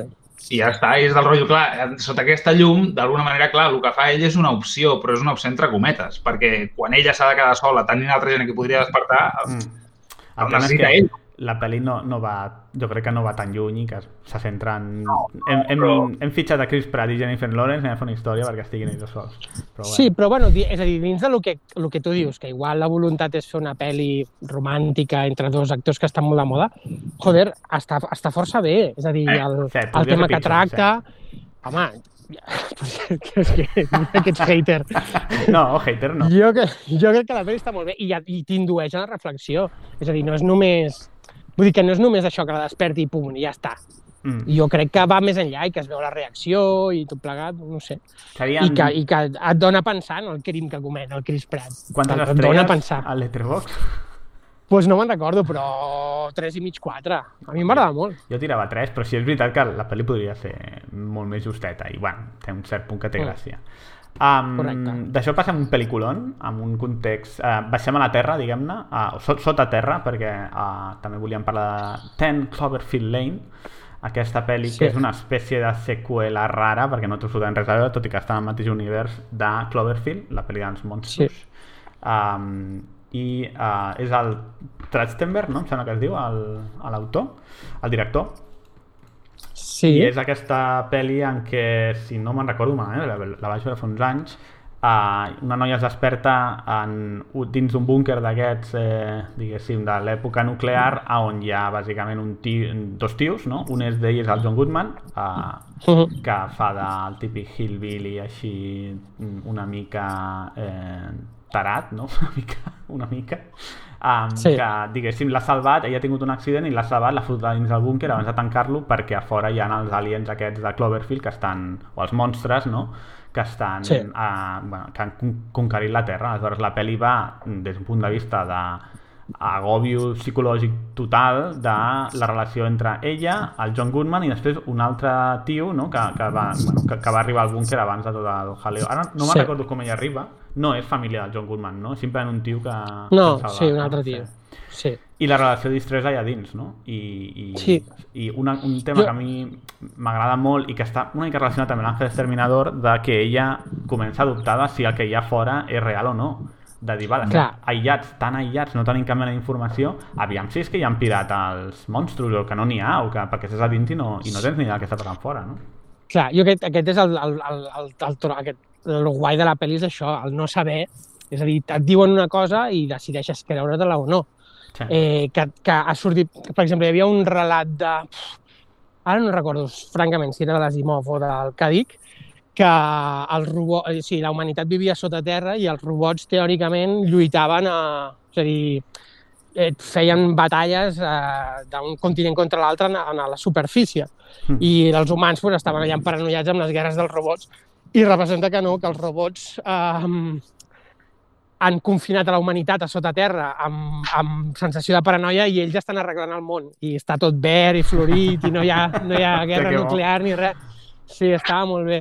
Però que és aquest, és aquest rotllo, no?, que algú et dona alguna però tu no tens cap... Vull dir, no tens cap pista, no?, de, de Sí. realment el que està passant i, i comences a emparanoiar-te, no?, en un lloc tancat on no saps realment què passa en l'exterior. També hi havia una... Perdó, Sí, digue, digue. només un incís, hi havia aquella pel·li també molt divertida del Brendan Fraser, que durant la Guerra Freda els, la seva família es tanca en un búnquer també d'aquests, als anys 60, i el tio no surt fins al cap de 20 anys, fins que és adult. Llavors, doncs, clar, surten en una societat molt diferent a la, a la que ell viu amb la seva família dins del búnquer, que es queda estancada en els anys 60. Mm.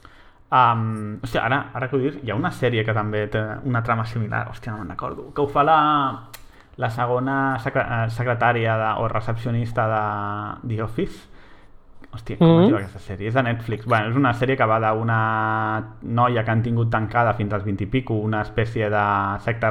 La família és una espècie de secta religiosa i quan surt al món, diguem-ne que és completament innocent perquè no ha conegut maldat, no?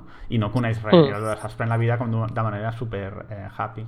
Happy. Ah, sí, Mm. que és curiós. Um, sí, relacionat amb això, el tema aquest de, de l'enemic exterior, que no sap, és una mica, en el fons, 1984, no? Aquesta idea de l'Orwell de tens un enemic exterior, eh, la gent al final no sap si és real o no, que hi ha una guerra, no? Uh, però com que tens aquest enemic exterior, dins no pots... Eh, o sigui, has d'obeir el que et diuen i no pots eh, opinar diferent que és una mica el que passa amb ella quan comença a dubtar doncs, el John Goodman el que li està dient és mira, eh, no comencis a fotre merdes que estem aquí tancats i, i has, de dir, has de fer que jo faig no? Sí. Sí, sí, sí, molt bé. Mm, És una pel·li molt agobiant, molt xula i amb actorazos, Sí, perquè la- els tres són actorazos. Prota és la Mary Elizabeth Winstead i, Mm. i això. I, hòstia, és curiós que el, el guió, entre d'altres, és del Damien Chazelle, que és el director de eh, Whiplash i, Ah, sí, sí, sí, correcte. La, la pel·li última del Neil Armstrong. Sí, bé, bé. Sí. First Man, sí. First Man. Bien, uh, canviem de registre de manera radical, perquè uh, seguint amb aquesta idea de uh, quan estàs aïllat, allò de al principi és sorpresa, després, eh, com que pots fer aquest roti, doncs disfrutes d'aquesta llibertat total de que ningú et jutgi i després ja comences a, a madurar. Uh, volia comentar una mítica pel·lícula que és Solo en casa. Oh, peliculón. Sí, uh, pel·lículon del Macaulay Culkin i Sí. uh, que és curiós perquè en el fons si tu agafes les diferents fases del Macaulay Culkin, no? És, de fet, un munt d'aquestes pel·lis. Això de dir, hòstia, puc fer aquest roti, no? I després, de, oh, wait, que hi ha perills i, i necessito madurar per fer per reaccionar, no? I defendre. Bueno, i, i el que molts de nosaltres ens està passant, que primer estàs saltant al llit, menjant gelat al sofà i tot el rotllo, fins que comences a ordenar la teva vida aquests dies de confinament. I dic, home, he d'anar a fer una mica d'exercici. eh, però sí, és una mica el rotllo de la idealització del nen que pot tenir el... Que, l'estar sol, sí, no? La, la data, o sigui, com... Digues, digues. No, que no té els pares per dir-li el que ha de fer, no? Correcte, sí, sí, sí. I com et quedes sol allà a casa fent el que et rota. Mm. Eh, és que és un clàssic entranyable dels Sí. Nadals, no? Dels Nadals, sí. Menció especial en pitjors casa. pares de història del cinema. sí, sí. Obliden el nen dos cops, no? O tres, no sé quantes pel·lis van, van haver-hi. Bueno, del Macaulay Culkin són dos. Mm. Eh, solo en casa i solo en Nova York. Que dius la primera, so- bueno, però la segona, le tio.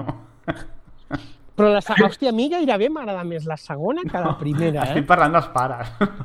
Ah, ja, ja, ja. Sí, sí, sí. Sí, sí. És una pel·li que és raro perquè, o sigui, a mi el, el Joe Pesci és un, és un actor, tio, que em, no, sé, no sé per què, com que l'associo a totes les pel·lis de, de, només de màfia, sí. i em fa molt de mal rotllo, però molt. O sigui, només veure'l em dona realment mal rotllo, eh, i en aquesta pel·li és com que no, no l'identifico, és de rotllo, és, és Que Sí. ell, saps? No el veus. Sí, No. traurà una ploma i començarà a cuchillar el nen, no? Ah, el rotllo, és- joder, com a mínim, és que jo pateixo, tio. amb, un bat, amb, un bat, amb un bat de beisbol rebentant-li el cap allà. Que està molt loco, Joe Pesci. Sí, eh, sí, sí. Mm, bueno, és que, aviam, molts d'aquests, ja, els hem, ja pràcticament hem anat comentant tots els, no, els diferents eh, estats psicològics no, què acaba una persona amb confinament, però aquesta és la cara més amable de la Solo en casa. Segurament, de les pel·lis que citem, és la cara més amable i més surrealista també, perquè si dos lladres entressin a entrar a atracar un nen, el més segur és que acabés tallat a bocinets i no donant, un, donant pel pelo als, als cacos. Doncs sí, uh, Però vinculat sí. amb aquesta, però uh, amb un altre to, seria l'habitació del pànico, no? Del... Ah, del... Hòstia, estic fatal avui amb els noms, eh? Uh, David Fincher, no? del És David Fincher? exacte. Sí, amb la Sí. Jodie Foster i la Kristen Stewart, que és, la nena petita. Sí, no? molt, molt petita, sí. Sí, que seria com la, la versió malrotllera de Solo en casa. una miqueta, Sí. no? Que és... Uh... Que de fet, hòstia, ara que dius versió Malrotllera, no sé si havíeu vist una, una mena de d'exploit de solo en casa de terror que va sortir a l'època, que es deia ah, com a, Game Over, que era un, No. un Santa Claus super xungo, era un psicòpata que es vestia de Santa Claus i entrava a casa d'un nen a matar-lo. I, a, i era, o sigui, era el mateix, era el mateix que solo en casa és el nen fent trampes, però fent trampes superbèsties. Mm. Saps? Vull dir, no, no de risa. Una pel·li de terror molt, molt, molt no, xunga. no. pues sí, Game Over us, us la recomano. Si, si es pot trobar per algun lloc, molt xula. Game over. Uh, Bien, uh, Game over. Però és- Estava és, és, és, és dels anys 90 o és... No, 80. Uh, no, sí, clar, perquè són en cases finals... La primera és dels, del 89, no? Diria, i la segona del 90. O la primera és del 90, ja. No, doncs deu ser de començaments dels 90, aquesta de Game Over. Sí. Mm. Són Però mira, dels- us ho- Sí, és dels 90. Us ho dic ara mateix, si està en alguna plataforma. Quina estaves comentant, per això? L'habitació del pànico del Fincher. Ah, sí, Um, sí, sí. Que és una pel·li que jo, el primer que la vaig veure no em va agradar gaire. Em va semblar que és, Mm. bueno, pues és el que hi ha, vull dir, sí, molt bé. Eh, pel·li de thriller d'aquests d'agòbio i tal, però que tampoc, vull dir, no sé, Fincher de pel·lis millors, però eh, posteriors visionats, hòstia, està molt bé la pel·li. Um, Sí, està bé. Però sobretot per dos relacions. Per mi una és la relació mare-filla, però per l'altra és els, els que intenten entrar, no? Sobretot el Mm. papelón del Forrest Whitaker. Um, no sé, em sembla superxulo perquè és d'un gris, de- és un- d'un gris espectacular, no? És, eh, al Sí. principi, no? El, és l'enemic exterior que intenta entrar com si fos solo en casa, però després te n'adones de tot el context, del, del, com dubta, no? Ell de, del que està fent i, i que has de fer una cosa que és horrorosa però que la necessita- necessita fer, etc etc. no? Sí. Um, que si no recordo malament hi ha el tema que és diabètica, la nena, pot ser? Sí. I hi ha Sí, tot el sí, tema sí. de la insulina, no sé, és, eh, bé, és que Fincher pel·lis dolentes no en té, i aquesta potser no és de les millors pel·lícules d'ell, però segueix sent un pel·lículon. Sí, sí, sí, sí. Bien.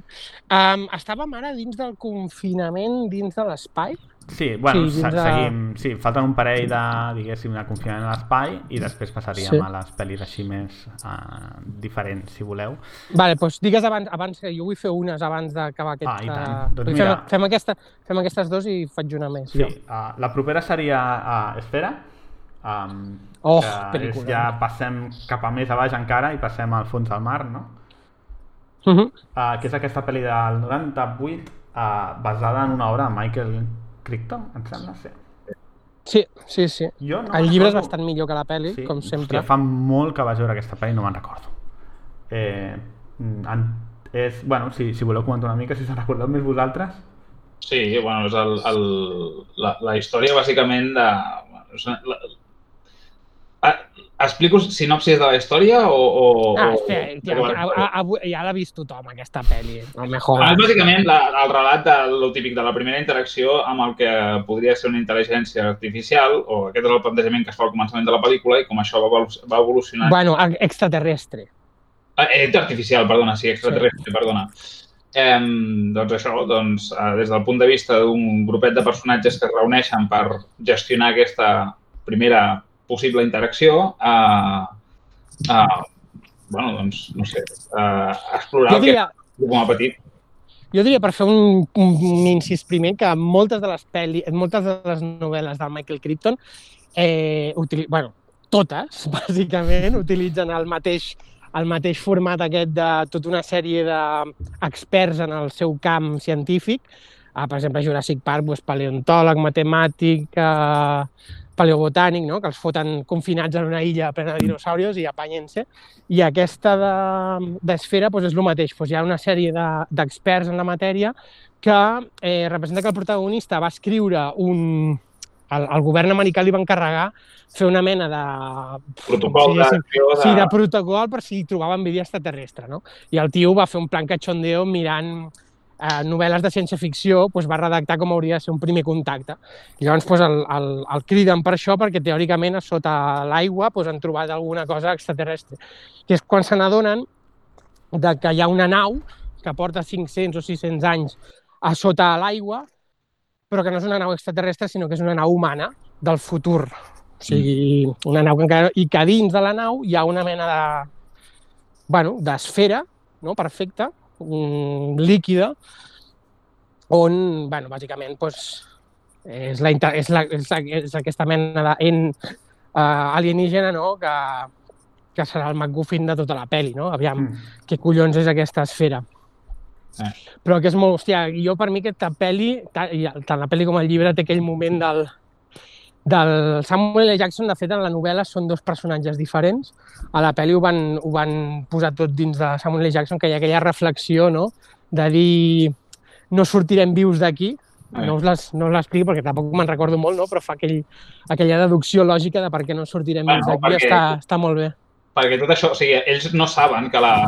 Ells troben la nau aquesta i veuen que és, és una nau eh, eh, que porta enterrada i que li ha crescut tant corall a sobre que dedueixen que porta enterrada allà, eh, pues això, tres, tres segles o quatre segles i quan entren a dins pensant que encara és una nau extraterrestre o alguna així, acaben descobrint que no, eh, que quan activant la, els, els comandaments i, i veient, registrant un diari, eh, descobreixen que és una nau humana i que el registre, l'última entrada registrada en, aquest, en el diari de la nau és com la nau cau dins d'un forat negre. Mm. I llavors se suposa que cau en el forat negre i viatja en el passat eh, i eh, bueno, a partir d'aquí és eh, la deducció que fa el Samuel L. Jackson és si això és una nau humana enviada des de la Terra eh, i ha tornat al passat, eh, l'única forma d'entendre, o sigui, l'única forma d'entendre aquesta línia temporal és que nosaltres, que ara estem en aquesta nau, no sortirem mai a la superfície per explicar que aquesta nau havia vingut en el passat, amb la qual Exacte, exacte. és que ens quedem aquí i no, no en sortim. Sí. I la gràcia, de la, per mi, de la pel·lícula en part és que, eh, sense trencar aquesta premissa, troba una sortida eh, viable, Sí. sí. diguem, el, el desencadenant de la història, de la, o Sí. la conclusió I de el- la història. Sí, i del bucle, també. Sí. Uh, està molt bé, està molt bé i, i uh, és guai en, en aquestes pel·lis del, bueno, o novel·les del Michael Crichton, no? que el, en aquest, uh, aquesta gent confinada que són lluita d'egos, no? molts cops, Sí. Més, entre a- científics. Sí, en aquest cas Digues, van, digues. no, que van agafar tres actorazos de l'any 90, no? que estaven Sí. a més eh, els tres on fire, i el Samuel L. Jackson, la Sharon Stone i el Dustin Hoffman. Eh, Correcte. però no és un... No, o sigui, no sé, no, no, no la recordo com una gran pel·lícula, no? Perquè amb, aquests, amb, amb aquesta premissa i aquests actors, hòstia, t'esperaries una cosa brutal. I no sé, tampoc, igual sóc jo, eh? però no, no, no m'acaba de motivar. Aviam, jo, jo també crec que, més enllà de Jurassic Park, el Michael Crichton fa novel·les molt... ent- És com pseudociència-ficció, no? És a dir, agafa algo que està de moda en el seu moment i, i, i fa novel·les molt comercials, no? No, massa, no són mai massa profundes, són més de- Sí. d'aventures que una altra cosa, com Sí, sí. Jurassic Park, que, aviam, en el fons la, la part científica és bastant xorra, però sí que mm, tenen molt de ganxo. Sí, s'estira molt als 90, això. I no? aquesta, clar, per exemple, hi ha tota una cosa que surt a la novel·la que no... És a dir, l'esfera, com si diguéssim, um, el que fa és que converteix en realitat els pensaments o les coses més íntimes dels personatges. Mm. I, per exemple, en la novel·la, el, el, en la pel·li sí que surt aquell tros de les meduses, però a la novel·la el protagonista està obsessionat amb 20.000 llegües de viatge submarí i el mega calamar. I clar, en la, en la, el, es fa real el mega calamar, en el, el calamar gegant en, el, Mm. en, la, en la història. Que això en la pel·li no surt. I és com un moment de clímax molt heavy, cap al final de la història, que clar, la pel·li la deixa una mica més... És a dir, intenta ser profunda, no ho acaba de ser del tot i alhora no és especialment aventurera. Saps? Llavors es, es queda en aquesta mena d'intermig que a mi em va agradar, està bé, però que és d'allò que dius, hòstia, una miqueta més i hagués pogut ser molt millor la pel·li. Sí, jo, Però bueno, és molt que típic, té a mi, de- a mi m'agrada, eh? és molt típic dels anys 90, fer pel·lis amb una premissa d'aquesta ciència-ficció, però que es queden més en la part més, si voleu, no sé, d'acció, Superficial. o que Sí. no necessàriament això vol dir que siguin dolentes, però que no porten més enllà la ciència-ficció, no? o la temàtica Sí. sci-fi.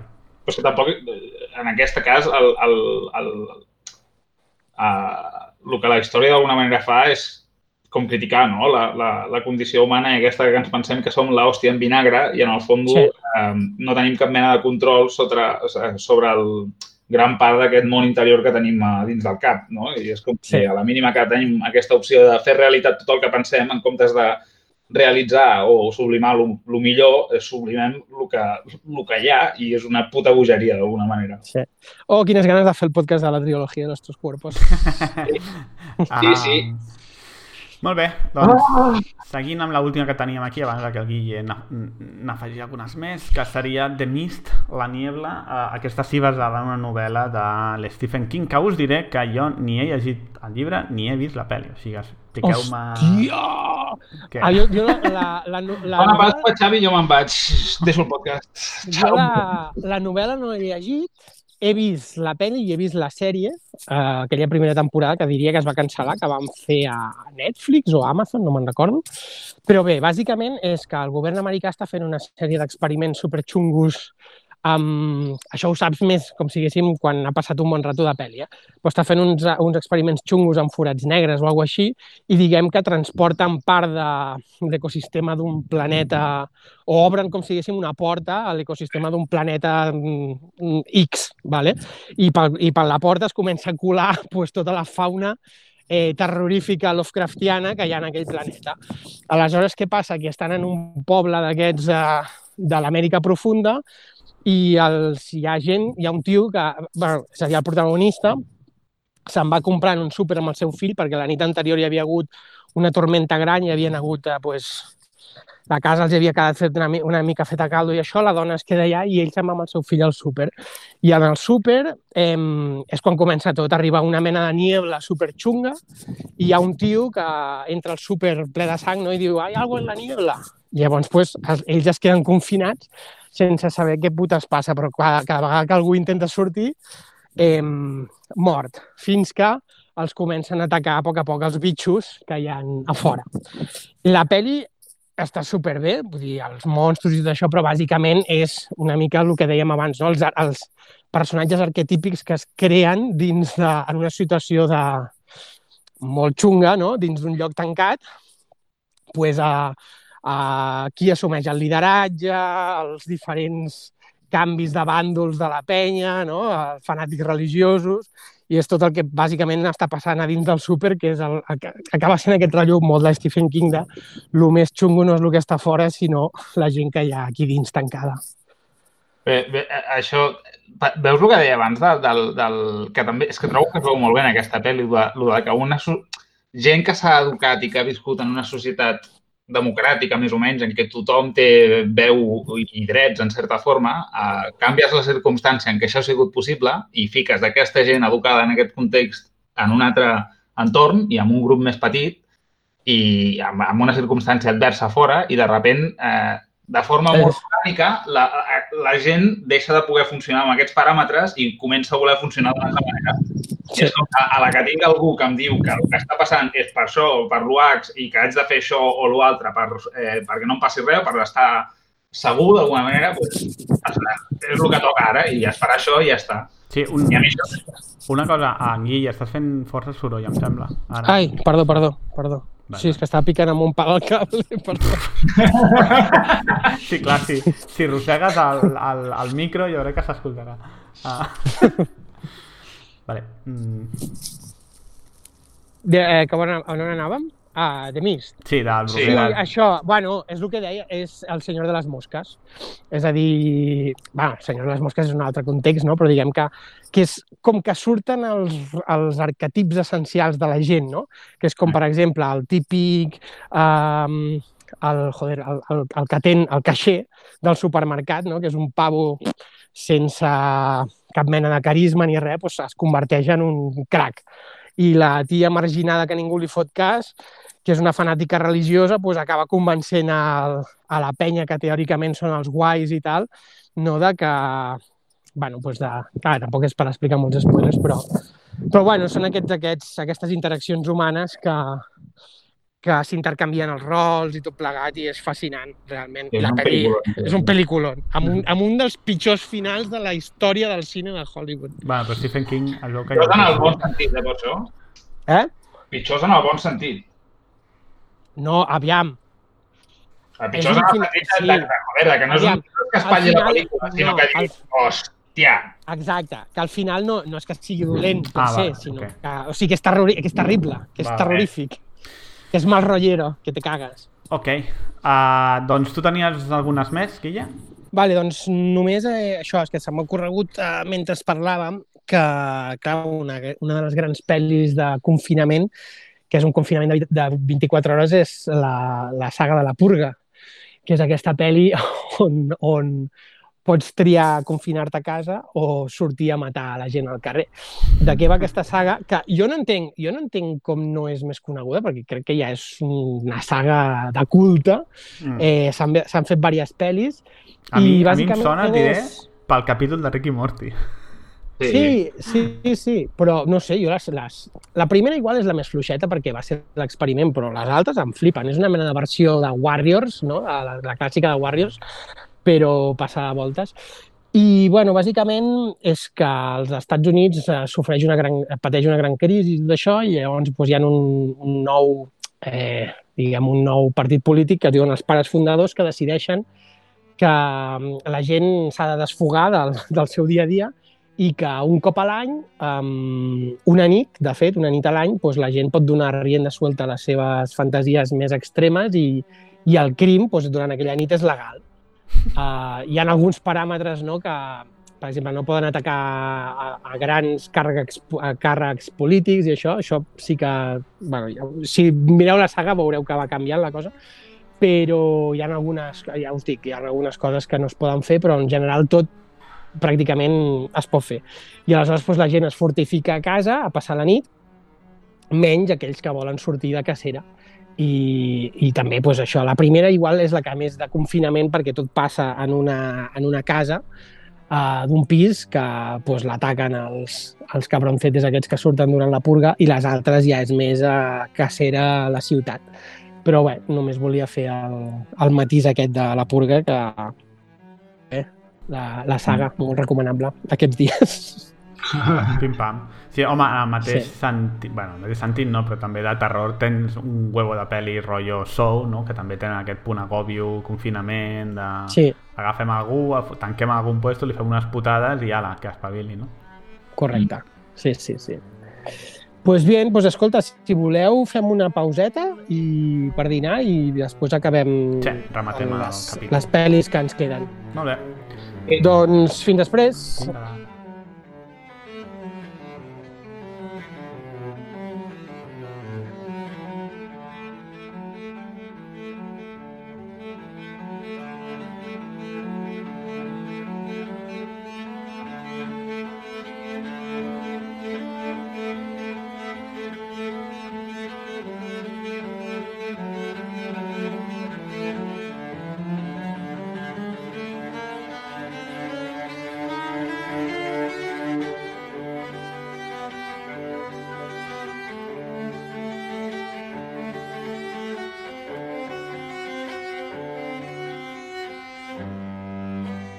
Doncs bé, ja hem tornat de la pauseta, així que rematarem el capítol d'avui, no?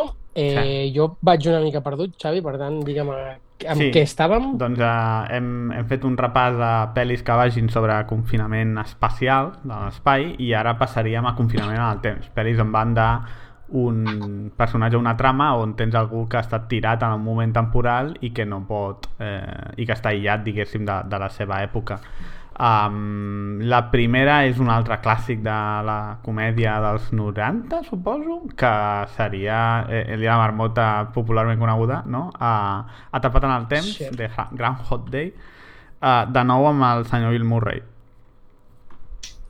Correcte. I un dia se'n va fet, sí. Peliculón. Sí. Eh, sí, bueno, clar, aquesta pel·li la gràcia és que és el, el...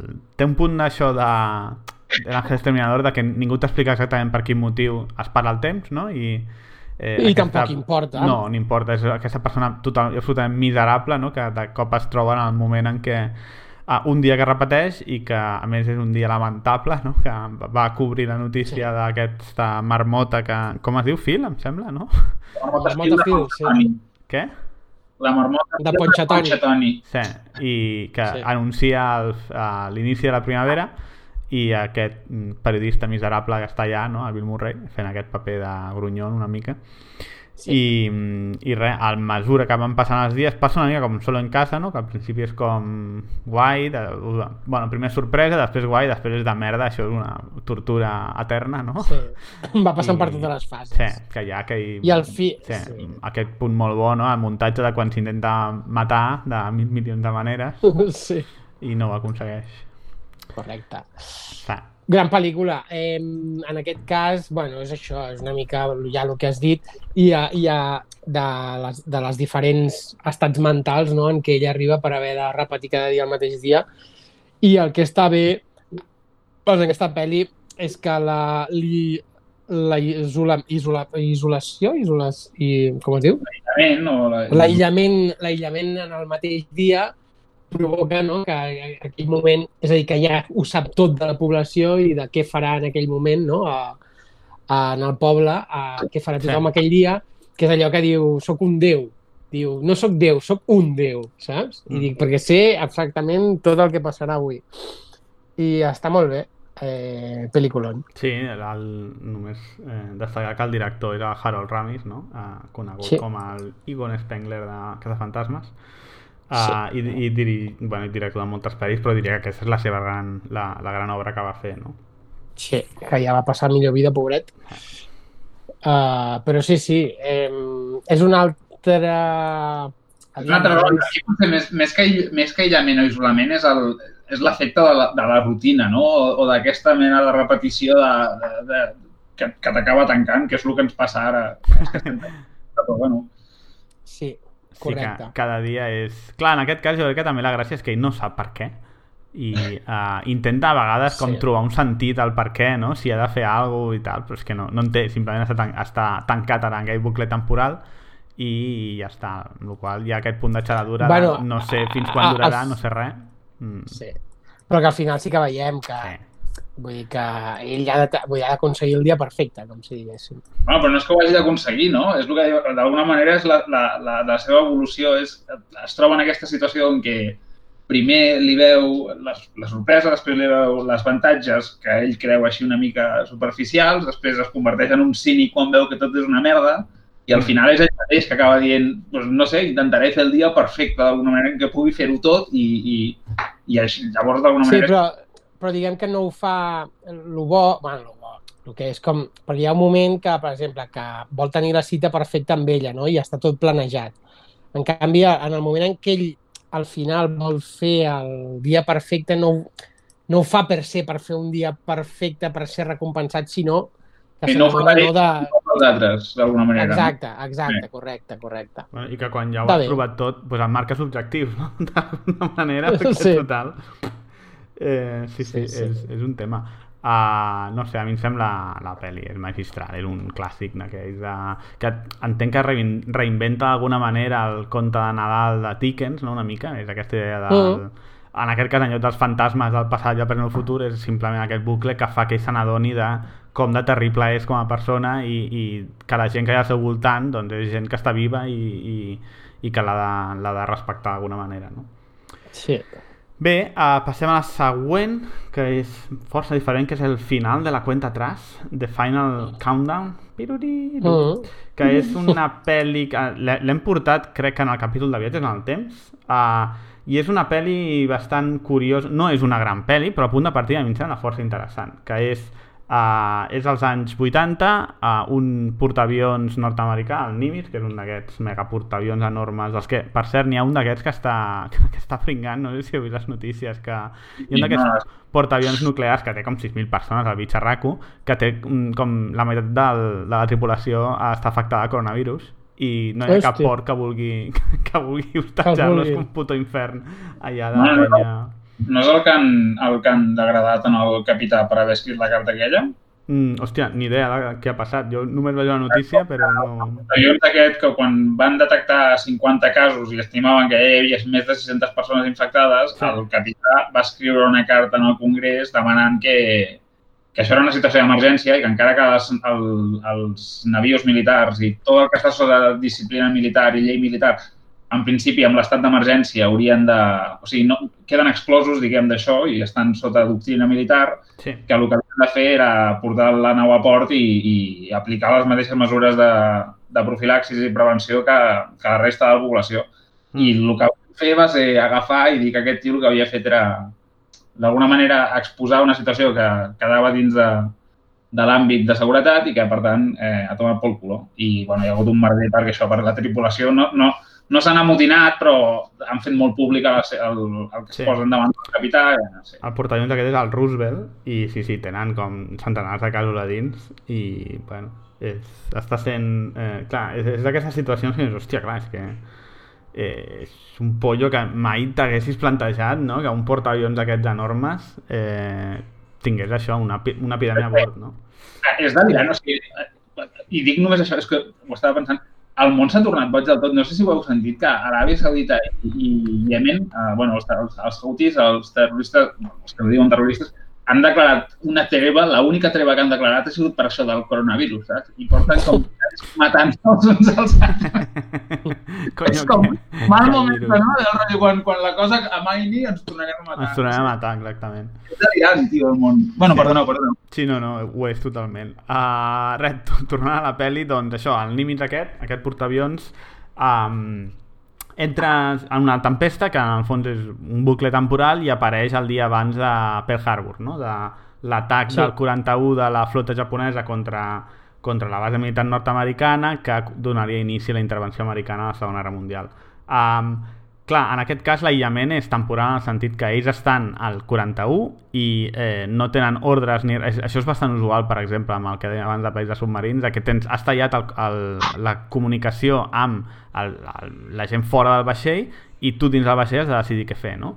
I en aquest cas la decisió és què fem? Intervenim i bàsicament guanyem la Segona Guerra Mundial amb aquest portaavions sol o, o no, o deixem que el curs segueixi, eh, que la història segueixi el seu curs i, i això, no? Uh, la pel·li fa... O sigui, jo crec que és bastant interessant tot això, el que passa és que hi ha un punt que sí que la, la pel·li fa força trampes i ara farem una mica spoiler, però la, la pel·li té 30 anys, o, no, 40 anys, per tant, és, eh, té, té, té uns, uns quants anys ja, no? Que és que en el final, crec que el que passa, si mal no recordo, és que al final decideixen intervenir, però quan decideixen intervenir, el que passa és que tornen a veure la tempesta, el bucle temporal i, i marxen al I present, desapareixen. No? Amb la Sí. qual eh, deixen o sigui, prenen la decisió però no l'acaben de prendre. És a dir, la típica pel·li on hi ha una, una decisió moral difícil però que els protagonistes al final no decideixen res, no? ni Sí. veuen les conseqüències perquè, perquè al final no poden, no? que és el, el que passa. Um, però bueno, en, no sé, és un, és un cas bastant curiós d'aïllament perquè en aquest cas és, eh, estàs aïllat en un altre moment temporal. No? Sí. Um, finalment, l'última pel·li d'aïllament temporal és bastant més nova i és uh, Edge of to Tomorrow, no? El, el dia de mañana, em sembla que la van traduir, no? Sí. Que és aquesta Sí. pel·li uh, protagonitzada pel Tom Cruise i la... Hmm, la Emily Hunt, eh, Emily Blunt, no? Sí. Uh, dirigida per Doug Lyman i que és una versió d'una novel·la japonesa, em sembla, no? Que es diu... Un manga. Sí, un manga que es diu All You Need Is Kill. Um, Sí. sí. algú vol fer el sumari d'aquesta? És una mica com... El és dia de la marmota, no? Sí. Però amb acció. Fortnite, no? El Fortnite, la, la versió de Fortnite, el dia de la marmota matant... El que passa és que en aquest cas sí que t'expliquen per què, no? Perquè és un tema de que els aliens, que, com els que estan en guerra, mm, són capaços de controlar, manipular el temps, una cosa així, era? No, no me'n recordo. que poden veure, o sigui, eh, sí, que ve, no sé si és que viuen o veuen, no sé com dir-ho, però que, bueno, bàsicament que el, els blaus aquells, el, els bitxos aquells que són com els aliens blaus, pot- tenen la capacitat de- aquesta de, de, quan- de quan moren d'alguna manera eh, tirar enrere en el temps. Mm. O això només els hi passaven als humans, ara no me'n recordo, tio. Sé que els hi passava, però que un humà que quedi tacat amb la sang d'aquests bitxos té, eh, aquesta, guanya aquesta capacitat d'alguna manera de tornar enrere en el temps quan es mor.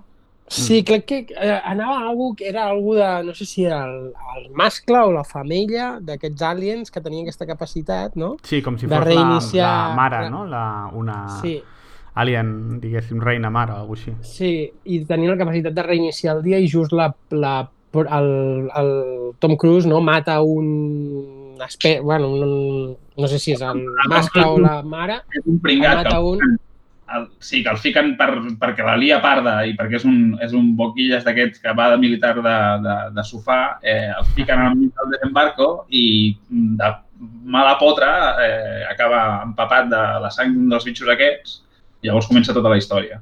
Sí, és bastant... El personatge del Tom Cruise a mi m'encanta perquè és molt... És, és com com el Bill Murray, és molt miserable, és molt...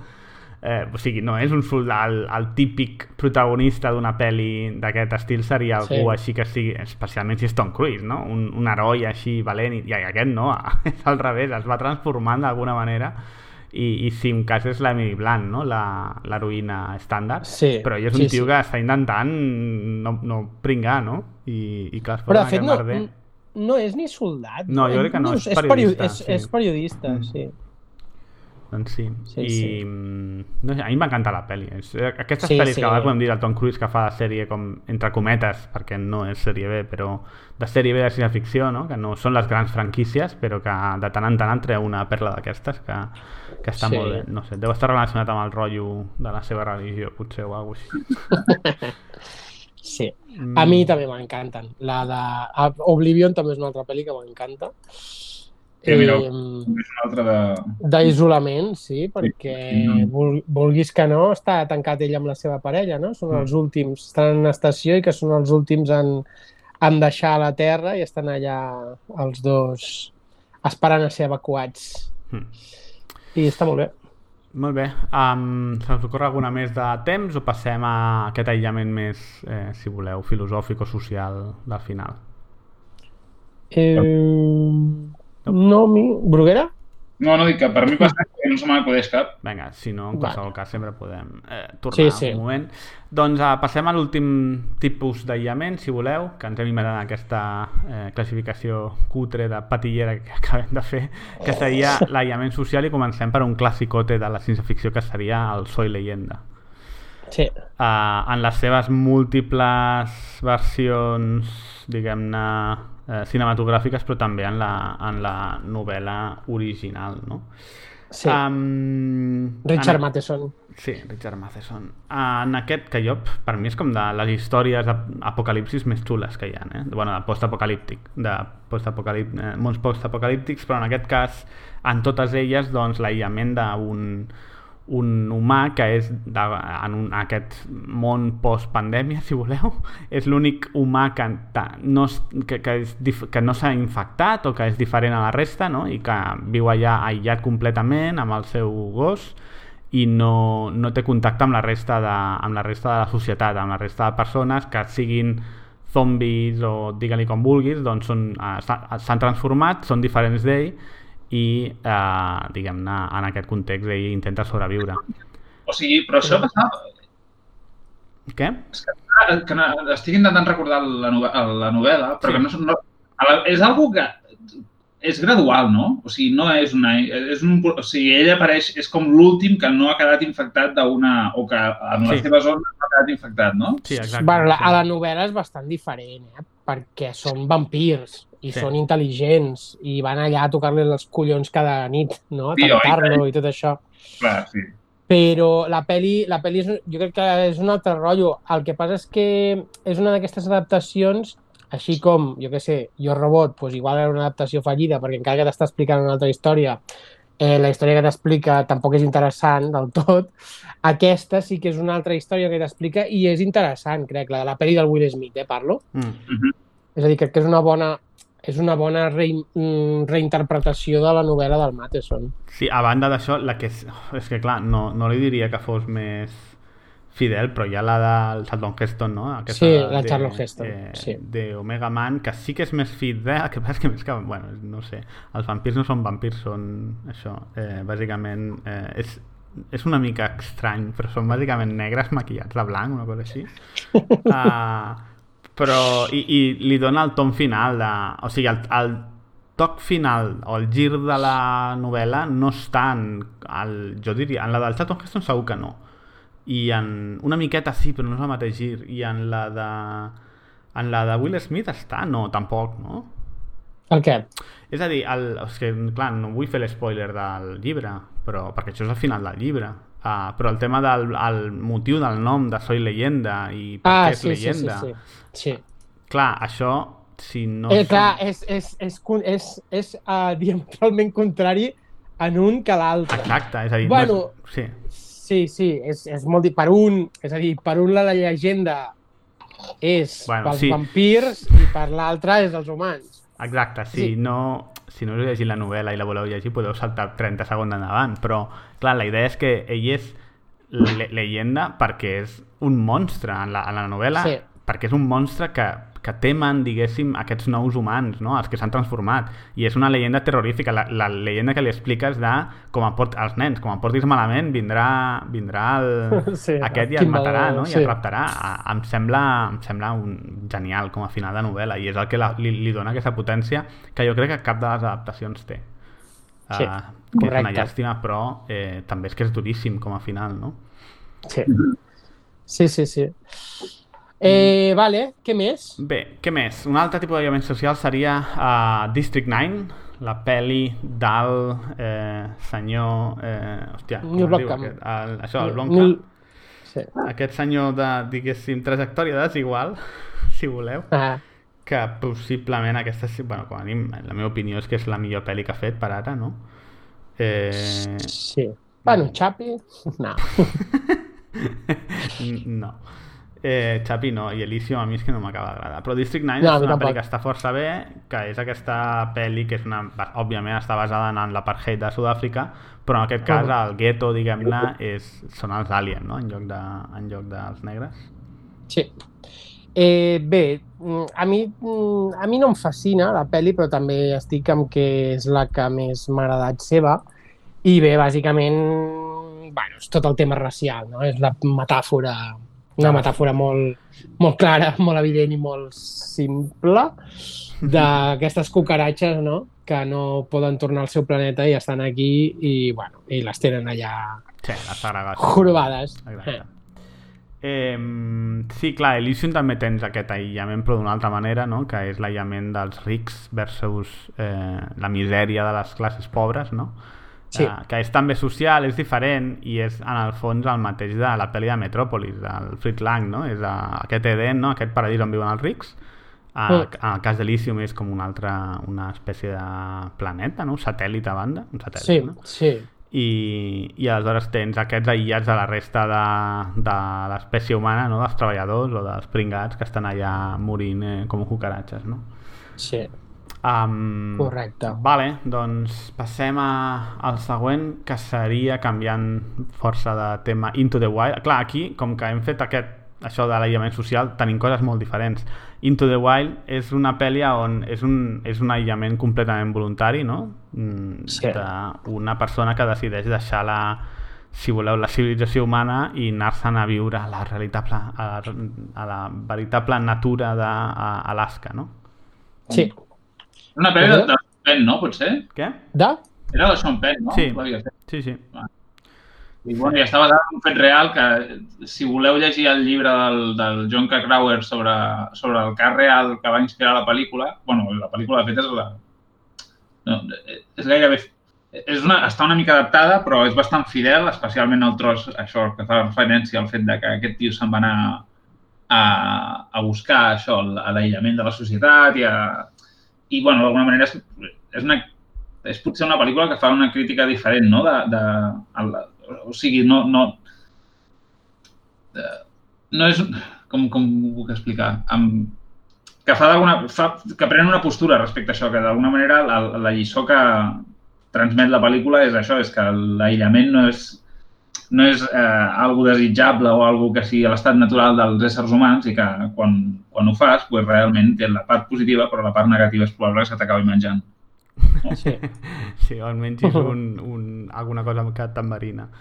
Um, sí, jo és que tinc sentiments ambivalents amb aquesta pel·li, perquè per una banda m'agrada molt, i òbviament aquesta cinematografia, no? aquests paisatges i, i amb la idea, Sí. és molt guai. Però per L'actor l'altra- també. Sí, l'actor també, però per l'altre és que, és de, però, tio, tu, tu, tu, tu del cul, no?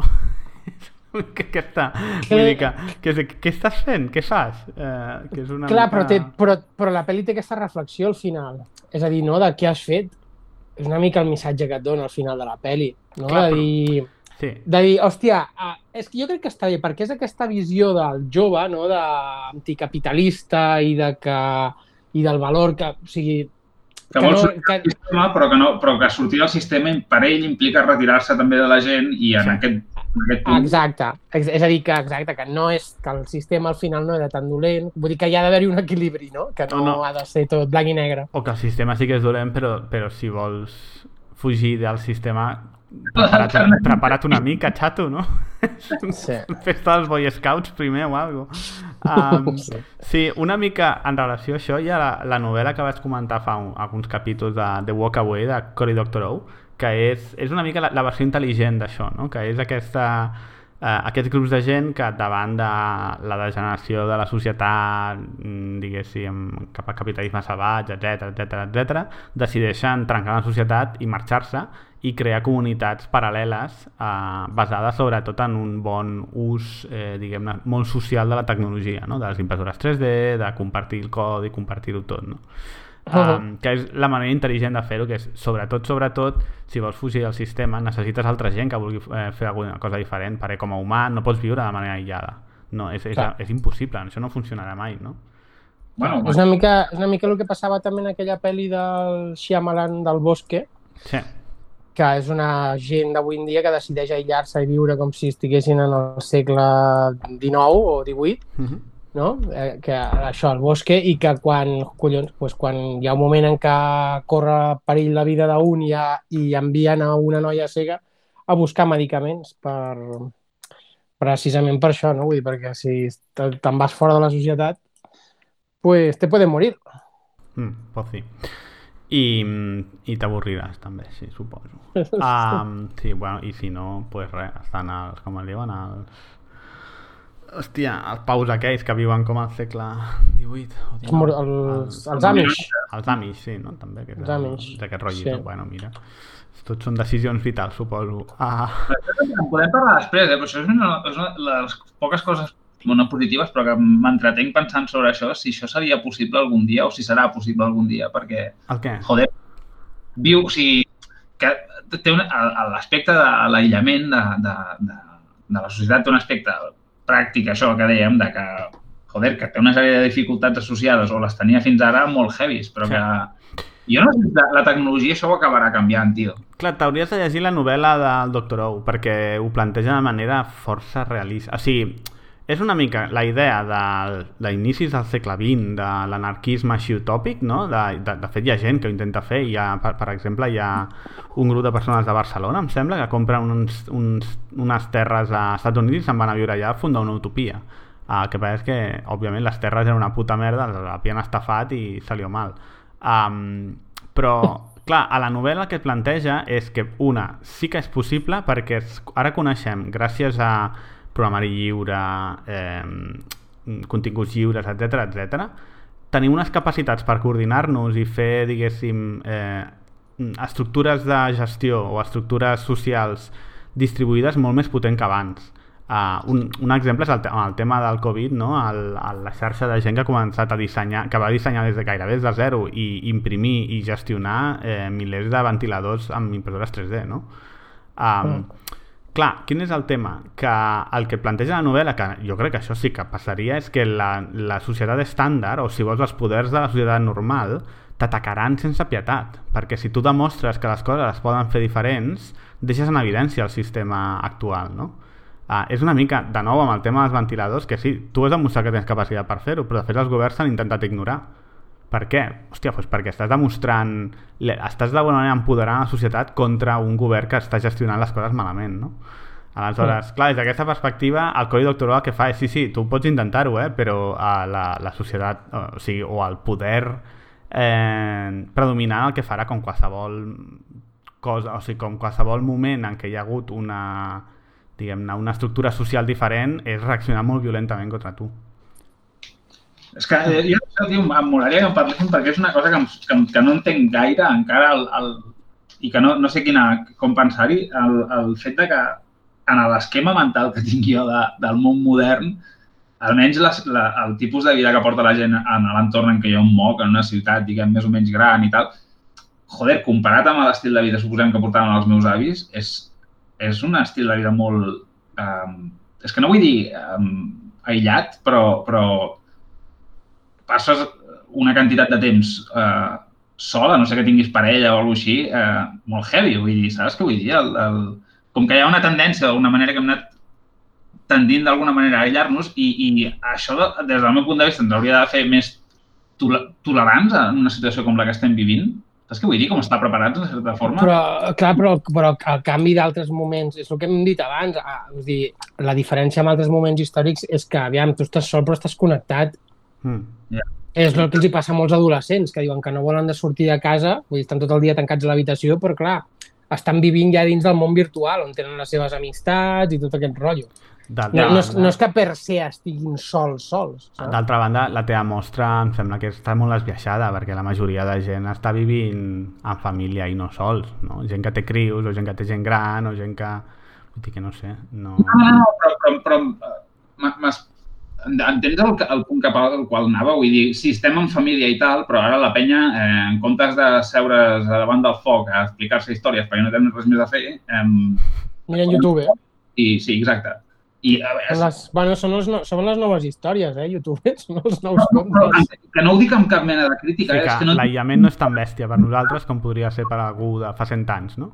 No, no, psicològicament no sé si hauríem de ser més resistents o, o, o és que no ho sé, tio, i, i veig que, que bueno, que potser és, és que no ho sé, tio, és per això que us ho preguntava, vull saber l'opinió que teniu d'això. Però és que el problema és que no ho sabràs com reaccionaven, perquè la quantitat de diaris de gent, de gent normal, eh, no de gent de classe més alta, sinó de gent normal que t'expliquen la gripa espanyola i mira que només fa 100 anys, no és tan Ja. gran, vull dir que és difícil saber saber com van reaccionar ells i en tot cas, d'alguna manera ningú li importava, saps? Vull dir que no, no, podien escriure-ho a Twitter, no? el, que va, el que va passar llavors no va ser com ara un cas global de que tots els països o gran part dels països del món han decretat que la gent s'ha de quedar a casa i que la mínima interacció possible. Vull dir, això es va assajar però no el va ni, ni fer de forma sèria. Amb la qual el que estem fent ara és un puto experiment en temps real, tio. Vull dir que no sé, tinc curiositat per veure com, Sí. Mm. com ens Jo.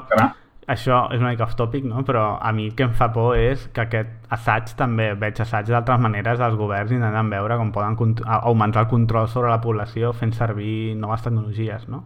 Des de Oh. fer servir drons per identificar qui està als terrats fins al rotllo aquest de fer apps que et controlen en tot moment, vulguis o no, i que si no si no... O, o agafar dades de mobilitat, simplement, no? Que dius, molt bé, Sí, ara ho sí, estàs allà- fent per identificar... Allà a Xina, allà a Xina és, és hardcore, eh? Les, aquestes mesures dels QRs Mm. per entrar, sortir de la ciutat, si estàs infectat, si no. Clar, però, Clar, això el és, problema- caldo de, és caldo de distopia que te cagues. Clar, eh? però és que el problema és que Xina no és realment una democràcia, però els països que se Ja, suposa ja. que sí, alegrament estan dient sí, sí, eh, per combatre el Covid hem de- hem d'enxufar això. I és de moment, però us heu plantejat els usos posteriors? Perquè comença sent vull controlar-te per saber si t'estàs saltant la quarantena i acaba sent vull controlar-te per saber si has anat a una manifestació, no?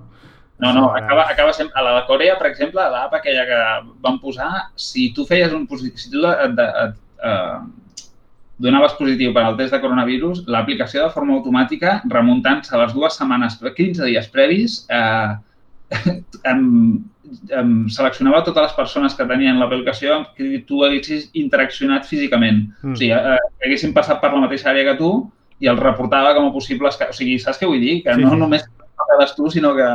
Clar, però és el que et dic, ara traslladau a la dissidència política i et queda una distopia que, que Orwell eh, es queda en, en penyal, saps? I a més si ho combines amb drons ja ni te cuento, però bueno. Vaja. O el Zoom, no? Aquesta apl- aplicació que es fan servir a empreses on, entre altres coses, si estàs en una reunió de feina amb el teu jefe, uh, si canvies la finestra i estàs mirant una altra cosa, 30 segons li surt una no- notificació de que no estàs, no estàs atent al que està dient ell. Ah, hòstia, sí, hòstia, no sabia Allò que és tan que bèstia que la, han tret aquesta, aquesta part, però que l'administrador, que se suposa que serà el jefe, uh, té un poder invasiu brutal uh, vers, vers tu, que dius, joder, col·lega. Uh, Vaja. per tant, és això, és una mica assaig també de veure fins on es pot arribar, no?, amb tecnologia. Hm. Bueno, a veure. En Interessante. vinculat amb això, uh, el show de Truman és una altra gran pel·li d'aïllament social d'una manera molt diferent, no? De que et penses que no estàs aïllat, però en el fons sí que ho estàs, no? Correcte. Uh, també I- Peter Weir, si no m'equivoco, sí, no? Com Master Peter Commander. Sí, diria que sí que és seva, també. Sí, gran Sí, sí, director. sí. gran director amb molt poques pel·lis, perquè després també va fer una que es diu, crec que Camino a casa o alguna així, d'uns uns russos que s'escapen d'un camp de concentració i, i, i es pategen mitja... Sí, del... mitja... Hòstia, del, del pavo de això de Truman. Uh, Sí, aquest, el de, el de Master and Commander. sí, és que, és que té poques pel·lis, però hòstia, les pel·lis que té... eh, O sigui, Molt aquí bones, un repàs, Master and Commander, això de Truman... Ah, sí, tu dius... Ah, sí, The Way Back és aquesta, això, dels que fugen The Way de... Back, sí. Sí, amb Alet Harris, que deia jo. Però és que també té Club dels Poetes Muertos, Gallipoli... Vull dir que... Ah, hòstia, el Club de los Poetes Muertos, sé, no? Sí, sí, sí. Joder. La Costa de los Mosquitos... Hòstia, Bé, bé, aquest home, bien. Um, collons. Doncs sí, aquí això de Truman és això, és una cosa diferent, no? En el que penses que estàs vivint una situació normal i de fet tot és un show i tu ets el protagonista encara que no ho saps i Sí. en el moment en què te n'adones, clar, si tota la teva vida ha estat falsa, doncs eh, l'aïllament és extrem perquè no hi ha ningú que t'entengui. Uh, i, i ningú, és a dir, la realitat que tu tenies és només teva i ningú l'ha compartit, no? Sí. I Jim Carrey en, en el seu paper de, el paper de la seva vida, no? Possiblement, també. Uh, bueno, n'ha fet de molt bons, però aquest és un gran, sí, és un gran, és un gran paper. Mm. Que després també si ho portem a casos reals, eh, clar, casos reals com siguéssim no n'hi ha perquè, bueno, fins on sabem, eh, eh, però no, però això del Gran Hermano i tots aquests programes, aquesta basura que, que nutreix els, els, els canals cada dia i, i bueno, que la gent s'enganxa, no? que és aquest que la gent se sotmeti en aquest aïllament de X temps per Sí. ser famosa, no? Eh, em sembla lamentable, la veritat. Home, però que Però- sigui voluntari ja ho fa diferent, no? Però... Sí, sí, clar, però és, però és això també, el, el fet que porta algú, que normalment són ja bastant garrulos, eh, els que surten, eh, però no, el fet que, que et, et, et portin a aïllar-te amb gent que no coneixes de res i que, et port, i que ja saps que bàsicament vas a barallar-te i a, i a follar, bàsicament, a barallar-te i a follar tot el dia, i, i, i que això ho vegi tothom, no? El teu aïllament, que el, que el, el vegi tothom i les neures que tinguis d'això, no sé, Sí, a em sembla espantós. Curiós perquè veig dos perfils, no? Un és la persona que és un pringat, un ningú, i vol ser algú, vol ser famós, Mm. uh, això és un, i l'altre, que és encara més demencial, que és algú que era famós i està deixant de ser-ho i, no, i ho vol evitar, no? I aleshores se'n va aquí a cobrar uns dinerons per pagar-se la coca, suposo, però a banda, a, però a banda a continuar sent famós, a que, a que li truquin per anar al Sálvame o el que sigui, no? I, Sí. hòstia, d'aquesta perspectiva és molt extrem, no? Com a persona humana, si vols, aquest tipus de decisions, de dir, "M'humili- em despullaré davant de tothom i m'humiliaré públicament perquè vull seguir sent famós. Mm, Però a més que, clar, tot- jo, em, tot, no? em, dóna sens, em dóna la sensació que ah, jo, per exemple, la primera edició del Gran Hermano, quan es va estrenar, jo el recordo que la vaig veure i, de fet, en el programa portaven un filòsof, un no sé què... O sigui, tenia, un, tenia com un caràcter d'estudi sociològic Mm. abans de que tot això es convertís en el que s'ha convertit. És a dir, la primera edició, eh, parlo. Em, eh, I no sé on, on volia arribar. bueno, però que el fet és que, clar, amb el que s'ha transformat això és amb, amb, amb tot de gent ignorant que dius, tu, això podria ser un, un joc interessant d'estratègia, podria ser-ho, però clar, amb els garrulos que van allà, Mm. mm, no sé, jo crec que tampoc ho he vist mai, eh? Vull dir, no sé, hi ha molta gent que li encanta, però no, és que no li trobo la gràcia, saps? De veure gent garrula i analfabeta mm, tirant-se els plats o xingant a sota un adrenon. És que no... Em sembla molt trist, tio. Sí, Però sí. bueno. Bueno, mira, mm, hi ha gent per tot, no, suposo. Sí, correcte. Um, però sí, el, el nivell de distopia també és bastant ele- elevat. Sí, Um, sí, sí, és, és, molt, és super dist... Això del Gran Hermano, és el, el programa, eh, no Sí. el llibre, és super distòpic, tio. A mi em recorda una mica el punt de eh, Fahrenheit 451, no? El, el show que està mirant la dona amb les tres parets, no? Amb la tele gegant. Sí. Que és una mica aquest rotllo, una mica, una mica, no sé. Uh, Mm. Per l'altra, uh, un, una, cosa, una conseqüència molt trista és que eh, bona part, i això m'ha passat algun cop de parlar de Gran Hermano i que la gent en lloc de pensar que estic parlant d'Orwell uh, es pensi que estic parlant del programa, no? Però bueno, esto es lo que hay. Um, què més? Jo tenia... Ah, una última pel·li que mm, també és social... Uh, hòstia, jo aquesta la vaig veure fa molts anys. És... Eh, mm, així que se m'ha corregut, és La cabina, no? La pel·li Ah, sí? espanyola dels anys 70, suposo, del Antonio Mercero, amb guió del el mític José Luis García i altra gent. Mm. Um, i el López Vázquez de protagonista, que és aquesta història o historieta uh, en la que un senyor deixa el fill, se'n va cap a casa, uh, entra a tocar una cabina i no pot sortir de la cabina, no? I tota Mhm. la peli va... Bueno, tota la, és com un... dura 30 i pico minuts. Eh, tota tota el, la història va de que el senyor vol sortir i la gent comença a venir més gent i més gent intentar perquè surti i que no hi ha manera que surti, no? Um, que és una història super surreal, jo crec, i, i és Sí. curiós perquè mm, no sé què, no sé si l'heu, su- suposo que com jo l'haureu vist fa molt de temps, no? Sí. No sé si l'he vist, tio. Però saps, Jo però sona, de- no? sí. En tot cas sí que et sona, no, Bruguera? Pues no, és que no, la veritat no. No? Mm. Hòstia. Um, no sé, és una cosa curiosa perquè jo havia, jo havia llegit, havia gent que deia una crítica a la dictadura franquista, que una crítica societat d'això, de l'aïllament dels anys 70, bla, bla, bla. No sé, jo és que no, no tinc una opinió de, de què va la, la, la sèrie, no? La, la pel·li. Si, La si un cas ho vincularia més amb, amb històries com la del, la del Buñuel, de l'Àngel Exterminador, tot i que l'Àngel Exterminador es veu molt obvi quin és la crítica que està fent, i en aquesta jo no veig tan clar el tema de, de què collons va, no? Mm. Sí, jo tampoc t'ho sabria. És que clar, però... és com, vale, sí, ok, dic, però per què, no? Està un tio dins la cabina i no pots treure, vale. Bé. Però bueno, um, està, està bastant xula, uh, força Sí. eh, recomanable. I després tenim aquella versió americana amb el borratxo Ah, irlandès, sí, Recordo.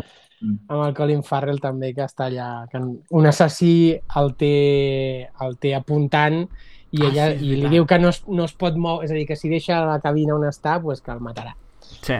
I això. Està bé, Però, aquesta ah, pel·li també. Pot ser que aquesta pel·li sortís després d'Enterrado i sigui una espècie de... Com a, No, aprofitar- no, no? no, és no és, anterior? és, és anterior, és anterior, Mm. sí. Bé, doncs sí. Eh, no sé ni com es diu la pel·li que deies, eh? Quina? Aquesta que deies del Colin Farrell, no sé ni com Crec. Ah, eh, la, la, algo així, no? La cabina o... Phone, phone call? No Phone sé. Having call o alguna cosa així, o sigui, una cosa, ara t'ho miraré. Mm. Sí. Um, sí, el tema també curiós és que aquestes històries amb una cabina pel mig, hòstia, avui en dia ja no... ja no, ja no acaben Hòstia, de és- funcionar, no? Perquè... És veritat. Jo vaig veure en un, en un, en un clip d'aquests de TV3, no sé, un zapping o alguna així, de nens que els ensenyaven tecnologies d'aquestes, no? I que, i, i, que, I que els ensenyaven una cabina. I els hi preguntaven això, saps per què s'utilitza? Saps? I els nens no tenien ni puta idea. Però Home. ni puta idea, saps? Però és que tranquil, o sigui, quan fa que no feu servir una cabina telefònica, saps? Buah, doncs des dels 16, Sí, sí, 17? 20, 20 i pico d'anys, sí, sí, clar. tranquil·lament. I a part és que ja tampoc, tampoc se'n veuen. No, També. a, a Londres encara n'hi ha alguna, però ho fan més pels turistes que no pas per una Ah, altra cosa. sí. I per, És més de cura... i, Després de la pandèmia les trauran, ja t'ho dic, ja, ja t'ho dic jo, que no hi ha telèfon públic. Clar, però després l'altra utilitat de les cabines a Londres és posar els telèfons de, de prostitutes i tal, aleshores no se'n posen els seus, els seus telèfons ara, però bueno.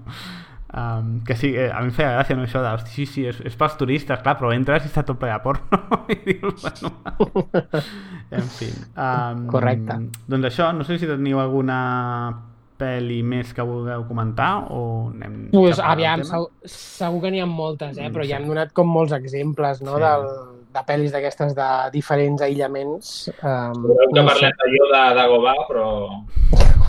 Hòstia, aquest és l'aïllament més èpic. Perdona, o l'Obi-Wan a Tatooine, no? Correcte, sí, sí, sí. Hòstia, els dos exiliats. Sí, no, no acaben bé cap. No. O, o perdona, o l'emperador al cony de planeta que d'on estigui. Ja, sí, Exo, Exogol. Pues sí, home, és el més llarg dels tres, no? Correcte. Però bueno, Sí, sí, sí. Uh, en tot cas, si els que ens esteu escoltant voleu mencionar algun títol més que sigui eh, rellevant, mm, feu servir els comentaris. Intentarem que no passin dos anys fins al proper capítol que, que parlem dels comentaris, no? Eh, Mm. que ja ens val. Sí, i bé, doncs, si voleu anem tancant. Sí. Eh, no sabem si el proper capítol serà el de la trilogia de Los Tres Cuerpos, si no és el següent serà l'altre. I ja torn... no, sé, no sé si encara estarem confinats quan tornem, probablement, no? Probablement sí. sí, sí, probablement sí. Vale, doncs, eh, doncs ja tanquem. Tanquem, no? Sí. Sí. Vale. Molt bé, doncs esperem que més o menys us hagi agradat aquest capítol random i sense massa preparació i aviam què fem en el proper. Així que res, fins la propera. Adeu. Eh,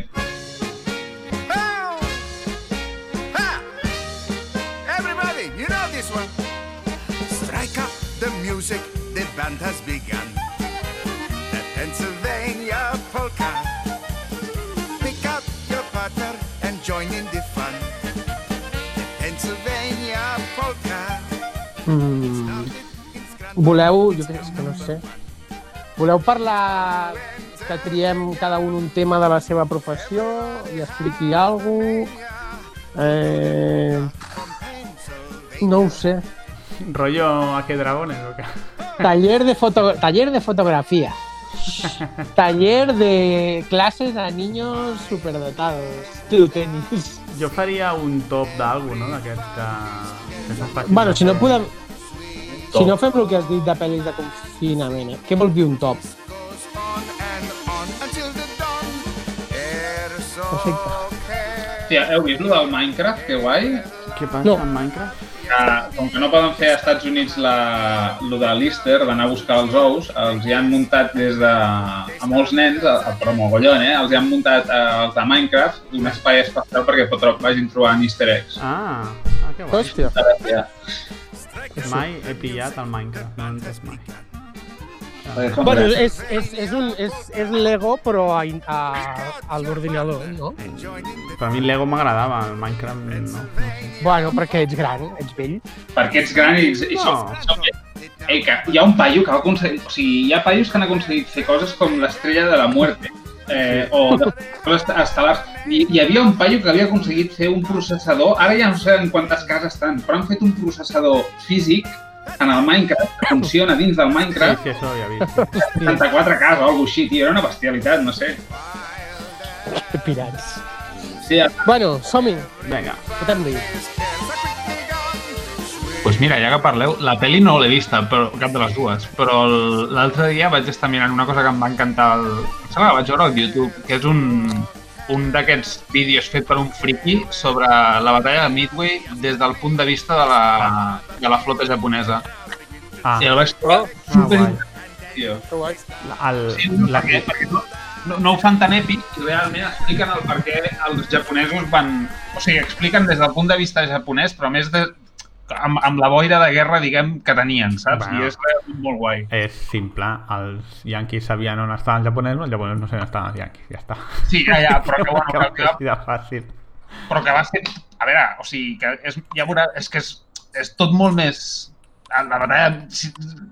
La batalla de Midway, en el fons, és, és el resultat d'una puta casualitat i d'una sèrie de casualitats molt heavy. Mm. Mm, jo, allò de la casualitat, o sigui que sí, hi ha A un veure, punt, eh? la, però... la seqüència en què els, a en què els, uh, uh, els uh, joder, el, és que em surt el nom i no em deien ser, els Dauntless i uh, els bombarders en picat i els torpeders van, Sí. van arribar, que és el clau, el que fa que es, de- es petin tres, de, eh, tres portaavions en dos minuts, eh, això és casualitat pura i dura, Mm. Sí, que es deu a, a com despeguen les, les esquadres i, que, i les direccions que emprenen, que a més tot és molta, molta potra, tio. El McCluskey, que és el que realment va arrasar la- l'Akido Butai, eh, arriba allà de potra. Però que I arriba sí, allà de potra en el moment just. O sigui, si voleu comentem el, el podcast després, però és que que el tema és, molt. si, el- si no hagués estat així, hagués estat d'una altra manera. En el moment en què tu ets als Estats Units i has trencat el codi naval japonès, pues, és igual, és irrellevant. El, el Japó ha perdut la guerra i serà Midway o serà més tard, però no, vull dir, no,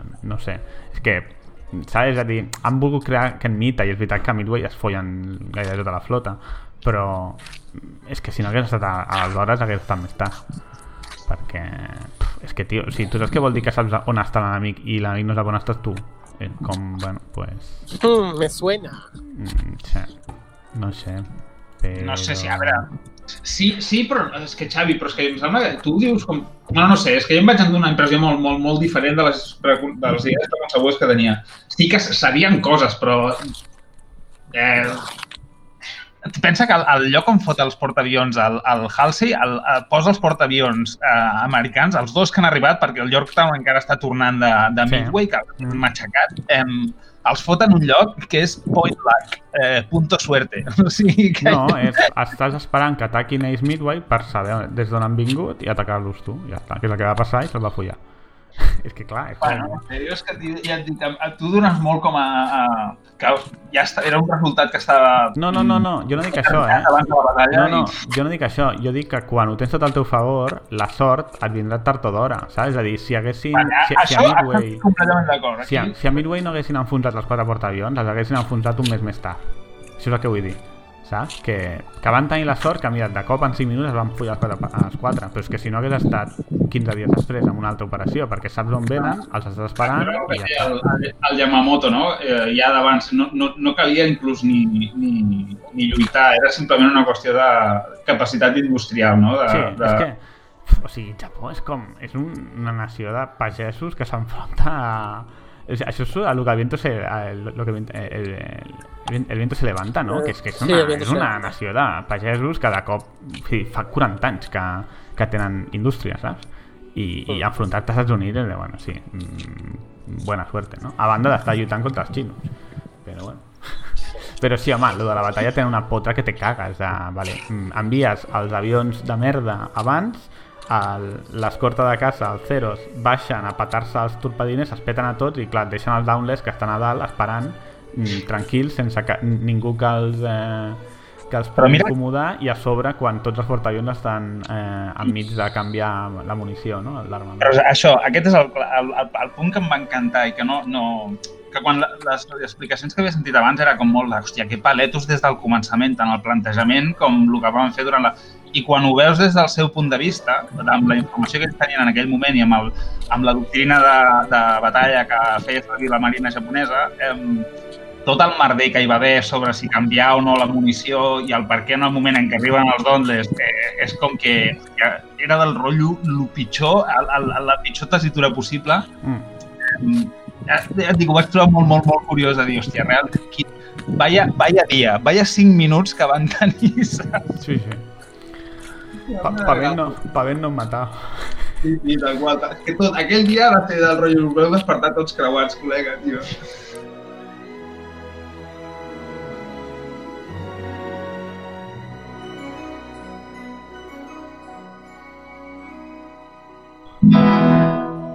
Paco, Dale ahí, dale. suéltese, Paco. Hòstia, aquestes coses em destrossen els dits, tio, de veritat, eh? És la... Escolta'm, ja, ja pots estar fent una intro per... Ja pots estar fent una intro per projecte final. Sí. Va, què? De què parlem?